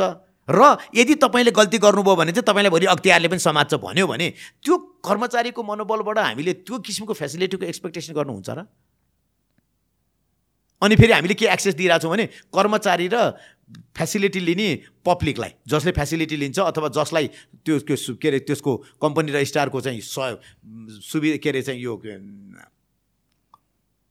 दिने सु सुविधा कम्पनी रजिस्ट्रारले दिने जुन सहयोग हो नि त्यो प्रयोग गर्ने व्यक्तिलाई डाइरेक्ट एक्सेस दिएको छ संसारमा के हुन्छ? तपाईँले बिजुलीको लागि कुनै अप्लाई गर्नुभयो भने तपाईँले अनलाइन भर्नुहुन्छ तपाईँ अनलाइनबाट एप्रुभ हुन्छ एक दिन तपाईँलाई कल आउँछ त्यो आउँछ जोड्छ जान्छ। यहाँ के गर्छौँ? एप्लिकेसन बनाउँछौँ जो मान्छेले जोड्ने त्यस कहाँ जान्छौँ। तगडा मान्छेले के भन्छ? ल दा यहाँ आयो तपाईँ भोलि जोड्नुहोस् भन्छ। अनि उसले के गर्छ? तपाईँको मैले किन जोड्ने? अब त्यहाँबाट बार्गेनिङ सुरु हुन्छ। त्यसबाट अरू चिजहरूमा जान्छ। हामीले के गरेका छौँ? टोटल सिस्टम एक्सपोज गरेका छौँ। काम गर्ने मान्छे पनि देखाएको छौँ। उसलाई ठुलो दायित्वको भारी पनि बोकाएको छौँ। उसलाई रिक्स पनि बोकाएको छौँ। र फेरि हामी यतापट्टि बसेर के भन्छ? सुविधाका कुरा गरिरहेछौँ। उसले त्यो लेभलबाट हामीले एक्सपेक्ट गरेको सुविधा दिन सक्छ कि सक्दैन भनेर हामीले क्यालकुलेटै गरेका छैनौँ। हामी त्यसमा एनालिसिसै गरेका छैनौँ। अहिले तपाईँले भनेको कुरा कम्पनी बन्द गर्ने कति गाह्रो छ भन्नुहुन्छ? म त अहिलेको जुन कानुनको प्रावधान र उहाँहरूलाई दिएको फेसिलिटी र उहाँहरूलाई दिएको अधिकारको बिचको कम्पोजिसन हेर्नुहुन्छ भने नि यो त धेरै भइरहेछ जस्तो लाग्छ यार मलाई त। मलाई त किन किन नेपालमा ब्युरोक्राट यो के अरे ब्युरोक्रासी पावरफुल नभएको कारणले मलाई चाहिँ अलिकति अप्ठ्यारो हुन्छ। किनभने त्यसले गर्दा पोलिटिसियनहरू हाबी भइरहेछ कि। हाम्रो सचिवज्यूलाई यस्तो बनाउनु पऱ्यो कि मन्त्रीजी आएर यो फाइल गर्नु पऱ्यो भने यो हुँदैन हजुर। हँ? तपाईँले मलाई साह्रै सार्नुहोस् जहाँ जानुहुन्छ जानुहुन्छ। मेरो तलब आउँछ मेरो छोराको फिस तिर्न पुग्छ। सो जस्तो कि अब जस्तो कि अब लेट्स एउटा कम्पनी छ कम्पनी लसमा गयो उसँग केही पनि छैन होइन? सो यो उसले कसरी यो ट्याक्सेसहरू यिनीहरू कसरी पे गर्छ त? होइन। तपाईँले अहिले भन्नु अब त्यो कम्पनी लसमा गयो। सबभन्दा ठुलो कुरो के छ भन्दाखेरि पनि ignorance of law is not excuse होइन मैले कानुन बुझिनँ मैले कानुन जानिनँ भनेर एक्सक्युज गर्न पाइँदैन। ओके है? त्यस कारणले गर्दाखेरि हुम्लामा बसेको व्यक्तिलाई पनि त्यो कानुनले अप्लाई नै गरे त्यो कानुन लागू भइरहेछ। अनि तपाईँको चाहिँ बौद्धिक ठाउँमा बसेको विकसित ठाउँमा बसेको मान्छेलाई पनि त्यो कानुन समान तरिकाले लागू भइरहेछ। हो? त्यस कारणले गर्दाखेरि कम्पनी तपाईँले गठन गरिसकेपछि अब त्यो कुरामा चाहिँ तपाईँको तपाईँले सक्नुहुन्छ भने तपाईँ आफै कानुन पढ्नु पऱ्यो कानुनले निर्देशित गरेका ती प्रावधानहरू फलो गर्नु पऱ्यो होइन भने फेरि तपाईँ एक्सपर्ट हायर गर्नु पऱ्यो हामीले के चाहिँ सोच्नु परेन भएन भने कि सबै चिज मैले नै जान्नुपर्छ भन्ने कुरा सोच्नु भएन। तर फेरि म अर्को चाहिँ के भन्छु भने फेरि त्यो भन्नुको अर्थ अब म कन्सल्ट्यान्ट राख्छु त्यही भएर सबै चिज कन्सल्ट्यान्टले गरोस् भन्नु पनि हुँदैन। म चाहिँ जहिले पनि के भन्छु भने जीवनमा एउटा सर्टेन लेभलको नलेज चाहिँ जे जोसँग पनि हुनुपर्छ। एटलिस्ट गुगल सर्च गरेर कुनै औषधि मैले किनेँ भने त्यसको साइड इफेक्टको कस्तो हुन्छ भन्नेसम्मको अध्ययन चाहिँ हामीले गर्नुपर्छ। त्यति कुरा चाहिँ हामीले जान्नुपर्छ। किनभने हामी प्रत्येकसँग अहिले त मेजोरिटीसँग फोन छ मधेसीसँग इन्टरनेट एसेस छ। अहिले तपाईँले भन्नुभयो कम्पनी भएपछि तपाईँको जानु पऱ्यो तपाईँको कुन ट्याक्स कार्यालय भन्ने तपाईँलाई थाहा छ? त्यो ट्याक्स कार्यालयमा गएर तपाईँले सम्पर्क राख्नु पऱ्यो होइन? त्यसैले भन्नुहुन्छ कि तपाईँ लिक्विडेट गर्नुखेरि तपाईँलाई कस्तो किसिमको फाइनेन्सियल स्टेटमेन्ट बनाउनुपर्छ कस्तो चिजहरू बनाउनुपर्छ उहाँहरूले भन्नुहुन्छ त्यसपछि तपाईँले एडिटरलाई समात्नु पऱ्यो अनि अडिटरले तपाईँहरूलाई हेल्प गर्नुहुन्छ त्यसपछि के अरे चाहिँ लिक्विडेटरले हेल्प गर्छ त्यसपछि। तर मैले अहिले भनिसकेँ यी सबै फङ्सन हुँदाको बिचको कानुनले चाहिँ धेरै ठाउँमा कन्फ्युजनहरू क्रिएट गरेको छ। त्यसले गर्दाखेरि पावर एक्सर्साइज गर्ने बेलामा चाहिँ एक प्रकारको थ्रेट चाहिँ नेपालका सम्पूर्ण निकायमा बस्ने मान्छेले चाहिँ महसुस गर्नुहुन्छ जसले गर्दा सेवा लिन जाने मानिसलाई चाहिँ अप्ठ्यारो महसुस भएको छ। किन मैले फेसिलिटी पाइरहेको छैन? किन मैले सोचेको जस्तो सुविधा पाइरहेको छैन? भन्नु हकमा चाहिँ उहाँ हामीले उहाँहरूको अप्ठ्यारोलाई चाहिँ महसुस गर्न सकेका छैन। अनि त्यसले गर्दा के देखिएको छ भने अब गर्नु त पर्छ पर्छ। बाध्य छ। बरु दुई चार पैसा अलिकति भएछ भने पनि त्यो हेरेर पनि किन नगर्ने? भन्ने किसिमको एक प्रकारको अलिकति ब्याड बिहेभियर जन्मको भएको हो कि त? नत्र हामीले उहाँको सम्पूर्ण समस्याहरू हेरिदिएर तपाईँले भने जस्तो उहाँलाई कम्पिटेन्ट बनाएर तपाईँलाई काममा दलाएर भन्छौँ नि अब यो दलाएर भन्ने शब्द होइन कि पुरा उहाँलाई चाहिँ गर सक्षम बनाएर उहाँहरूलाई सुविधाहरू पनि त्यही तरिकाले कमसेकम पनि राम्रो स्कुलमा बच्चा बच्ची पढाउन सक्ने राम्रो ठाउँमा बस्न सक्ने बनाएर अनि गर्न सक्यो भने चाहिँ अलिकति चेन्जेसहरू आउँछ कि? त्यसमा दुईवटा चिज चाहियो। एउटा मैले भने तपाईँले स्पष्ट एउटा कानुनमा एम्बिगुटी छ। त्यो प्रयोग गर्दाखेरि उहाँहरू डराइरहनु भएको छ। स्पष्ट भयो भने किनभने तपाईँले हेर्नुहोस् त ल एउटा एउटा कडा मान्छेले त कराउँछ नि। ल मेरो किन हुँदैन? भन्नुहुन्छ उहाँले। कसरी हुन्छ तपाईँ भन्नुहोस् न भन्नुहुन्छ उहाँले फेरि। किनभने ल यो ऐन पढ्नुहोस् त। भनेपछि के हुन्छ? अनि त्यो होइन मेरो तरिकाले व्याख्या गर्नुहोस् न भने म भन्छु फेरि। तर उहाँको अप्ठ्यारो त त्यहाँनिर त्यहीँनिर छ नि त। अनि अर्को के गऱ्यौँ भन्दाखेरि पनि हामीले सिस्टमलाई चाहिँ अलिकति यो चाहिँ सुविधा लिन जाने मानिस र सुविधा दिने निकायहरूको बिचमा ग्याप राख्नुपर्छ क्या अलिकति। Online system. भएपछि कसले गर्यो भने पनि उहाँहरूले पनि दबाब दिन नसक्ने अनि उहाँहरूले पनि अलिकति फुर्सदमा हेर्न पाउने अहिलेको अहिले दबाब दिने मान्छेहरू चाहिँ वरिपरि नहुने। त्यस कारण अहिले अहिले महानगरपालिकाले नक्सा पनि अनलाइन भने भनेको कारण के हो भने तपाईँ त्यहाँ पब्लिकमा जाने बित्तिकै यो पुगेन ऊ पुगेन भन्ने हुन्छ भने सबै चिज त्यसमा गर्नुभयो भने तपाईँलाई कसै कसैसँग रिसै उठ्दैन कसले कमेन्ट गरेको भन्दा संस्थाले कमेन्ट गरेको हुन्छ। यहाँ त तपाईँसँग डाइरेक्ट एक्सेस छ। एक्सेस भएको सुब्बा साहब अझ अधिकृत ज्यूसँग एक्सेस छ अनि उहाँहरूले नगर्ने बित्तिकै तपाईँ हामीलाई स्पष्ट के हुन्छ भने यो त तपाईँले नगरेको भन्छौँ। हामी इन्स्टिट्युसनलाई दोष दिँदैन नि। तर उहाँले नगरेको त कम्पनी रजिस्ट्रार कार्यालयले नगरेको हो नि त। तर हामी के गर्छौँ? उहाँलाई दोष दिन्छौँ। तर अनलाइन सिस्टममा गयो भने के हुन्छ फेरि? निकायलाई दोष दिन पाउँछौँ हामीले। यो निकायले गरिरहेको छैन भन्छौँ। त्यस कारणले हेर्नुहोस् हामीले चाहिँ राज्य प्रणाली नै पुरा एम्बुगियस मेकानिजमबाट चलाइरहेछौँ। कानुनको महत्त्वलाई एकदम कम राखिरहेछौँ।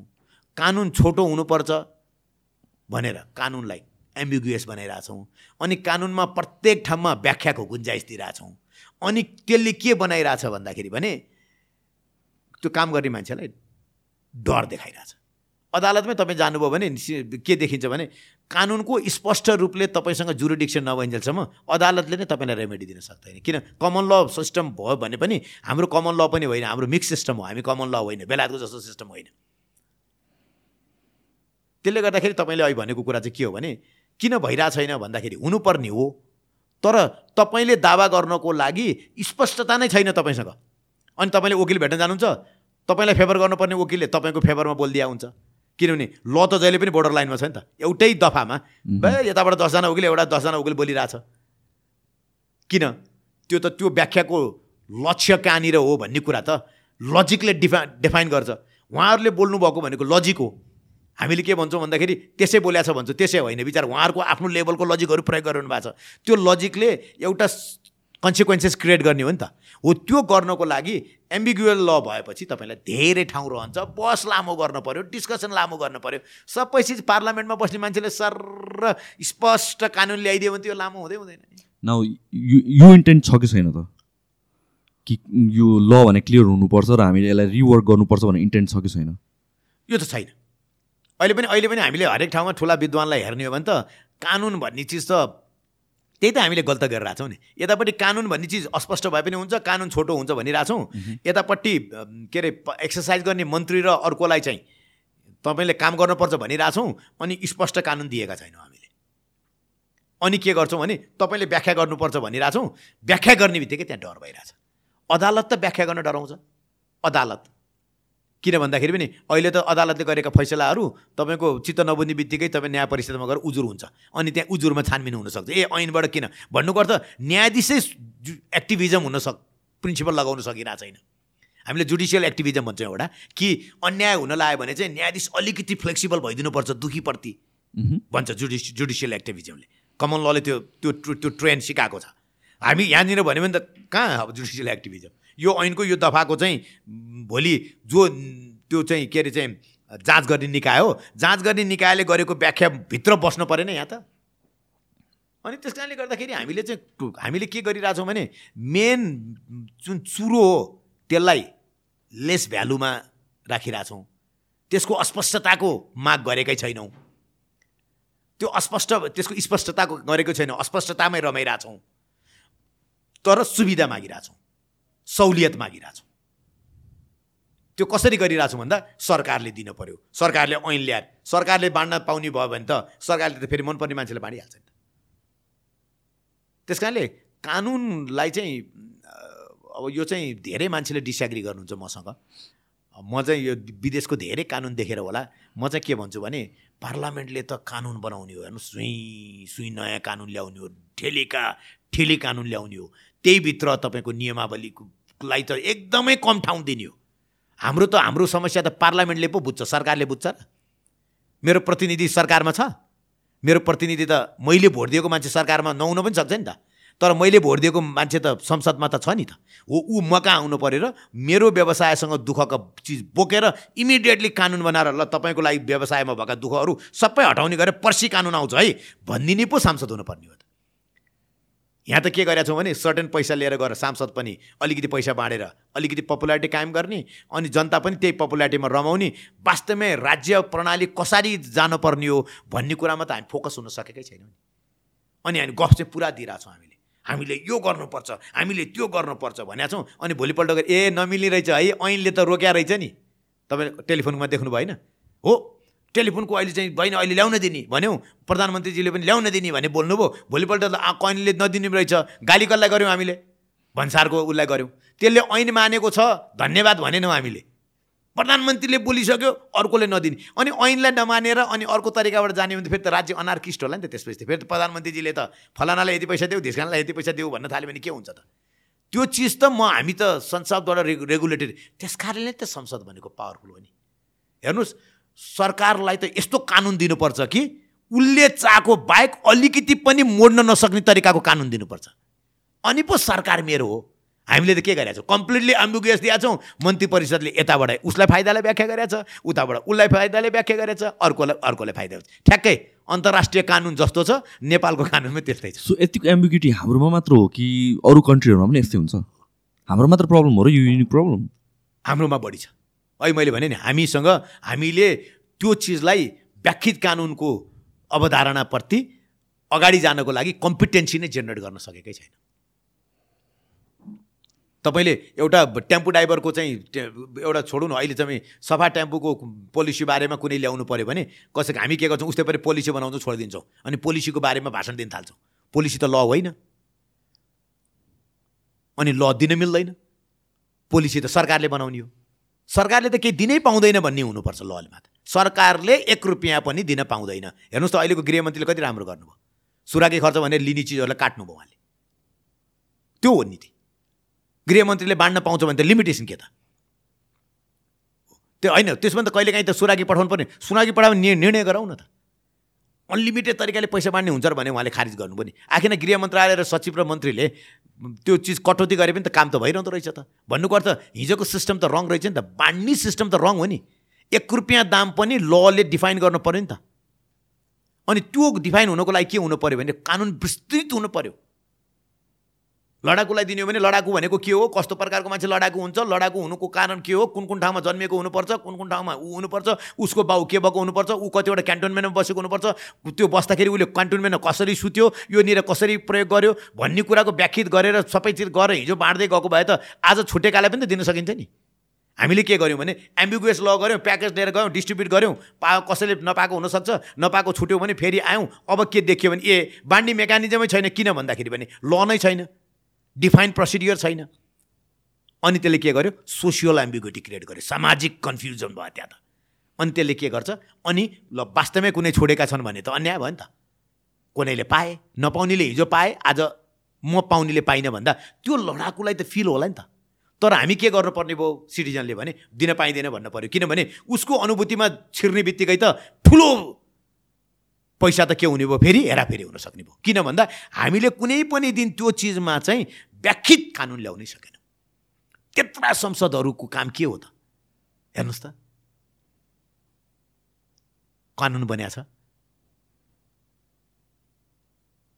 महिना महिनामा कानुन आउनु पर्ने हो। महिना महिनामा। कानुन। सोसा सोसियल रेगुलेसनको लागि। छँदै छैन हामीको।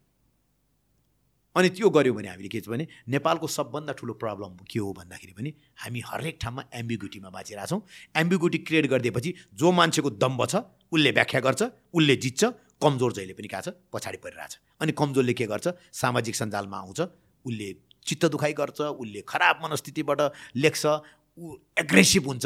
प्यासिभ हुनै सक्दैन। किन भन्दाखेरि उसको एग्रेसन कहाँ पर्छ हेर्नुहोस् त कस्ता कस्ता शब्द लेखिन्छ। कहाँबाट आएको त्यो भन्दा? त्यो किन भन्दाखेरि उसले त फेस गरिरहेको छ नि त।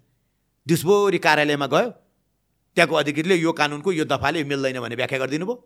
उहाँले पाइन्छ भनेर एउटा वकिलले भन्यो उहाँ जानुभएको छ?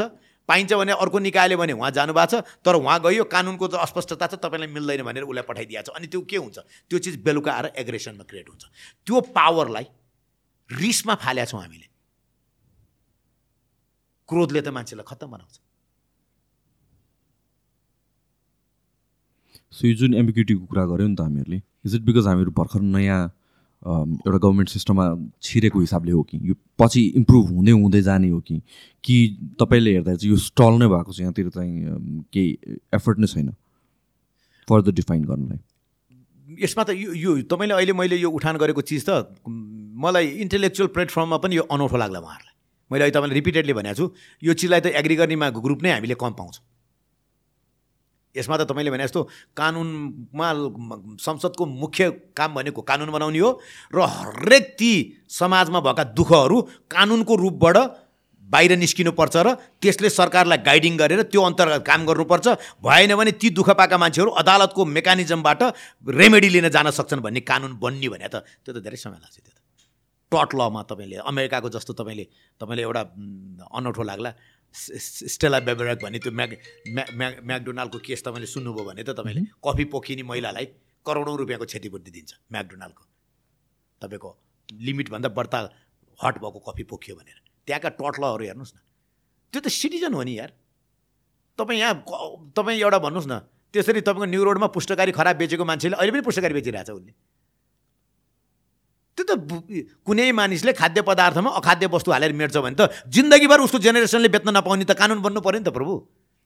अनि यदि उस्तो गऱ्यो भने तिमीले इमिडिएटली यति क्षतिपूर्ति पाउँछौ भनेर त कानुनमा पैसा हालेर ल्याउनु पऱ्यो नि त। पाउरोटीमा तपाईँको डेट एक्सपायर भएन भने र त्यस्तो पाउरोटी लिएर गएर खाएर मान्छे यस्तो भयो भने यतिसम्म क्षतिपूर्ति पाउँछ भने त हालिदिनु पऱ्यो नि त अनि हामी उसलाई गएर भन्नु पऱ्यो नि त। अहिले मलाई हाँस म मलाई कुनै ठाउँमा पाउरोटी किन्ने ठाउँमा गएर तपाईँको डेट एक्सपायर राख्नु पर्दैन एक्सपायरी डेट र म्यानि म्यानुफ्याक्चर डेट राख्नु पर्दैन भने उहाँले के भन्नु ए हाम्रो पाउरोटी त जहिले पनि ताजा हुन्छ एक दिन त टिक्दैन भन्नुहुन्छ उहाँले। त्यो आन्सर हो। अनि मलाई अनौठो लाग्छ हे मेरो सिटिजन मैले सुनेर त्यो पाउरोटी किन्नुपर्ने। किन भन्दाखेरि मेरो देशले मलाई समेत आर्ग्यु गर्ने कानुनै दिएको छैन। हामी सबभन्दा ठुलो प्रब्लमै केही पनि होइन। अहिले तपाईँ हरेक मान्छेको हरेक समुदायको हरेक पक्षको दायित्व व्याख्या गरेर संसदले सुई सुई सुई कानुन ल्याउने अनि अवेरनेस लानलाई पब्लिकलाई ल्याउने मेरो दायित्व यो रहेछ। यसले दायित्व पुरा नगर्ने मान्छेलाई यस्तो भनेर तपाईँ रेमेडी बेस मेकानिजममा जाउँ त। राज्य कहाँ पुग्छ? ट्राफिकमा के गर्नै पर्दैन तपाईँले? ट्राफिक अहिले तपाईँको ट्राफिक कन्ट्रोल गर्नको लागि के हुन्छ भने सबभन्दा ठुलो कुरो सजाय. तपाईँले ट्राफिकमा तपाईँको ट्यागको फोटो खिचेर तपाईँले के गर्नै पर्दैन त्यो विचार त्यसलाई समात्नै पर्दैन। फोटो खिच्ने जसले तपाईँको ट्र्याक बाहिर जान्छ त्यसको फोटो खिच्ने तपाईँको घरमा चिठीमा हाले पठाइदिने तपाईँलाई पाँच हजार रुपियाँ जरिमाना लाएको छ भने त्यसले पर्सिदेखि हिँड्दै हिँड्दैन। अब हामीले त्यसलाई पाँच हजार जरिमाना बनाउने बित्तिकै हामी के गर्छौँ? जिन्दाबाद मुर्दाबाद गर्छौँ हामीले। किन भन्दाखेरि पनि हाम्रो के छ भने पाँच हजार हामी जरिमाना तिर्न सक्दैनौँ। र कि सबै हामी भाइलेट गर्छौँ। ल त भाइलेट गर्छौँ हामी। अनि हामीले के भन्छौँ भने हामीद्वारा भाइलेट हुनसक्छ त्यस कारण जरिमाना चाहिँ कम राख भने पहिले हामी भाइलेसनको लागि प्रिपेयर गर्छौँ हामीलाई। हामीले के भन्छौँ भने म रेस्ट्रिक्ट हुन पर्छ। मैले तपाईँले एउटा कुरा मान्नु बेलायतमा अहिलेसम्म राष्ट्र संस्था टिकिरहेछ। नेपालमा किन राष्ट्र संस्था गयो? भन्दा हामीले आफूलाई रेस्ट्रिक्ट गर्न सकेनौँ। मैले गल्ती गरेँ भने मलाई आएर तपाईँहरूले गाली गर्नुपर्छ मैलाई सजाय पनि दिनुपर्छ भन्ने तरिकाको मेसेज दिन सकेको भए के फिल हुन्थ्यो? श्रद्धा जाग्छ नि बेलायतमा कतिचोटि कतिवटा पत्रिकाहरूमा चाहिँ बगिङम प्यालेस त्यत्रो किन रोयल फ्यामिलीले चाहियो त्यत्रो खर्च किन चाहियो भनेर आउने बित्तिकै भोलिपल्ट महारानीले के बोल्छिन् भने यदि तपाईँहरूलाई म बगिङम प्यालेस बसेको उचित लाग्दैन भने म सर्न तयार छु भनेर वक्तव्य दिन्छ. अनि श्रद्धा जाग्छ। अनि होइन होइन ठिकै छ। अहिले पनि त्यहाँ भर्नारेबल छ। कहाँ? त्यसो एब्सोलुट मोनार्क भयङ्कर मन पराउने पर्सेन्टेज कहाँ आइछ र? छैन नि। किनभने त्यत्रो बकिङम प्यारिसको खर्च बेलायतले धान्न सक्छ। कति बेरोजगार भएर लडिरहेछ। तर किनभने एक प्रकारको उहाँहरूले जनताप्रति देखाएको माया र स्नेहको रेस्पोन्स हो नि त। त्यो नल्याइन्जेलसम्म त तपाईँले त के अरे के अरे चाहिँ परिवर्तन ल्याउन सक्नुहुन्न? म तपाईँलाई एउटा अनौठो दिन्छु अहिलेको जेनेरेसनको कुरा गर्नु चाहिँ तपाईँ। अहिलेको जेनेरेसन बन्न चाहन्छ Vivekananda. Everybody is dreaming to become Vivekananda. बाबु के बन्ने? विवेकानन्द जस्तो मलाई मनपर्छ। अनि ऊ लाइफ उनी उनी काम के खोज्छ? विनोद चौधरीको जस्तो पैसा खोज्ने खोज्छ। हेर्नुहोस् त। बन्ने डेस्टिनेसन विवेकानन्द बनाउँछ। तर आजको लागि चाहिँ मलाई राम्रो गाडी चढ्ने पैसा त चाहिन्छ भनेर चाहिँ व्यवसाय चाहिँ विनोद चौधरीको होस् जस्तो लाग्छ र म किन बिलिनियर नभएको पनि भन्छ। यस्तो कन्ट्राडिक्टरी माइन्डसेट भएको ठाउँमा तपाईँले ल ल्याएर रेगुलेट नगर्ने भने त यो माइन्डसेट त इन्ट्याक्ट हुँदै हुँदैन। समाज यसरी नै यसरी नै डिभाइड भएर जान्छ। जहिले पनि कन्फ्युजनमै हामी बाँच्छौँ।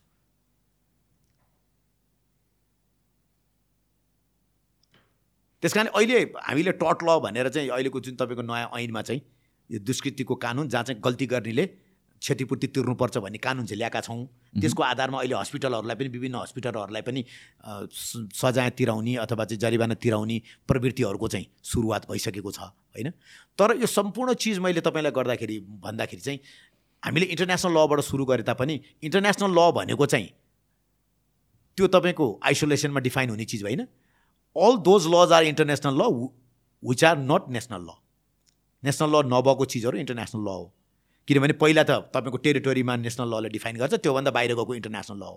अब त्यो इन्टरनेसनल ल बनाउने ठाउँमा चाहिँ जहिले पनि प्रबुद्ध देशका मानिसहरू भएको हुनाले चाहिँ उहाँहरूले चाहिँ के भने आफ्नो प्रभुत्वता कायम रहने किसिमले ल बनाइने हुनाले लमा प्रभुत्वता कायम गरेर बनाइएको ल चाहिँ इम्पार्सियल हुन सक्दैन। त्यस कारणले त्यो लले चाहिँ कमजोर वर्गको प्रतिनिधित्व गर्छ भन्न सक्ने अवस्था नभएको हुनाले इन्टरनेसनल लले कमजोरलाई जस्टिस दिन सक्छ भन्ने कुरा चाहिँ विश्वास गर्न गाह्रो छ। जस्तो तपाईँले आइसिजेकै मेकानिजम तपाईँले हेर्नुभयो भने नेपालले पहिला सुरु त नेपालले ओपन जुरिडिक्सन स्वीकारेकै छैन। भन्नुको अर्थ म मेरा अन्तर्राष्ट्रिय स्तरमा भएका विवादहरू तपाईँकोमा ल्याउन पाउने मलाई अधिकार दिनुहोस् भनेर भनेकै छैन। सहज सहज सहज भाषामा। त्यसपछि कतिपय देशहरूले क्वालिफाई गर्छ जस्तो भारतले हामीले लिएर गएको डिस्प्युटलाई सुनवाई सुनवाईको लागि उसले क्वालिफाई गरेका छ। भनेपछि इन्टरनेसनल ललाई क्वालिफिकेसन बेस तपाईँको कोड बनाइया छ। भन्नुको अर्थ कोही जानै नपाउने कोही जानै नचाहने कोही गयो भने पनि सर्टेन चिजमा मात्रै जाने यसरी विभिन्न विभिन्न विभिन्न अवस्था क्रिएट गरेर इन्टरनेसनल कोर्ट अफ जस्टिसको जुरिडिक्सन क्रिएट गरिया छ। भन्नुको अर्थ कतिपय देश त जानै पाउँदैन। गयो भने पनि अर्को जसको विरुद्धमा जाने हो उसले म तेरो जुरिडिक्सन स्वीकारेकै छैन भनेको छ। भनेपछि त्यसलाई वर्ल्ड कोर्टको रूपमा हेर्न मिल्दैन। हेर्दाखेरि त इन्टरनेसनल कोर्ट अफ जस्टिस भने पनि युएन सिस्टम भए पनि त्यो एकदम रेस्ट्रिक्टिभ जुरिडिक्सन भएको कोर्ट छ। अनि उसको फैसला भोलि कार्यान्वयन भएन भने त्यसलाई कार्यान्वयन गर्ने जिम्मा सेक्युरिटी काउन्सिललाई दिएको छ भनेपछि तपाईँ यो फ्रेमवर्कमा इन्टरनेसनल लमा कुनै पनि डिस्प्युट्सहरूलाई चाहिँ गरिबहरूको चाहिँ राम्रो सुनवाई हुन्छ भने विश्वास गर्नुहुन्छ तपाईँ? त्यस कारण त म त इन्टरनेसनल ल चाहिँ जहिले पनि मलाई त्यही भएर म कुनै दिन सकेँ भने चाहिँ डब्लुटिओ ललाई म कहिले काहीँ हेरेँ भने चाहिँ रिच बोय क्लब जस्तो लाग्छ कि मलाई। तपाईँको रिच कन्ट्री क्लब धनीहरूको लागि बनाइएका त्यहाँ को मुद्दा लड्छन्। तपाईँ थाहा छ त्यहाँ धेरै मुद्दा। अमेरिका भारत। भारत त अहिले त पावरफुल इकोनोमी हो होइन? भारत सबभन्दा बढी। ब्राजिल चाइना रसिया यिनीहरूका त कति छन् कति छन् मुद्दा। एक्लै अर्कोको उसले चाहिँ तपाईँ ट्यारिफ लगायो उसले मेरो सामानलाई जान दिएन यसलाई खारेज गर यो गर भन्ने कति छन् कति छन्। हामी त त्यो मुद्दा भनेको के हो? हामीले डब्लुटिओमा पनि मुद्दा लाग्छ र। ल तपाईँले हाम्रो हाम्रो तपाईँको चाहिँ डब्लुटिओ ज्ञाताहरूसँग राख्नुहोस्। डब्लुटिओमा पनि त्यसरी मुद्दा सुनवाई हुन्छ र त्यहाँ पनि प्यानल डिस्कसन हुन्छ र त्यहाँ पनि एपिलेट बढी छ र अनि त्यहाँ पनि आर्बिटेसन हुन्छ। डब्लुटिओको सिस्टमभित्र पनि आर्बिटेसन छ फेरि। त्यहाँ पनि किनभने त्यो हामीले के बुझेका छौँ भने त्यो नजाने गाउँको बाटै नसोध्नु यार यो हामीलाई कहिले मुद्दा हाल्नु पनि छैन। हामीले भारतको विरुद्धमा कहिले मुद्दा हाल्नु अनि त्यो कहिले कार्यान्वयन हुनु र कहिले त्यसको हामीले प्रयोग गर्नु। त्यस कारणले यो हाम्रो बाटो नै होइन। यो मुद्दा सुद्धा चाहिँ वकिलको काम हो। यो कुनै दिन परेछ भने कुनै दिन वकिल हायर गरौँला। यहाँ कुनै हामीले यसको बारेमा जान्नुपर्ने जरुरत छैन भन्ने रहेछ। अहिले मैले पढेको पनि बेकारमा पढेछु जस्तो लाग्छ। सो अलिकति म केस केस स्पेसिफिक जान्छु है त? For example one of the एकदमै कन्फ्युजन भएको केस भनेको चाहिँ एनसेलको केस हो। आई थिङ्क धेरैजनाले बुझ्या पनि छैन कि के भएको हामीले स्पेकुलेसन चाहिँ सुनेको छौँ। खासमा एक्चुली भएको चाहिँ के हो त्यो केस? होइन अब यो के हो भने तपाईँको चाहिँ यो तपाईँले फेरि अब यो अब यो डब्लुटिओ सिस्टम होइन यो चाहिँ। होइन? मैले इन्टरनेसनल ल मैले इन्टरनेसनल एडमिटेसनमा मेरो पिएचडी भएको हुनाले त्यो मेरो पार्टै थियो त्यो। होइन? मलाई कुनै पनि बेलामा मलाई पनि यसमा सहयोग गर्नुपर्छ भनेर चाहिँ कुनै निकायद्वारा एप्रोच पनि गरिएको थियो। तर म त्यहाँ मेरो अलिकति मेरो चाहिँ कन्फ्लिक्ट अफ इन्ट्रेस्टको कुनै न कुनै रूपमा भएको कारणले गर्दाखेरि चाहिँ म अलिकति चाहिँ त्यो कन्फ्लिक्ट अफ इन्ट्रेस्टलाई एकदमै विचार गर्ने मान्छे भएको हुनाले चाहिँ मैले I didn't get my involvement there अनि त्यो चाहिँ के भएको भने तपाईँलाई उसको सेयर चाहिँ जो कम्पनीको ओनर छ एनसिएलको ओनर जुन बाहिर बस्छ नि त्यहाँ चाहिँ सेयर किनबेच गरियो। मैले बुझेँ त्यही हो। होइन? त्यहाँ चाहिँ सेयर किनबेच गरियो। भनेपछि एनसिएलमा को जुन सेयर होल्डर छ नि त्यो त त्यही छ कि? तर त्यहाँ चाहिँ सेयर होल्डर किनबेच गरियो होइन? प्यारेन्ट कम्पनीको होइन? प्यारेन्ट कम्पनी प्यारेन्ट कम्पनीको सेयर होल्डरको किनबेच गरियो। भन्नुको अर्थ प्यारेन्ट कम्पनीको नाम त त्यही रहने भयो नि त। एले बी होल्ड गर्छ। ए को ओनरहरूको मात्रै किनबेच गरियो। यहाँ भएको ट्रेड होइन त्यो। भनेपछि उसले के भन्यो भन्दाखेरि यो त यहाँ ट्रेड भएकै छैन। होइन? त्यस कारणले यहाँ ट्रेड भएको हुनाले यहाँ क्यापिटल गेनहरूको अन्य लगायत चाहिँ कर कर ऐन करका कानुन अन्तर्गतका कुनै पनि प्रावधानहरू यहाँ आकर्षण हुँदैन भने उसले। अब हाम्रो कानुनमा चाहिँ कुनै कुनै अब त्यही भएर मैले भने एम्बिगुअल ल छ नि त। त्यस्ता चिजलाई पनि हामीले हिजै कानुनमा चाहिँ तिम्रो पाँचौँ तहसम्म पनि तिमीले बेचे पनि यदि तिम्रो यहाँ तर नर्मली पनि त्यस्तो केसमा त हुँदैन नि होइन र? होइन हाम्रोमा त थियो तपाईँले म्यानेजमेन्टमा भएको चेन्जेसहरू छ भने पनि त्यसले चाहिँ तपाईँको चाहिँ के अरे ओनरसिप ट्रान्सपोर्टलाई एग्री गर्छ भने भनेको छ नि त। हाम्रो ट्याक्स लमा कुनै न कुनै ठाउँमा त्यस्तो प्रावधान छ। ओके होइन भएपछि राज्यले के भन्यो भने तिमीले त यो प्रावधान अन्तर्गत एउटा स्पेसिफिक प्रावधान अन्तर्गत तिमीले चाहिँ तिर्नुपर्छ भन्यो। होइन उसले के भन्यो मेरो यहाँभित्र यो त मेरो यो देशभित्र त मेरो यहाँको ओनरको त ट्रान्सफरै होइन त्यस कारणले यो पर्दैन भन्यो। होइन भनिसकेपछि अब डिस्प्युट भयो कोर्टले तिर्नुपर्छ भन्यो। नेपालको कोर्टले तिर्नुपर्छ भनेपछि अब उसले चाहिँ के छ भने एउटा आइसिएसआइडी आर्बिट्रेसन भन्छ। है? के अरे आइसिएसआइडी भनेको international centre for settlement of international disputes भन्ने आइसिएसआइडी भन्ने चाहिँ वर्ल्ड ब्याङ्कको एउटा बडी हो त्यो। एउटा विङ हो भनौँ न। वर्ल्ड ब्याङ्कभित्र जस्तो तपाईँले आइएमएफ भन्छ त्यस्तै त्यो एउटा विङ छ। त्यो वासिङटन कन्भेन्सन भन्छ। वासिङटन कन्भेन्सन अन्तर्गत त्यो बडी छ त्यसले आर्बिट्रेसन गराउँछ कि त्यो चाहिँ। तर त्यतिखेर चाहिँ तपाईँको चाहिँ त्यो आर्बिट्रेसन गर्नको लागि चाहिँ पक्षहरू बिच चाहिँ करार कुनै न कुनै रूपको करारीय प्रावधान भएको हुनुपर्छ। करारीय प्रावधान। कि कुनै पक्षले त्यहाँ लिएर जान पाउने भनेर। नेपाल होस्ट नेसन भयो हो? एनसिएलमा लगानी गर्न आउने चाहिँ लगानीकर्ता भयो। लगानीकर्ता र होस्ट नेसनको बिचको लिङ्क देखिनुपर्छ कि त्यो लिङ्कको आधारमा त्यो आइसिएसआइडी आर्बिट्रेसन इन्भोक गर्न सकियोस्। त्यस कारणले अब यो नेपाल र युकेको बिआइटी छ। बायोलेट्रल इन्भेस्टमेन्ट ट्रिटी छ। र उसको एउटा एउटा निकाय चाहिँ तपाईँको युकेमा दर्ता भएको निकायसँग लिङ्क देखाएर उसले आइसिएसआइडी इन्भोक गर्यो उसले। आइसिएसआइडी आर्बिट्रेसन इन्भोक गर्यो। त्यो अहिले फाइनल स्टेजमा पुगेको छ। मेरो विचारमा अस्ति मैले अब खोइ मलाई थाहा छैन आज भोलि नै त्यो फैसला आएको भए। मैले त्यसमा उ गरेको छैन। अब त्यो चाहिँ त्यसमा चाहिँ मैले हेर्दाखेरि चाहिँ जुरिडिक्सन बेसमा चाहिँ तपाईँको चाहिँ के भने उसले जुन करारीय प्रावधान समातेर चाहिँ आइसिएसआइडी आर्बिट्रेसन इन्भोक गरेको छ त्यो करारीय प्रावधान चाहिँ ट्याक्स ललाई चाहिँ आकर्षित हुँदैन भन्ने केसबाट फैसला आउँछ कि भन्ने एउटा आयाम देखिन्छ। अब अर्को चाहिँ ट्याक्सै तिर्नु नपर्ने गरेर चाहिँ आउने सम्भावना चाहिँ नहोला भन्ने आशा गरौँ। अब त्यो आयो भने चाहिँ के हुन्छ भन्दाखेरि पनि अब उतापट्टि अब ऊ पावरफुल कम्पनी देखियो भने पनि हाम्रोले चाहिँ तपाईँको चाहिँ फेरि त्यो सर्वोच्च अदालतको फैसला के हुने? त्यतिखेर त्यसले गरेको फैसला के हुने? कसले प्रिभेल गर्ने? नेपालले मान्ने कि नमान्ने भन्ने कुरा फेरि त्यसका कार्यान्वयन चरणमा फेरि आफ्नै प्रकारका दुविधाहरू छन् फेरि। सो त्यो कन्फ्लिक्ट अफ इन्ट्रेस्ट नै भएर जान्छ नि त। कन्फ्लिक्ट अफ इन्ट्रेस्ट होइन कन्फ्लिक्ट भएर जान्छ। कन्फ्लिक्ट भएर जान्छ यो कन्फ्लिक्ट त तपाईँको यो त धेरै उ छ होइन। तर अब यो एनसिएलले चाहिँ तपाईँको धेरै ट्याक्सहरू यहाँ तिरेर जुरोडिक्सन स्वीकारी गरिसक्यो हुनाले उसले उताको जुरोडिक्सनलाई चाहिँ कायम राखिरहन चाहिँ गाह्रो छ भन्ने किसिमको अवधारणा पनि सिर्जना गर्न सकिन्छ। त्यस कारणले अहिले म तपाईँलाई भने नि ल भने चाहिँ त्यही भएर किन मैले भने त तपाईँ ल किन स्पष्ट हुनुपर्ने रहेछ? Bilateral investment treaty international investment ट्रिटीहरू किन स्पष्ट हुनुपर्ने रहेछ? भन्ने कुरा किन करारहरू चाहिँ लामो लेखिन्छन्? होइन तपाईँको एउटा एउटा चाहिँ विदेशी आएर तपाईँले यहाँनिर इन्भेस्टमेन्ट गर्न आयो भने चाहिँ उसले असीवटा नब्बेवटा करार बनाउँछ। किनभने उसले के सोध्छ भने कुनै पनि ठाउँमा त्यो प्रकारको कन्फ्युजन नदेखियोस् ताकि भोलि त्यसैमा बसेर दुविधा सिर्जना भएर त्यसैमा लडिरहनु परोस्। सो नर्मल नेचुरल केसमा लेट से मेरो कम्पनी छ नेपालमा कम्पनी छ होइन? यसको ब्रान्च एउटा सुदूरपश्चिममा कतै छ होला। भनेर भनेपछि त मेरो मेन पेरेन्ट कम्पनी मैले यहाँ ट्रेड गरेँ कसैलाई बेचेँ भनेर भनेपछि त्यसको क्यापिटल गेन ट्याक्स मैले पे गर्छु। कन्ट्रीलाई तर त्यो स्टेटमा पनि पे गर्नुपर्छ र त्यसरी। हुन्छ र त्यस्तो। त्यो त त्यो त तपाईँको स्टेटको लमा डिपेन्ड हुन्छ त्यो चाहिँ। ओके सो त्यो त्यो पनि लाउनु पाउने भयो। होइन ट्याक्स लमा चाहिँ ट्याक्स ललाई चाहिँ अहिले तपाईँको फेडरल लभित्र पारेको छ होइन? त्यस कारणले त्यो चाहिँ तपाईँको चाहिँ ट्याक्स चाहिँ उनीहरूले इन्डिभिजुअल ट्याक्स लाउनलाई चाहिँ कन्स्टिट्युसनले तोकेको परिवेद बाहेक अरूमा उसले जान पाउँदैन। किनभने लजिकली हेर्दा मलाई पनि त्यस्तो लागेको थियो कि जुन यो एनसिलको केस त इफ प्यारेन्ट कम्पनीको ट्रेड बाहिर भएको भने त बाहिर क्यापिटल गेट ट्याक्स लाग्छ यहाँभित्र त केही पनि नहुनु पर्ने जस्तो लाग्थ्यो। होइन त्यो त तपाईँले यस्तो छ नि त उसले तपाईँले त्यही त कुरा उसले नेपालभित्र व्यवसाय गर्दाखेरि त नेपालको कानुन त मान्नु पऱ्यो नि त। त्यही भएर मैले भने नेपालको कानुनमा म्यानेजमेन्टमा भएको परिवर्तनको आधारमा पनि त्यसमा चाहिँ तपाईँको चाहिँ के अरे ओनरसिप ट्रान्सफर मानिन्छ। त्यस्तो भयो भने क्यापिटल गेन तिर्नुपर्छ भन्ने त्यहाँ स्पष्ट आधारहरू भएको कारणले गर्दाखेरि त्यसमा यो चिज इन्भल्भ भएको ओके सो समथिङ लाइक दिसले गरेर चाहिँ इन्टरनेसनल बिजनेस नेपालमा आउने नआउनेमा त धेरै इफेक्ट पर्छ होला त्यसले त। त्यो त तपाईँको नेपालमा त तपाईँको तपाईँले एउटा सबै अनौठो के लाग्छ भने हुन त यो तपाईँको मैले यो आइसिआई मैले यो आफ्नो रिसर्चमा पनि मैले धेरै हेरेको हो कि यो बायोलेट्रल इन्भेस्टमेन्ट ट्रिटी बिआइटी चाहिँ तपाईँको इन्भेस्टमेन्टको लागि अति नै जरुरी चिज हो।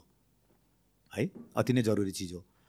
अनि किनभने तपाईँको इन्भेस्टरहरूले चाहिँ होस्ट नेसनमा भएको रिक्सहरूलाई केबाट कभर गर्ने भन्दाखेरि भने चाहिँ उसले यसैबाट कभर गर्ने भन्छ। त्यही यस्तै मुद्दाहरूबाट तपाईँको आइसिएसआइडी आर्बिट्रेसन यसलाई इन्भेस्ट इन्टरनेसनल इन्भेस्टमेन्ट आर्बिट्रेसन भनिन्छ आइआइए भनिन्छ होइन? अनि अब यो चाहिँ तपाईँको नेपालले चाहिँ यो यो चिज चाहिँ सही गर्दै जानुपर्ने अनि इन्भेस्टरहरूलाई वेलकम गर्दै जानुपर्ने हो। नेपालमा बिप्पा त हामीले इन्डियासँग गरेको चिज पनि त पछि पार्लियामेन्ट त्यो त तपाईँको खारेज भयो। त्यो पनि एउटा तपाईँ बिआइटी टाइपको हो। त्यो बिआइटी भनेको चाहिँ के हो भने तपाईँलाई चाहिँ यदि होस्ट नेसनले उसको इन्भेस्टन इन्भेस्टमेन्टलाई रिक्स हुने अवस्था क्रिएट गर्यो भने त्यसले इन्टरनेसनल एरेनामा आर्बिट्रेसन गरेर होस्ट नेसनलाई क्षतिपूर्ति तिर्नलाई बाध्य बनाउन सक्छ भन्ने हो।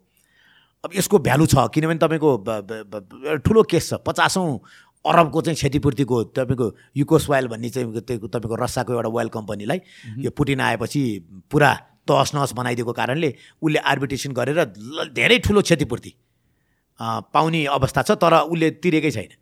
अनि ऊ कार्यान्वयनको लागि कहिले चाहिँ हेगको कोर्टमा गइरहेछ कहिले तपाईँ न्युयोर्कको कोर्टमा गइरहेछ अब त रस्सा पऱ्यो होइन तपाईँले अहिले मैले भनिहालेँ इन्टरनेसनल ललाई उनीहरूले मानिदिए हुने रहेछ हेर्नुहोस् नभए कसले कार्यान्वयन गर्ने त्यतिको लागि मात्रै कसैले वार लडिँदैन रहेछ।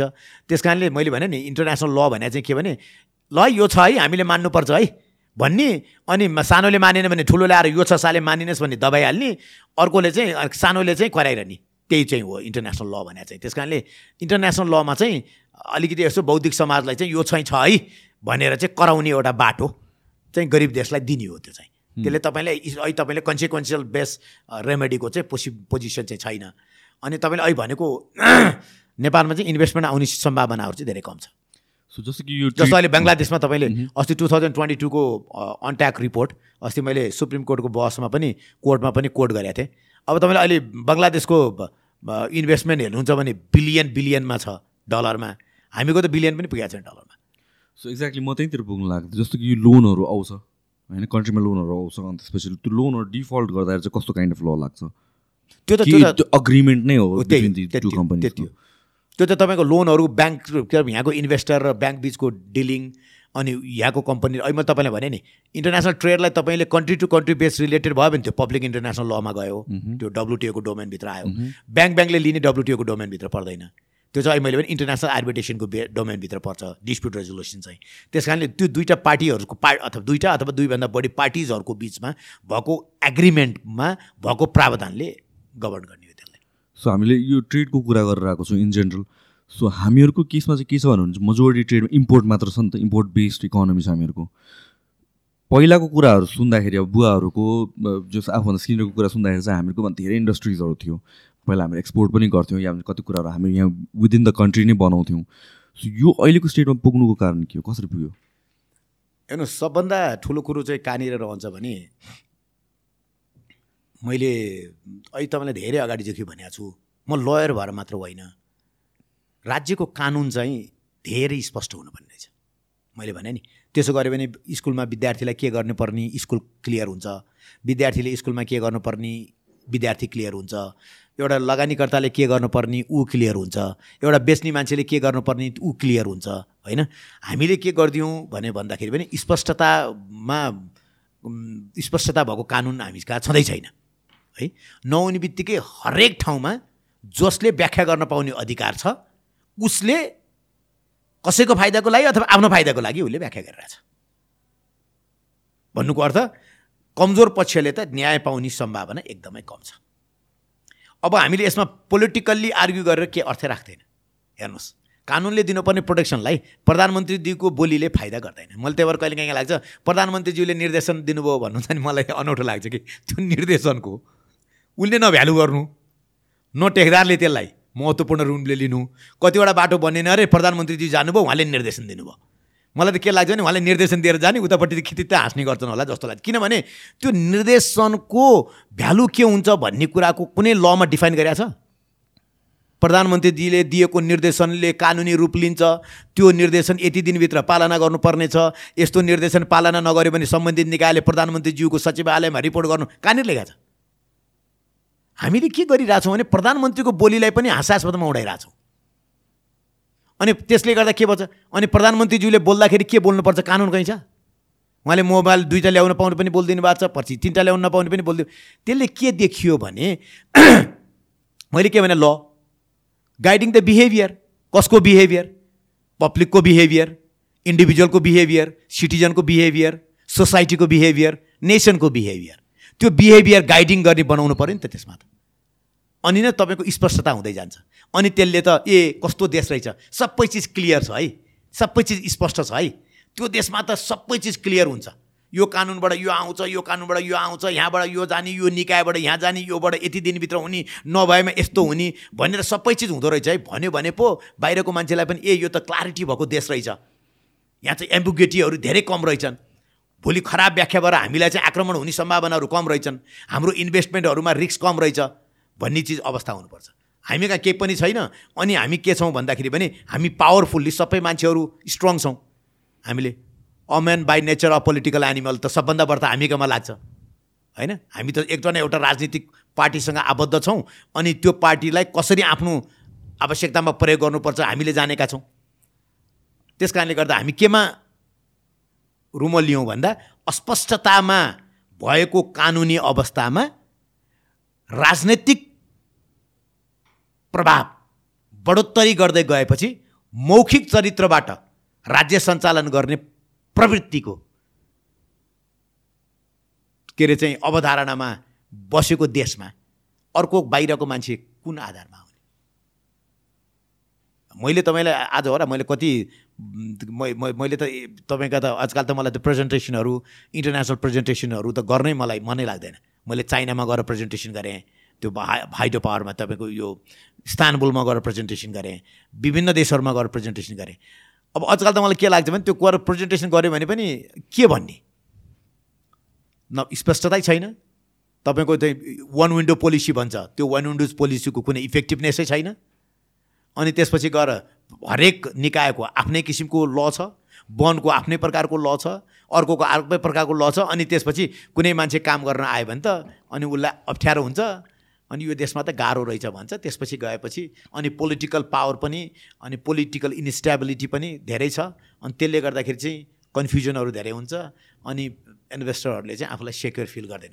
इन्भेस्टिङमा एउटा चाहिँ तपाईँले के चाहिँ रियलाइजेसन हुनुपर्छ मान्छेहरूमा भन्दाखेरि पनि म पहिला यो के अरे चाहिँ पहिलाको एउटा सुरुमा हाइड्रो पावर बनाउँदाखेरि त्योसँग आबद्ध हुँदाखेरि चाहिँ म यो नर्वे भन्ने देश एक दुई धेरैचोटि नै जाने अवसर प्राप्त गरेँ। त्यतिखेर के भन्थे नर्वेको साथीहरूले भने सुरुमा नर्वेजियनहरूले यहाँ इन्भेस्टमेन्ट गर्न लाग्दाखेरि लबा यो कम्पनीले चाहिँ एनइए बर्बाद पार्ने भयो भनेर भन्नुहुन्थ्यो धेरै मान्छेहरूले। अनि मैले अनि उहाँ अनि हामीलाई पनि हो कि जस्तो लाग्थ्यो। अनि म नर्वेजियनहरूसँग त्यहाँको एक्सपर्टहरूसँग कुरा गर्दाखेरि सुरु सुरुमा चाहिँ सुडिसहरूले गएर हाम्रो देशमा इन्भेस्टमेन्ट गर्दाखेरि उनीहरूलाई त्यही लाग्थ्यो अरे के? अनि त त्यो इन्भेस्टर त सर्टन टाइमको लागि आउँछ नि त। अन्त अरू त्यो सम्पूर्ण स्ट्रक्चरहरू त छोडेर जान्छ। सम्पूर्ण सम्पत्ति त छोडेर जान्छ। अनि त्यो त राज्यको हुन्छ नि। अब अहिले जम्मै त्यो सुडिसहरूले छोडेका प्रयोग गरेर उहाँहरूसँग त्यो रिसोर्सेस यति धेरै भयो कि अहिले स्क्यान्डेनमेन्टमा वान अफ सबभन्दा धनी नर्वे होला। सुरु सुरुमा लाग्छ कि? किन लाग्छ भन्दाखेरि पनि अरूले बाहिरबाट लिएर आएको पैसा लिएर आउँदाखेरि ऊ अलिकति सेक्युर हुन खोज्छ। हामीले त्यो चाहिँ कम्प्रोमाइज गर्न सिक्नुपर्छ। उसले लुट्ने हो कि? हाम्रो रिसोर्सेस त्यसै पो लग्या हो कि? हामीले हाम्रो रिसोर्सेसको उचित प्रयोग गर्न नपाएको हो कि? जस्तो ट्याक्स होलिडे दियौँ भने ए करै नतिर्ने नाफा कमाउने। अब यी चिजहरूलाई चाहिँ हामीले पछिको बेनिफिटलाई क्यालकुलेट गरेर अहिलेको बेनिफिटसँग अलिकति कम्प्रोमाइज गर्न सक्यौँ भने चाहिँ त्यसले अलिकति विदेशी लगानीलाई प्रभाव पार्न सक्छ पोजिटिभ इम्प्याक्ट पार्न सक्छ। हामी चाहिँ अलिकति सङ्कुचित बिहेभियरबाट जो आउँछ त्यो नाफाको लागि आउँछ। त्यस कारण नाफा कमाउन आएको मान्छेलाई हामीले उसको नाफाको के अरे चाहिँ सुविधा जति छ त्यसको चाहिँ अहिले बाँड्नुपर्छ भनेर चाहिँ हामीले उसलाई इम्पोज गर्नुपर्छ भन्ने तरिकाले सोच्यो भने उसले के सोध्छ भने त्यति नै नाफा म अर्को बेटर कन्ट्रीमा पाउँछु भने म तिम्रो देशमा त्यो रिस्क बोकेर किन आउँछु? भनेर भन्छ। अनि फरेन डाइरेक्ट इन्भेस्टमेन्ट त तपाईँको चाहिँ इन्टरनेसनल ट्रेडको त मेकानिजम हो। अहिले तपाईँले भन्नुभयो नि इम्पोर्ट बेस एका इकोनोमिक्स भने इकोनोमी भने त तपाईँ एक्सपोर्टै छैन। तपाईँले हिजो कमसेकम गलैँचा जान्थ्यो लार्ज स्केलमा जान्थ्यो पस्मिनाहरू जान्थ्यो। अब त्यो चिजहरूमा पनि क्वालिटी मेन्टेन गर्न सकेन भनेर धेरै ठाउँबाट क्वालिटी के अरे चाहिँ ऊहरू आयो। अनि त्यसपछि अब आजकल देखिँदैन। हजुर म अमेरिकातिर यसो गएको बेला पनि यसो त्यहाँ कहीँ कहीँ स्टोर देख्यो भने यो यो चाहिँ कार्पेटहरू बेच्ने स्टोरमा जान्छु। नेपालमा छ कि छैन भनेर देखिँदैन। इरानियनहरू अफगानीहरू त्यस्ता गलैँचाहरू आजकल बढी देखिन्छन्। पहिला पहिला नेपाली गलैँचा हुन्थ्यो आजकल आउँदैन भन्छन्। अब कुनै कुनै सहरमा पर्टिकुलरली नेपालीले आफ्नो लिङ्क बनाएर बेच्नु भयो होला। फेरि अहिले त ने यहाँबाट अमेरिका गयो भने पनि प्रोभाब्ली अमेरिकन त्यहीँको नेपालीहरूले पनि किन्नुहुन्छ भनेर पनि व्यवसाय फस्टाउने होला। तर जुन लेभलको एक्सपोर्ट हिजो हुन्थ्यो नि त हामीले हेर्नुहोस् त त्यो कार्पेटबाट कति पैसा कमाउनुहुन्थ्यो मान्छेहरूले। आज त्यो कार्पेट किन घट्यो त? सोली बेस्ड अन क्वालिटी नै हो। होइन क्वालिटी मात्रै होइन। मैले अब तपाईँ भने जस्तो तपाईँले सबभन्दा ठुलो कुरो हामीले के गर्यौँ भन्दाखेरि भने एउटा क्वालिटी ललाई नै क्वालिटीलाई मेन्टेन गर्नको लागि पनि कस्तो क्वालिटी बनाउनु पर्छ उनीहरूले एक्सपोर्ट गर्दाखेरि कसरी त्यसलाई रेगुलेट गर्नुपर्छ पर्चेसर र उसको बिचको रिलेसनहरू कस्तो हुनुपर्छ भन्ने कुराहरूलाई त तपाईँले चाहिँ अलिकति मात्रै तपाईँले रेगुलेट गरिदिएको भए पनि त त्यसले एउटा डिफाइन मेकानिजम हुन्थ्यो नि त होइन? अनि त्यसले गर्दाखेरि के हुन्छ भने क्वालिटीहरू डिग्रेड भएर पनि हो अनि अरूको बजार बेटर भएर पनि हो। अरूले राम्रो दियो होला नि तपाईँले अब तपाईँको हाम्रो प्योर उन होला त्यसमा सिल्क बेस होला सिल्क बट्टा रुचाइयो होला अब तपाईँले चाहिँ तिब्बततिर बन्नेमा चाहिँ उल प्लस सिल्क गयो होला होइन? त्यो अब हामीको चाहिँ अलिकति के भने सर्ट टर्ममा पैसा कमाउने बिजनेसहरूबाट प्रायोरिटाइज हुन्छ। अनि त्यसमा सबभन्दा बढ्ता त ट्रेडमा छ। तपाईँले एउटा सामान इम्पोर्ट गर्यो अनि त्यसपछि गएर पैसा छ अहिले तपाईँले चाहिँ रेमिटेन्सबाट पैसा आउँछ अनि त्यो त्यो रेमिटेन्सबाट आएको पैसाबाट चाहिँ सबैले पर्चेस गरिहाल्छ। अनि त्यस कारणले गर्दाखेरि ट्रेड फ फस्टाएको छ। इन्डस्ट्रीवालाहरूलाई नाफा कमाउन गाह्रो छ। ट्रेडवालाहरू बसेर बिचमा कमिसन खाएर पैसा कमाइदिएको छ अनि भएपछि त्यो त्यही मान्छे इन्डस्ट्रीमा बाध्य भएर आउनु आउँछु भन्ने मान्छे पनि ट्रेड गरेर बसिदिएको छ उसले। अब अब त्यस कारणले गर्दाखेरि यो भित्रको चाहिँ तपाईँको चाहिँ यो यो ट्रेड मेकानिजम नै तपाईँको चाहिँ आमूल परिवर्तन नगरिकन यसमा अवस्थै हुँदैन। तपाईँले ब्याङ्कर एउटै छ तपाईँको ट्रेडर एउटै छ अनि त्यसपछि इन्सुरेन्स एउटै मान्छे छ। अनि यो सबै गरेपछि त अनि सर्टेन ग्रुपहरूसँग मात्रै तपाईँको बिजनेस अपर्च्युनिटिजहरू छ। अनि त्यो ग्रुपले बेग्लै तरिकाबाट पैसा ब्याङ्क खोलेर पैसा कमाइरहेको छ। Why do they need to go to industry रिक्स किन बोक्ने? हामीले त्यहाँनिर चाहिँ सेक्टर गर्न सक्नु पर्थ्यो नि त। तिमी ब्याङ्कमा पैसा हाल्छौ भने तिमीले इन्सुरेन्स पाउँदैनौ अथवा इन्सुरेन्स तिम्रो हो भने तिमीले हाइड्रो पावर पाउँदैनौ। भनिदियो भने त के हुन्थ्यो भने अलिकति त्यसमा परिवर्तनहरू आउन सक्थ्यो नयाँ नयाँ मान्छेहरू आउन सक्थ्यो। रिक्स टेकिङ के अरे चाहिँ इन्भाइरोमेन्टहरू हुन्थ्यो। अनि हामीले त त्यो त गर्नै सकेनौँ नि त हामीले त। सो नेपालमा भएको जुन इन्डस्ट्रिजहरू थियो पहिलादेखि त्यो बन्द हुनुको कारण पनि त्यही हो त? बन्द बन्द हुनुमा त मैले तपाईँलाई सबभन्दा ठुलो कुरो भने मैले त जहिले पनि म त धेरै ठाउँमा के आर्ग्यु गर्छु भने सबभन्दा ठुलो कुरो त ब्युरोक्रेटिक संयन्त्रलाई आमूल परिवर्तन गर्नुपर्छ। उहाँहरूलाई कम्पिटेन्ट बनाउनुपर्छ। उहाँहरूलाई मेन स्ट्रिम एडमिनिस्ट्रेसनमा ल्याउनुपर्छ। आवश्यक पऱ्यो भने सचिवले मन्त्रीले भनेको हुँदैन भन्न सक्ने किसिमका सचिवहरू उत्पादन गर्नुपर्छ। अनि त्यसपछि उहाँहरूमालाई हिम्मतिलो ब्युरोक्राट बनाउनुपर्छ। इज्जतदार ब्युरोक्राट बनाउनुपर्छ। बाहिर बिजनेसम्यानहरू आउनुभयो भने उहाँलाई बाहिर बस्नुहोस् भन्ने किसिमका ब्युरोक्राट्सहरू भयो भने त्यसले के गर्न सक्छ भने अनि उहाँहरूलाई जिम्मेवार बनाउनुपर्छ त्यसपछि। यति दिनभित्र लाइसेन्स दिइनेछ। लाइसेन्स दिएन भने यस्तो हुनेछ। भन्यो भने मैले यदि गलत तरिकाले लाइसेन्स दिइनँ भने त्यसको रिपर्सन त्यसको चाहिँ के अरे चाहिँ गल्ती मैले यदि गरेँ भने त्यसको कन्सिक्वेन्सेस मैले भोग्नुपर्छ भन्ने किसिमको वातावरण सिर्जना पनि गर्नुपर्छ। Right and responsibility best. Bureaucratic संयन्त्र बनायो भने तपाईँले भोलि तपाईँ राजनीतिक सत्ता जतिसुकै परिवर्तन भयो भने पनि त्यसले तपाईँलाई चाहिँ एउटा स्टेबल ब्युरोक्रासी हुन्छ। स्टेबल ब्युरोक्रासी भएपछि उनीहरूले नै संसदहरूलाई प्रेरित गरेर स्टेबल कानुनहरू आउँछ। ब्युरोक्रासी पावरफुल भइदियो भने त तपाईँको कानुनहरूका ड्राफ्ट पनि उनीहरूले गरिदिन्छन्। पब्लिकमा उनीहरू जान्छन्। तपाईँको चाहिँ पुरा पुरा तपाईँको चाहिँ इन्क्लुसिभ टाइपका कानुनहरू बन्छन्। अनि त्यसपछि गएर धेरै एम्बिकुटीहरू हट्दै जान्छ। अनि स्पष्टताहरू क्रिएट हुँदै जान्छ। अनि त्यसपछि धेरै चिजहरू फ्लरिस हुँदै जान्छ। अब हिजो के थियो भने तपाईँलाई अहिले मैले भने नि सबै चिजहरू थियो अनि त्यसपछि कम्प्लेक्स ब्युरोक्रासी छ अनि त्यसपछि तपाईँको चाहिँ के अरे चाहिँ फाइनेन्सियल्ली विक अवस्थामा ब्युरोक्राट्सहरूलाई राखिन्छ। अनि अलिकति मात्रै अवसर भए पनि सर्भाइभलकै लागि नै सर्भाइभलकै लागि नै घुस्कानु पर्ने अवस्था बनाइदिएछ। अनि त्यसपछि त्यो ब्युरोक्राट्सबाट हामीले आमूल परिवर्तनको आशा गर्न सक्दैनौँ। अनि उहाँहरूको रिक्स टेकिङ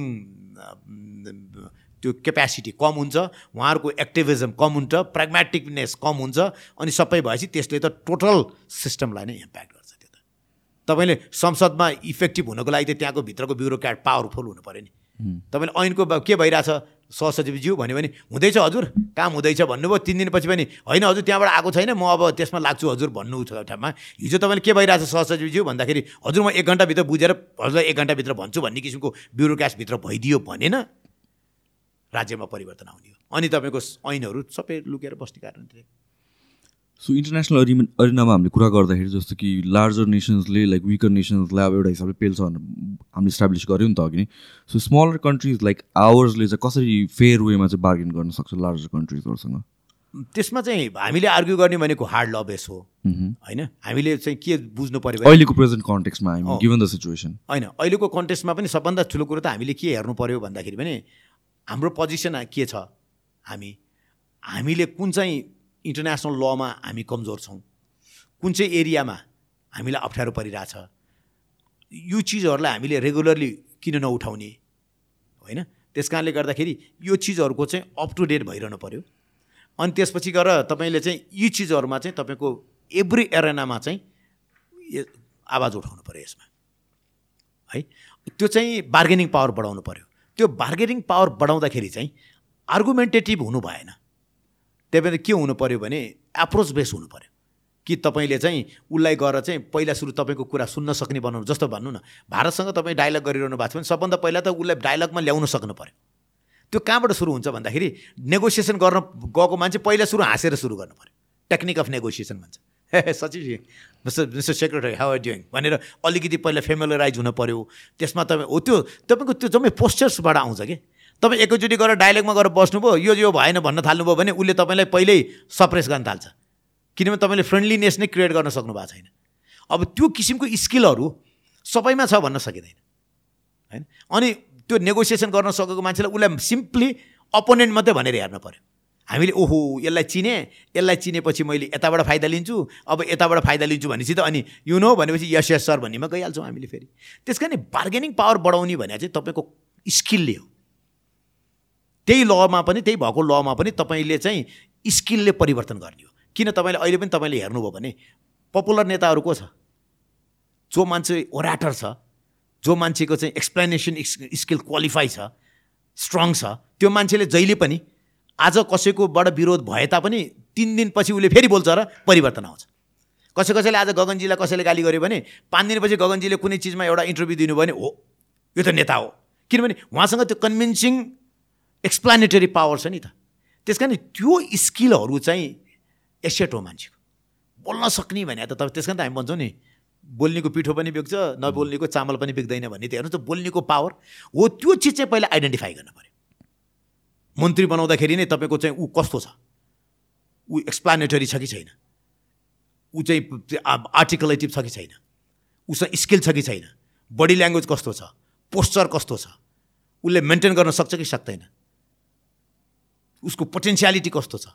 उसको एजुकेसन क्वालिफिकेसन कस्तो छ? ती सबै चिजले अर्थ राख्छ। एउटा राज्यको इन्टरनेसनल एरेनामा भएको लेभल अफ कम्पिटेन्सी एउटा दुईवटा त्यहाँ गएर डिल गर्ने व्यक्तिबाट देखिन्छ। अनि हामीले त्यहाँनिर कमजोर मानिसलाई पठायौँ भने त राज्य नै कमजोर हुन्छ नि त। प्रतिनिधित्व गर्ने मान्छे कमजोर भएपछि त राज्य नै कमजोर हुन्छ नि। कि हेर्नुहोस् त सांसदमा मेरो सांसद सांसद कमजोर पऱ्यो भने त पूर्ण रूपे नै संसदमा मेरो एरिया त कमजोरमा जा न बजेट आउँछ। सबै सक्षमले लान्छ नि त। अब यो हो तपाईँले जतिसुकै होइन यसरी त कहाँ हुन्छ? संसदले त फरक हुनुपर्छ भन्ने हो। तर भन्ने एउटा कुरा हो तर एक्सनमा के भइरहेछ भन्ने कुराले त अर्को अर्थ राख्छ नि त त्यसपछि त फेरि त। फेरि यो हेर्नुहोस् तपाईँको यो यो फेरि तपाईँले अहिले भन्नुभयो नि हामीलाई नेपाललाई मात्रै पेल्ने होइन। अमेरिका अमेरिकाको मान्छे फेरि के अरे भारतमा आउँदाखेरि फेरि भारतका आफ्नै गुनासा हुन्छन् फेरि। त्यो चाहिँ फेरि यो संसारभरिको चाहिँ अहिले भने सक्षमले अलिकति आफूभन्दा कमजोरलाई चाहिँ अलिकति नजरअन्दाज गर्ने चाहिँ अन्तर्राष्ट्रिय के अरे चाहिँ रिलेसनको एउटा अहम अङ्ग नै हो त्यो। त्यो तपाईँले चाहिँ अहिले आमूल परिवर्तनको लागि अहिले कोसिस गर्ने भने त्यसलाई बहुत गाह्रो छ। त्यसलाई चाहिँ तपाईँको पर्सनल स्किल लिडरको स्किल लिडरको पोटेन्सियालिटीले परिवर्तन गर्न सक्छ। अहिले तपाईँले भन्नु न अब चाहिँ रुचाए पनि नरुचाए पनि भारतले अहिले आफ्नो जुन इन्टरनेसनल एरेनामा जुन छवि बनाएको छ त्यो अलिकति त भारतलाई अपलिफ्ट गरेको जस्तो देखिन्छ नि त अहिले। किनभने मोदीले चाहिँ लिएर आएको मोदीजीले लिएर आएको जुन अप्रोचहरू छ त्यो अप्रोचहरूले चाहिँ भारतलाई अलिकति बेनिफिट भएको जस्तो देखिन्छ। होइन? त्यसै त्यो किन भन्दाखेरि नि राम्रो बोल्छन् भने भन्छन् मान्छेले पनि होइन? त्यस कारणले गर्दाखेरि सबभन्दा ठुलो कुरो कहाँनिर रहँदो रहेछ भन्दाखेरि पनि तपाईँले तपाईँको कुरा कसरी राख्नुभयो र उसले तपाईँको कुरालाई सुन्नुपर्ने अनुभूति किन गर्यो र तपाईँको कुरा सुन्दा उसलाई के बेनिफिट हुन्छ? बेनिफिट हुन्छ नि त. इन्टरनेसनल एरेनामा मैले तपाईँलाई रिपिटेडली तपाईँको विरुद्धमा बोलेँ भने तपाईँलाई नराम्रो पर्छ त्यस कारणले तपाईँले मेरो कुरा मान्नुपर्छ भनेर आधारशिला स्थापित गर्न सक्नु पऱ्यो नि त। किन यो त सधैँ कमजोरले गर्ने तरिकै त्यही हो। तपाईँले मैले त्यो आजतकमा एक दुईचोटि न्युज हेर्थेँ। त्यो एकचोटि चाहिँ बाराक ओबामा आएको बेलामा सेक्युरिटीमा चाहिँ इन्डियन आर्मीले सेक्युरिटी दिने कि उनीहरूकै आर्मीले सेक्युरिटी दिने भन्नेमा पनि डिबेट भएर ओहो हाम्रो आर्मी कम छ हाम्रो आर्मीले पनि सक्छ भनेर भनेको कतिचोटि सुनिन्छ। किनभने उहाँहरूले पत्याउनु भएन भनेर। अब त्यो उसले उसको आर्मीको क्षमतालाई नजरअन्दाज गरेको होइन भनेर लिनु पऱ्यो उसले आफ्नो सेक्युरिटीलाई मजबुत गर्न सक्नु पऱ्यो त्यस कारणले भारतले हामीलाई चाहिँ दबाउन खोज्यो भने उसले आफ्नो सुपेरिटी राख्नुभन्दा पनि ऊ ऊ चाहिँ आफ्नो प्रभुत्व कायम गर्न खोज्छ भने भन्नु पऱ्यो प्रभुत्व कायम गर्न खोज्यो भने त्यसलाई ट्रिकीली डिल गरेर आफ्नो पक्षमा के अरे चाहिँ ढाल्न कोसिस गर्नु पऱ्यो अब विरोधमाथि विरोध मात्रै गऱ्यौँ भने फेरि समस्या कहाँनिर रहन्छ भन्दाखेरि भने अनि रिलेसनहरू बिग्रिँदै जान्छ रिलेसन बिग्रियो भने फेरि त्यसले अप्ठ्याराहरू सिर्जना हुँदो रहेछ। किनभने लले त तपाईँलाई धेरै गाह्रो पार्दो रहेछ। किनभने इन्टरनेसनल ल त मैले के सोचेको थिएँ भने इन्टरनेसनल ल त भयङ्कर होला। झ्यापझुप यहाँ पनि मुद्दा हालौँला त्यहाँ पनि मुद्दा हालौँला भने त कहाँ हो नि मुद्दा हाल्न जानलाई नै सयौँ ढोका खोल्नु पर्ने रहेछ भनेपछि त। हामी त धेरै पक्षमा कमजोर रहेछौँ हेर्नुहोस् त। त्यस कारण त हामीले त इन्टरनेसनल लेभलमा हाम्रो क्षमता विस्तार गर्ने हो भने त अन्तर्राष्ट्रिय कानुनमा त आमूल परिवर्तनको खाँचो छ। तर फेरि प्रश्न कहाँनिर रहन्छ भने अहिले तपाईँले भने इकोनोमी सानो छ। अनि फेरि open base remedy open remedy base तपाईँको लेगल फ्रेमवर्कको खाँचोलाई तपाईँ चाहिँ एडभोकेट गर्ने हो भने अनि त्यसपछि फेरि त्यसले फेरि अन- औल्याउने अरू समस्या पनि होला नि त। ओके सो एक्चुली इन्टरनेसनल ल र ल इन जेनरलबाट साइडबाट हटेर म तपाईँलाई क्वेसन गर्छु त्यो पर्सनल सो जस्तो नेगोसिएसनको कुरा गऱ्यौँ हामीहरूले अघि? नेगोसिएसन भनेको it's a very important skill जस्तो सुकै मान्छेलाई पनि जुन पनि प्रोफेसनको मान्छेको लागि। यु बिङ समन जसले प्र्याक् ल प्र्याक्टिस गर्नुहुन्छ। एउटा सक्सेसफुल नेगोसिएसन को लागि चाहिने कुरा के हो? How do you negotiate successfully अब त्यो त हेर्नुहोस् त्यो चाहिँ तपाईँलाई अहिले मैले भनिहालेँ तपाईँले मैले अहिले बडी ल्याङ्ग्वेजबाट सुरु हुन्छ भने मैले। होइन तपाईँले अपोनेन्टसँग बस्दाखेरि तपाईँको जेस्टर्सको कुरा आउँछ। तपाईँले कन्भर्सेसन कहाँबाट सुरु गर्नुहुन्छ भन्ने कुरा आउँछ। होइन? उसको माइन्डसेटलाई तपाईँले कसरी रिड गर्नुहुन्छ भन्ने कुरा आउँछ। ओके यो सबै त तपाईँको त्यो त्यो ग्रोइङ स्किलहरू हो यो। यो यो चिजलाई चाहिँ तपाईँले चाहिँ कुनै पर्टिकुलर इन्स्टिट्युसनले तपाईँलाई पढाउने नै होइन।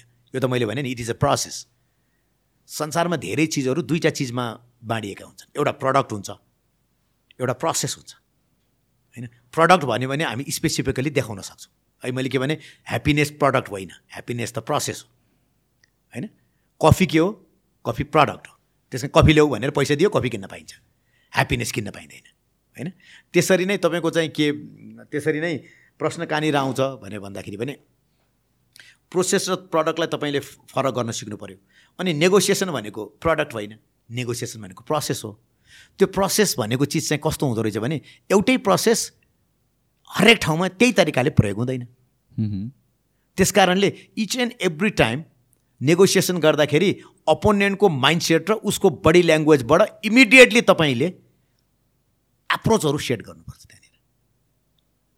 कहिलेकाहीँ हामीले जोगमा हुन्छौँ नि के अरे चाहिँ के अरे एन्सर लेखेर दिने अनि सरले उल्टो सोध्यो भने त्यही एन्सर भन्ने। होइन सबैलाई चाहिँ चारजना लाइनमा बसेको अरे तिनजनालाई बुवाको नाम के हो भने सोधेछ। अनि यतापट्टि चौथोलाई पनि बुवाको नाम सोध्छ है भनेर भनिदियो अरे। उतापट्टि गएपछि तिम्रो नाम के हो भने बाउको नाम भन्यो अरे कि? भन्नुको अर्थ उसलाई के बनाइयो भन्दाखेरि भने उसलाई चाहिँ तपाईँको अगाडिकोबाट एउटा फिक्स सेट मेकानिजममा उसलाई प्रिपेयर गराइयो नि। तर त्यो चाहिँ हुँदो रहेछ नि त। त्यहाँ त क्वेसन के आउँछ अनि पो आन्सर दिनुपर्ने रहेछ। त्यो चाहिँ तपाईँको डिफ्रेन्ट स्किलमा डिफ्रेन्ट के अरे चाहिँ परिवेशमा त्यसले डिटर्माइन हुन्छ त्यो कुराहरू चाहिँ। त्यस कारण त हामीले थ्योरी अफ रिलेटिभिटी कुरा गर्छौँ नि। प्रत्येक चिजहरू टु स्पेसिफिक इभेन्ट अथवा स्पेसिफिक पदार्थसँग रिलेटेड छ। हेर्नुहोस् त ट्रेनमा हामी के भन्छौँ we are in rest in compare to the person sitting with me and we are in motion in compare to the tree outside the train त्यही मान्छे रेस्टमा पनि छ त्यही मान्छे मोसनमा हुन्छ उसले बस गर्दाखेरि श्रीमान हामी त बसिरहेको थियौँ पनि भनिरहेछ। कहाँ उनी श्रीमान? हामी दौडिरहेको थियौँ पनि भन्छ ट्रेनको तुलनामा हेर्नुहोस् त एउटै मान्छे। त्यस कारणले चाहिँ परिवेशले अवस्थालाई परिवर्तन गर्ने हुनाले त्यो अवस्थालाई ग्राफ्स गरेर अनि आवश्यकता सिर्जना गर्ने र त्यसलाई परिपूर्ति गर्न सक्ने स्किल भनेको नेगोसिएसन त्यो चाहिँ त्यो स्पेसिफिक इभेन्टले डिटरमाइन गर्ने कुरा हो। तर सरसर्थी भनेर हेर्दाखेरि चाहिँ सबभन्दा ठुलो कुरा चाहिँ तपाईँको बडी ल्याङ्ग्वेज एटिच्युड होइन? अनि तपाईँको नलेज अनि तपाईँको डिसिमिनेटिङ पावर तपाईँले you're not required to be brilliant but you should have a capacity to make other person to believe that you have knowledge confidence exactly संसारमा सबै चिज अहिले तपाईँले मलाई तपाईँले मलाई सोध्दै जानुभयो सोध्दै जानुभयो त मैले नजानेका चिजहरू कति हुन्छन् नि त? तर मैले तपाईँलाई त्यो अवस्थामा यसरी तपाईँलाई मैले एउटा अवस्थामा राखिरहनु पऱ्यो कि तपाईँ त्योभन्दा बाहिर जानुपर्ने जरुरत छैन भन्ने मैले अनुभूति त दिलाइरहनु पऱ्यो नि त। तपाईँले अहिले मैले रोनाल्डोले वास्तवमा अहिले महिनाको कति लिन्छ भने सोध्नु भने त त्यो सोधा आन्सर मसँग छैन नि त। मलाई थाहा छ ऊ ऊ चाहिँ साउदी अरेबियामा धेरै पैसा लिन्छ। तर ती चिजहरू थाहा हुँदैन। त्यस कारण डेटा भनेको चिज चाहिँ जब तपाईँ रिसर्च बेसमा एक्ज्याक्टली जानुहुन्छ त्यहाँनिर अर्थ राख्छ। तपाईँ अरू बेलामा त तपाईँको त प्रोसेस नै हो। त्यस कारण त्यो स्पेसिफिक प्रोसेस स्पेसिफिकली डिटर्माइन हुन्छ। त्यस कारणले मान्छेलाई स्किल डेभलप गर्ने भनेको उसको कन्फिडेन्स डेभलप गर्ने हो। उसको ओराटर स्किल डेभलप गर्ने हो। र लर्निङ ह्याबिटमा एप्लिकेसन बेस्ड लर्निङ गर्ने हो। एप्लिकेसन बेस्ड लर्निङ तपाईँले अहिले मैले भने नि गीतालाई तपाईँले अहिले सोध्नुभयो कसरी हेर्ने भन्दा फिलोसफिकल्ली हेर्न पनि सकियो। होइन? यसलाई तपाईँको चाहिँ एउटा चाहिँ बानी व्यवहारको दृष्टिकोणबाट हेर्न पनि सकियो मोटिभेसनको दृष्टिकोण पनि हेर्न सकियो भने त्यसलाई तपाईँले आवश्यकता अनुसार प्रयोग गर्न सक्नु पऱ्यो त्यसले तपाईँको अगाडिको सक्सेसलाई डिटर्माइन गर्छ। ओके तर मैले अहिले भनेको तर तपाईँ राज्य प्रणालीसँग बस्नुभयो भने त्यो चिज तपाईँ कहाँनिर गएर तपाईँले लिङ्क गर्नुपर्छ भन्दाखेरि तपाईँको राज्यको लेगल फ्रेमवर्क पेलोसी पोलिसी फ्रेमवर्कलाई पनि काम त गर्छ तर पोलिसी फ्रेमवर्कले तपाईँको म्यान्डेटोरी मेकानिजम होइन पोलिसी नभए हुनाले हामीले मान्छेलाई भन्छ पोलिसी डायलग पोलिसी डायलग भन्दा म लेगल डायलग भन्छु कि? लमै आउन। बिचमा नराखौँ कि? हामीले के गऱ्यौँ भन्दाखेरि पनि पोलिसी डायलग धेरै सम्मेलन गर्छौँ हामी धेरै तपाईँको चाहिँ के अरे चाहिँ सभाहरू गर्छौँ र पोलिसीको बारेमा डिस्कसन गर्छौँ के? पोलिसी भन्ने नै छोडिदिउँ के? लको बारेमा डिस्कस गरौँ। अब कानुन कस्तो चाहिने हो? किनभने कानुनको रूपमा आयो भने त सबैले मान्नु पऱ्यो नि त। हामीले के गऱ्यौँ भने एउटा ठुलो सम्मेलन गऱ्यौँ अनि पोलिसी डाइलग गऱ्यौँ अनि यस्ता यस्ता पोलिसी ल्याउनुपर्छ भन्यौँ कागज बनायौँ मन्त्रालयमा दियौँ थन्केर बस्यो सिद्धियो। त्यही दिनमा चारवटा कानुन कस्तो हुनुपर्छ भनेर त्यही कानुन ड्राफ्ट गरेर लान पाएको भए के हुन्थ्यो? के हुन्थ्यो तपाईँ भन्नुहोस् त? इमिडिएटली संसदमा गइसक्थ्यो भोलिपल्ट म्यान्डेटोरी डकुमेन्टको रूपमा बाहिर आइसक्थ्यो राज्य संयन्त्र त्योबाट छिरेर काम गर्नुपर्ने अवस्थामा आइसक्थ्यो। गल्ती यहाँनिर गरिरहेछौँ हामीले। ल policy part of the law हो। त्यस कारणले हिट चाहिँ टपमै गर्नुपर्छ हामीले के गर्यौँ भने ल भनेको एउटा वकिलले अदालतभित्र प्रयोग गर्ने एउटा संरचना हो। त्यस कारणले योभन्दा बाहिर ललाई ल्याउनु हुँदैन भन्यौँ। म के भनिरहेको छु भने बसकोमा सिट प्रयोग गर्दाखेरि कसरी प्रयोग गर्नुपर्छ भन्ने पनि संसदबाट आउने कानुनबाट बनाउँ त अनि राज्य कहाँनिर पुग्छ। उनीहरूको त त्यही गरेको छ नि त। तपाईँलाई हो कि तपाईँ तपाईँको चाहिँ टट ल बेसमा लिएर आउनुहोस्। गल्ती गर्नेलाई चाहिँ तपाईँ यति क्षतिपूर्ति उति क्षतिपूर्ति। तपाईँले भन्नु पऱ्यो नि त महिलाको बसमा महिलाको सिटमा बस्ने पुरुषले फोटो के अरे पाइएमा यति जरिवाना हुन्छ भने त लमा ल्याउनु पऱ्यो नि त। भोलिदेखि बस्नै छोड्छ नि त उसले। अनि त्यसको यसरी कुनै बसेको छाप पाइएमा कुनै महिलाले त्यो व्यक्ति खिचेको फोटो खिची सम्बन्धित प्रहरी कार्यालयमा दिएको खण्डमा सम्बन्धित प्रहरी कार्यालय तत्कालीन त्यो मान्छेलाई बोलाइ आर्बिट्रेसनको माध्यमबाट त्यो पैसा तिराइ त्यहाँ टुङ्ग्याउन सकिनेछ र यो पैसा यहाँ जान सकिनेछ भनेर sir sir sir sir sir sir लेखिदियो भने त भोलिदेखि सबैलाई थाहा हुन्छ तपाईँले भन्न थाल्नुहुन्छ हरेकमा आउँछ। भोलिदेखि ए यस्तो छ है। राज्य संयन्त्रले जरिवाना पनि तोकेको छ र जरिवाना लगाउने मेकानिजम पनि तोकेको छ र त्यो जरिवाना कहाँ जान्छ र कसरी प्रयोग हुने पनि तोकेको छ। सिद्धि हो त। एकचोटिको लको फ्रेमवर्कले त्यो चिजलाई डिफाइन गर्छ। हामी के गर्छौँ? टेम्पू महिलाहरूको सिटमा बस्ने मानिसहरू अत्याचार गरिरहेछन्। यिनीहरूमा परिवर्तनको खाँचो छ। यिनीहरूलाई परिवर्तन गर्न नसकेर आज हामी पिछडिएका छौँ भनेर यस्ता सातवटा सेमिनार गर्छौँ हामी। म के भन्छु हे प्रभु सेमिनार गर्ने भन्ने बित्तिकै कुन चाहिँ कानुनको कुन चाहिँ दफाको मा तपाईँले परिवर्तन खोज्नु भएको हो? जाकि त्यो म्यान्डेटोरी डकुमेन्टको रूपमा राज्य संयन्त्रमा आओस् र त्यसलाई भोलिदेखिकै मान्छेले परिवर्तनको लागि बाध्य हुन्। त्यो गरेनौँ। ललाई के बनायो भने पार्लियामेन्टले बनाउने लेजिस्लेसनभित्र हेऱ्यौँ law is the guiding principle to the behaviour of the people and the society भन्ने कुरा बिर्स्यौँ। ललाई पोलिसी भन्यौँ ललाई ल भनेनौँ कि हामीले। प्रकृति के हो? ल हो नि। पात झर्छ के हो त्यो? कानुन हो। ल भन्नुहोस् त पात झर्छ किन? प्रकृतिको नियम भन्नुहुन्छ होइन? नियम भने के हो? कानुन हो। ल भनेको के हो? ल भनेको नेचर नै भनिन्छ नि त। ल अफ नेचरै भनिन्छ होइन? ल भनेको प्रकृ के अरे चाहिँ लेजिस्लेसन पनि हो ल भनेको सर्वोच्चले बनाएको प्रेसिडेन्ट पनि हो ल भनेको रिलिजियन पनि हो ल भनेको कस्टम पनि हो ल भनेको त कतिसम्म हो? लको सोर्समा त एउटा एक्सपर्ट ओपिनियन भन्छ। एक्सपर्ट ओपिनियन भन्नुको अर्थ आज समाजमा यस्तो प्रकारको घटना घट्यो कि त्यसलाई कसरी निर्कोल गर्ने भनेर न संविधानमा लेखेको छ त्यो न कुनै कानुनमा लेखेको छ न कहीँ भएको छ भने त्यतिखेर के हेर्ने अरे भने एउटा विद्वान प्रोफेसरले कुनै ठाउँमा आर्टिकल लेखेको छ कि कुनै विद्वान प्रोफेसरले यसको बारेमा कसरी निराकरण हुनुपर्छ भने कहीँ भाषण गरेको छ कि त्यसलाई पनि कोड गर्न सक्छ कोर्टले भनेको छ। हेर्दाखेरि यो तत्कालीन रूपमा लमा कोही पनि उल्लेख नभएको सामाजिक रीतिस्थितिमा पनि प्रयोग नभएको अवस्था हेर्दाखेरि पनि फलानु युनिभर्सिटीको यस्तो प्रोफेसरले आफ्नो रिसर्च पेपरमा यस्ता चिजहरूलाई यसरी हल गर्न सक्छ भन्ने कुराले हेर्दाखेरि लजिकल्ली यसलाई जाँच गर्दा कोर्ट त्यसमा कन्भिन्स भएको कारणले गर्दा उक्त प्रोफेसरको रायमा सहमत भई यति जरिवाना गर्न सकिनेछ भनेर भन्छ। विदेशतिर त्यसरी पनि फैसला गरिएको छ किन भन्दाखेरि भने अहिले मैले भने नि where there is right there is remedy तपाईँ राइट दिने रेमेडी नदिने मिल्दैन। केही न केही त तपाईँले दिनैपर्छ हो त्यो दिनको लागि तपाईँलाई आधार चाहिन्छ। त्यो आधार भनेको के हो भन्दाखेरि पनि ती कानुन हो। त्यो कानुनको नाम के हो? पोलिसी पनि कानुन हो अनि त्यसपछि रेगुलेसन पनि कानुन हो। हामीले के बनाइदियो भने पोलिसी भनेको चाहिँ नीति बनायौँ र त्यो नीतिलाई चाहिँ कसरी फ्रेमवर्क गऱ्यौँ भने त्यो राज्यको सञ्चालन निकायले अवलम्बन गर्ने अवधारणा हो। त्यो चाहिँ कुनै म्यान्डेटोरी डकुमेन्ट होइन भन्ने तरिकाले प्रस्तुत गरेका छौँ। त्यही पोलिसीभित्र बसिरहेछौँ पोलिसी सयौँ आइसके त्यो लमा परिणत हुनै सकेन। अनि त्यसले के भने जुन चिजमा हामी परिवर्तन खोजिरहेछौँ त्यसमा दुईवटा कुरा हुन्छ। कि तपाईँ समाज इन्टेलेक्चुअल बनाउनुहोस् राम राज्य बनाउनुहोस् कानुन चाहिँदैन भन्नुहोस्। कि तपाईँ राम राज्य बनाउन सक्नुहुन्न भने समाजलाई रेगुलेट गर्नुहोस्।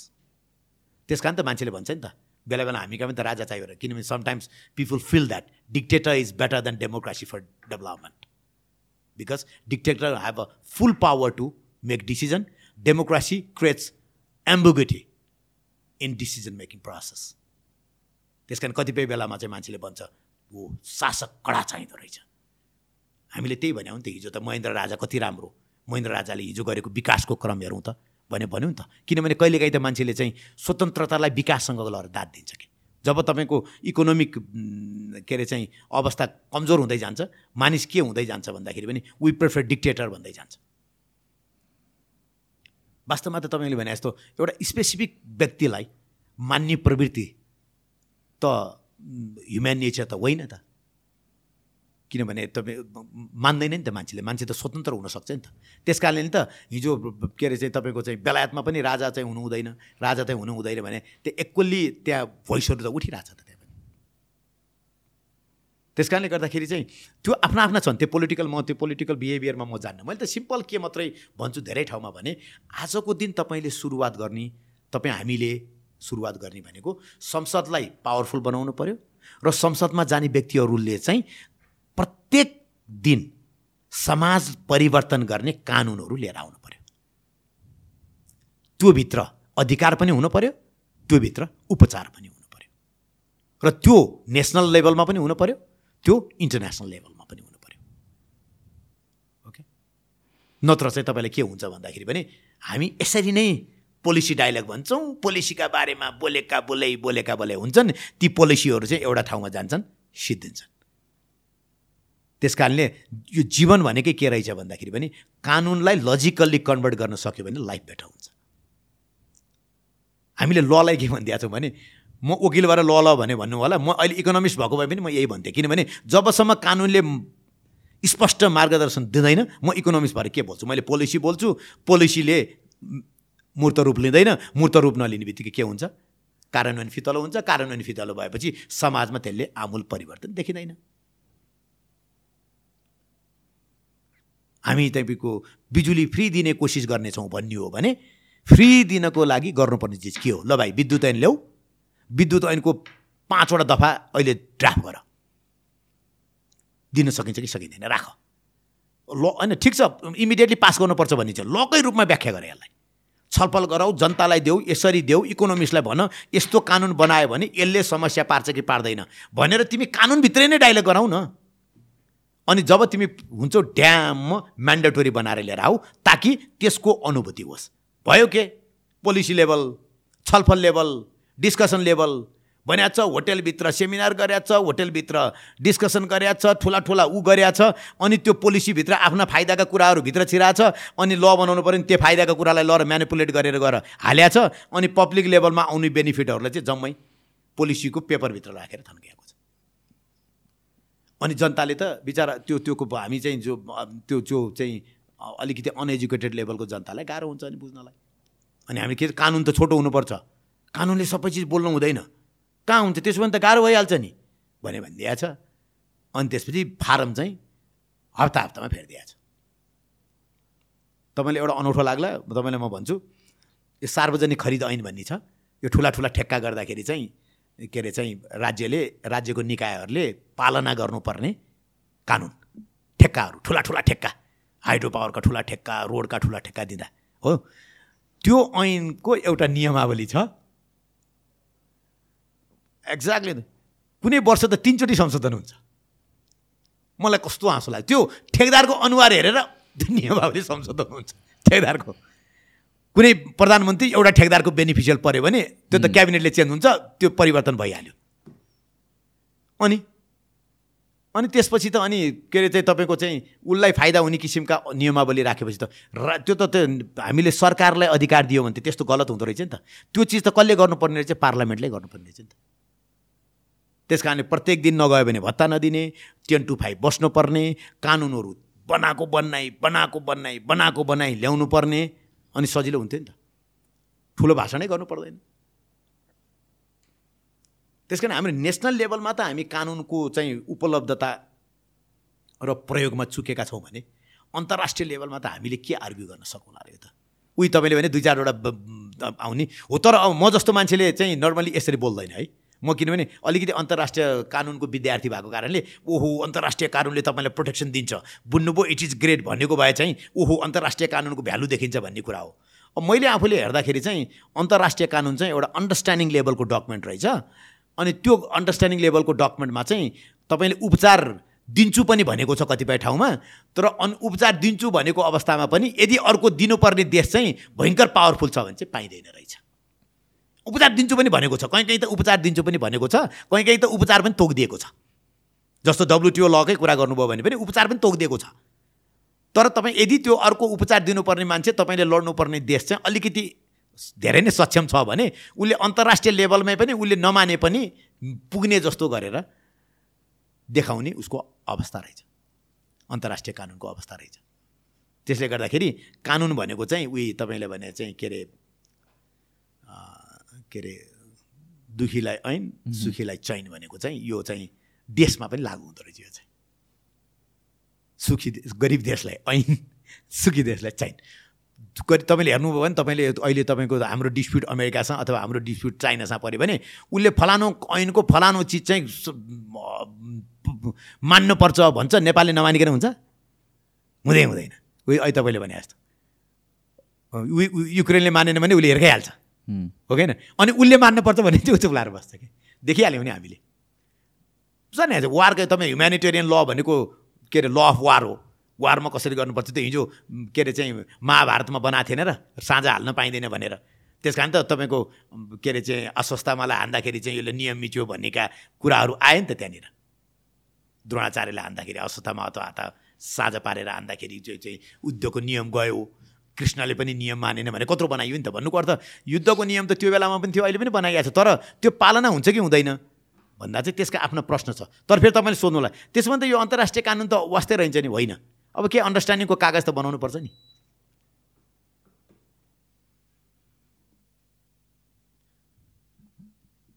जस्तो तपाईँले भन्नु न पहिला पहिला ऋण दिने बेलामा साउजीले कागज गराउँथ्यो होइन? सबै साउजीले कागज गराउँछ नि थाहा छ तपाईँलाई? त्यो कसको लागि गरेको आफ्नो सिक्युरिटीको लागि उसले पऱ्यो भने त्यो कागजले देखाएर उसले लिन्छ उसलाई मनपर्ने ब्याज पऱ्यो भने। म्यान नपर्ने ब्याज पऱ्यो भने के गर्छ उसले? त्यो कागज हरायो भन्छ।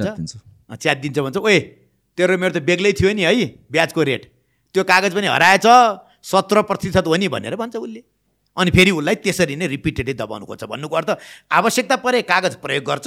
नपरे कागज च्याच्छ र आफ्नो दबाब प्रयोग गर्छ भनेपछि ऊ के गर्छ भन्दा त्यो कानुन अथवा त्यो कागज त कन्ट्र्याक्ट हो नि त्यो चाहिँ धनीको फेभरको लागि प्रयोग बढी हुँदो रहेछ। जस्तै मैले डब्लुटिओ ल कसको लागि प्रयोग भइरहेछ? भन्दा ती सक्षम इकोनोमिकल्ली पावरफुल नेसनको लागि प्रयोग भइरहेछ।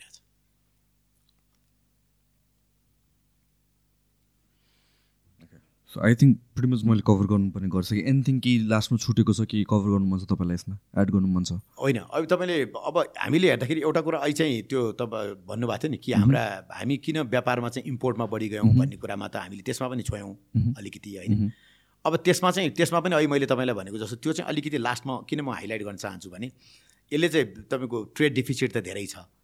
अब त्यसको लागि चाहिँ इन्डस्ट्रियल सेक्टरमा चाहिँ अलिकति स्पेसिफिक प्रेफरेन्स दिनु पऱ्यो स्पेसिफिक प्रेफरेन्स केले दिने? प्रधानमन्त्रीले भाषण गर्ने हो र? के गर्ने रहेछ? तपाईँले भन्नुहोस् त मैले यत्रो हामीले छलफल गरेर के बुझ्नुभयो तपाईँले? स्पेसिफिक ल बनाउनु एक्चुअली स्पेसिफिक ल बनाउनु पऱ्यो ती ती स्पेसिफिक जोनमा दिने बेनिफिट्सहरू दिनु पऱ्यो इन्डस्ट्रीलाई इमिडिएटली तपाईँको राहत दिनु पऱ्यो ट्रेड छोडेर मान्छे त्यहाँ जाने हुनु पऱ्यो उसको तपाईँको सेक्टरल के अरे कन्फ्लिक्ट छ भने तपाईँको सेक्टरल गर्नु पऱ्यो कुनै सेक्टरमा जानेले अर्को सेक्टरमा जान नपाउने बनाउनु पऱ्यो इमिडिएटली त्यो लार्ज स्केलको एउटै मान्छेको चाहिँ बेनिफिसियल तपाईँको फाइनेन्सियल सेक्टरमा मात्रै भएकोलाई इन्डस्ट्रियल सेक्टरमा कन्भर्ट गर्नु पऱ्यो इमिडिएटली ल ल्याउनु पऱ्यो इमिडिएटली ब्याङ्कमा सेयर हुने मान्छेको इन्सुरेन्समा हुनु पाउने छैन। ट्रेडिङ गर्ने मान्छेले इन्डस्ट्री गर्न पाउने छैन। ट्रेडिङ गर्ने मान्छेको को ब्याङ्कमा हुने छैन। भनेर भन्यो भने त। अनि त त्यसले के गर्छ भने पैसा बस्ने भयो। त्यो पैसा कहाँ लगाउने भन्दा इन्डस्ट्रीमा आउने भयो। इन्डस्ट्री भएपछि प्रडक्ट हुन्छ। प्रडक्ट भएपछि इम्प्लोइमेन्ट जेनेरेट हुन्छ। इम्प्लोइमेन्ट जेनेरेट भएपछि एक्सपोर्ट बढ्छ। होइन? हामी कहाँ पनि त मेन पावर त हुन सक्थ्यो होला नि त। हुन त मलाई यो मेन पावर एक्सपोर्टलाई चाहिँ तपाईँले हामीले अनस्किल अनस्किल भन्छ उहाँहरूको पनि स्किलै हुन्छ। किनभने एउटा स्किल त बेच्नुहुन्छ नि त्यो म अनस्किल अहिले मैले भने नि म कम कोही कमजोर पनि देख्दिनँ। र चाहिँ कोही मान्छेले अनस्किल छ पनि भन्दिनँ। एउटा न एउटा स्किल छ उसँग। कोहीसँग पावर छ कोहीसँग हिम्मत छ। हिम्मत पनि स्किल हो कि? खालि तपाईँले भने जस्तो के अरे चाहिँ टेक्निकल पढ्यो कम्प्युटर जाने भन्दैमा मात्रै स्किल हुने अथवा अर्को हुँदैमा मात्रै स्किल हुने भन्ने होइन होइन? त्यसले गर्दाखेरि चाहिँ त्यो चाहिँ मा चाहिँ आमूल परिवर्तनको अहिलेको तपाईँले हामीले जब ट्रेडबाट सुरु गरे हुन त अलिकति अब हामी फिलोसफिकल्ली पनि अलिक त बढ्ता भयौँ होला। तपाईँले मलाई सबभन्दा ठुलो कुरो त के ठाउँ दिनुभयो भने ल भनेकै के हो र राज्यले ललाई कसरी बुझ्नुपर्छ भन्ने कुरामा मेजर फोकस गरियो आज हामीले। होइन? इन्टरनेसनलमा पनि ललाई कसरी व्याख्या गरिँदो रहेछ? राज्य संयन्त्रले पनि ललाई कसरी हेर्दो रहेछ? र नेपालको आजको अवस्थामा कानुन कमजोर हुनुको कारण के रहेछ? र किन राज्य संयन्त्रले काम गरिरहेको छैन? भन्ने कुरा त धेरै कुरामा हामीले छलफल गऱ्यौँ। एउटा कुरा त ब्युरोक्रेटिक के अरे चाहिँ प्रब्लमको बारे पनि कुरा गऱ्यौँ। तर यी सबै चिजलाई लिएर आउँदा त हामीले ट्रेडबाट सुरु गरे हुनाले। मेजर कुरा त ट्रेडको लागि त इन्डस्ट्री नै रहेछ। होइन? इन्डस्ट्री नबढाइन्जेलसम्म चाहिँ अर्थ राख्दो रहन्छ हो अब इन्डस्ट्री बढाउनको लागि चाहिँ हामीले के हेर्नु पऱ्यो भने एक्सपोर्टसँग रिलेटेड कानुनहरूमा कमजोर भएको हो कि एक्सपोर्टसँग रिलेटेड ठाउँमा चाहिँ त्यहाँ फार्मरहरूलाई चाहिँ ठुलो समस्या परेको हो कि होइन? र त्यो त्यो डिस्कसन गर्दाखेरि नि त्यो पेपरहरू गरेर रिसर्च गर्दाखेरि ल न एउटा तपाईँको छलफल पेपर बनाउनुहोस् भन्ने होइन कि? कुन कुन कानुनमा कहाँ कहाँ कसरी कानुन छिराउनु पर्छ त्यो हालेर ल्याउनुहोस् त भन्नु पऱ्यो कि? होइन? जसरी हामीले बिरामीलाई इमिडिएटली सिटामल दिएर ज्वरो घटाउँछौँ नि। हो त्यो चाहिँ हुनु पऱ्यो त्यस कारणले चाहिँ हामीले यसलाई ऱ्याप गर्न खोज्दाखेरि चाहिँ व्यापार कसरी बढाउन सकिन्छ ट्रेड डेफिसिटले नेपालमा परेको समस्यालाई कसरी कम गर्न सकिन्छ भन्नको लागि चाहिँ इन्डस्ट्री बढाउनै पऱ्यो अहिले इन्डस्ट्री सेक्टरमा फोकस गर्नु पऱ्यो र इन्डस्ट्री सेक्टरलाई राहत दिनको लागि कानुनी अवधारणामा नै हिट गर्न पऱ्यो र कानुनमै परिवर्तन गर्नु पऱ्यो policy dialogue policy dialogue framework dialogue employment dialogue भन्नेमा होइन कि लेगल डाइलगमा आउनु पऱ्यो र पोलिसी भनेको पनि ल हो त्यो पनि नेचरल पनि ल हो सबै चिज ल हो। त्यस कारणले मेन चाहिँ यस्ता चिजहरूलाई चाहिँ संसदद्वारा जारी गरिने लेजिस्लेसनभित्रै छिराउनु पर्ने रहेछ र त्यहीँबाट आयो भने चाहिँ सबैलाई म्यान्डेटोरी हुँदो रहेछ भन्ने किसिमको अवेरनेस चाहिँ अहिलेको आवश्यकता हो। अवेरनेस लेगल इम्पोर्टेन्सको अवेरनेस चाहिँ अहिलेको आवश्यकता हो। त्यो चाहिँ म लयर मात्रै भएर भनेको भनेको होइन कि? लले त सबैलाई नै समेट्ने भएको कारणले गर्दाखेरि त्यसरी हामीले बुझिदियौँ भने अनि त लयरै चाहिँदैन नि त। सबै चिज आफै बुझिन्छ किनभने अदालतमा बस गर्न वकिल चाहिँदैन नि। तपाईँले एउटा हेर्नुहोस् नेपाल त्यस्तो देश हो जहाँ कुनै पनि कानुन देख्नुहुन्न जहाँ तपाईँलाई कानुन व्यवसायले गर्नुपर्छ भनेर लेखेको छ। यहाँ वकिल चाहिन्छ भने कहीँ भनेकै छैन। तपाईँको अदालतमा पनि बस तपाईँ आफै गर्न पाउनुहुन्छ। त्यस्तो देश छ यहाँ। तर किन भन्दाखेरि भने धेरै चिजहरू एम्बिगुटी भएको कारणले गर्दाखेरि बुझ्नको लागि नै सुरुमै वकिलका नगइकन थाहा नै पाएनौँ हामीले। हो त्यो चिज चाहिँ हटाउनु जरुरी छ। अमेरिकामा धेरै वकिल छ भन्छौँ नि तर सबै ठाउँमा चाहिँ मान्छेले वकिलै प्रयोग गर्नुपर्छ भन्छ छैन संस्थामा निवेदन हाल्ने तरिका छ सबै कुरा छ सम्पूर्ण चिज छ। वेबसाइटमा गयो सट्ट दरखास्त हाले सबै चिज हुन्छ भने हामीले पनि ललाई त्यसरी नै बनाइदिएर पब्लिक लेभलमा नै त्यो पुर्यायौँ भने सबैले पढ्न सक्ने एकदम साधारण भाषामा चाहिँ कानुन बनाएर सबै कहाँ लैदियौँ भने ए मेरो अधिकार पनि यहीँ छ मेरो उपचार पनि यहीँ छ। त्योभित्र केन्द्रित हुनु पनि जरुरत देखिएको छ मैले। अलिकति फेलोसोफिकल भयो। होइन definitely. So I think that's the end of the episode आजको लागि thank you so much for your time अरू के लास्टमा के भनिदिन्छ भने let's end with that note अब अब अहिले त मैले सबै चिजहरू भनिहालेँ। अब तपाईँले मलाई यो हामीले जुन यो अवसर दिनुभयो मैले चाहिँ यो के भने मैले यो राज्यमा भएको एउटा कि किसिमको चाहिँ के अरे मिसअन्डरस्ट्यान्डिङ भनौँ न। लाई कसरी हल गर्न सकिन्छ भन्ने कुरा हो। किनभने मिसअन्डरस्ट्यान्डिङ त एउटा मात्रै छ है मैले मैले तपाईँलाई अघि भनेको। यत्रो डिस्कसनमा मैले के भनेको छु भने राज्य भन्छ कानुन छोटो र ब्रिफ हुनुपर्छ। म भन्छु संसदले बनाउने कानुन बृहत र पुरै स्पेसिफिक हुनुपर्छ ताकि हरेक मानिसले त्यो बुझेर त्यसलाई प्रयोग गर्न सकोस्। यो चिजको आवश्यकतालाई चाहिँ सबैले बुझ्नुपर्ने जरुरत छ। हस् thank you so much welcome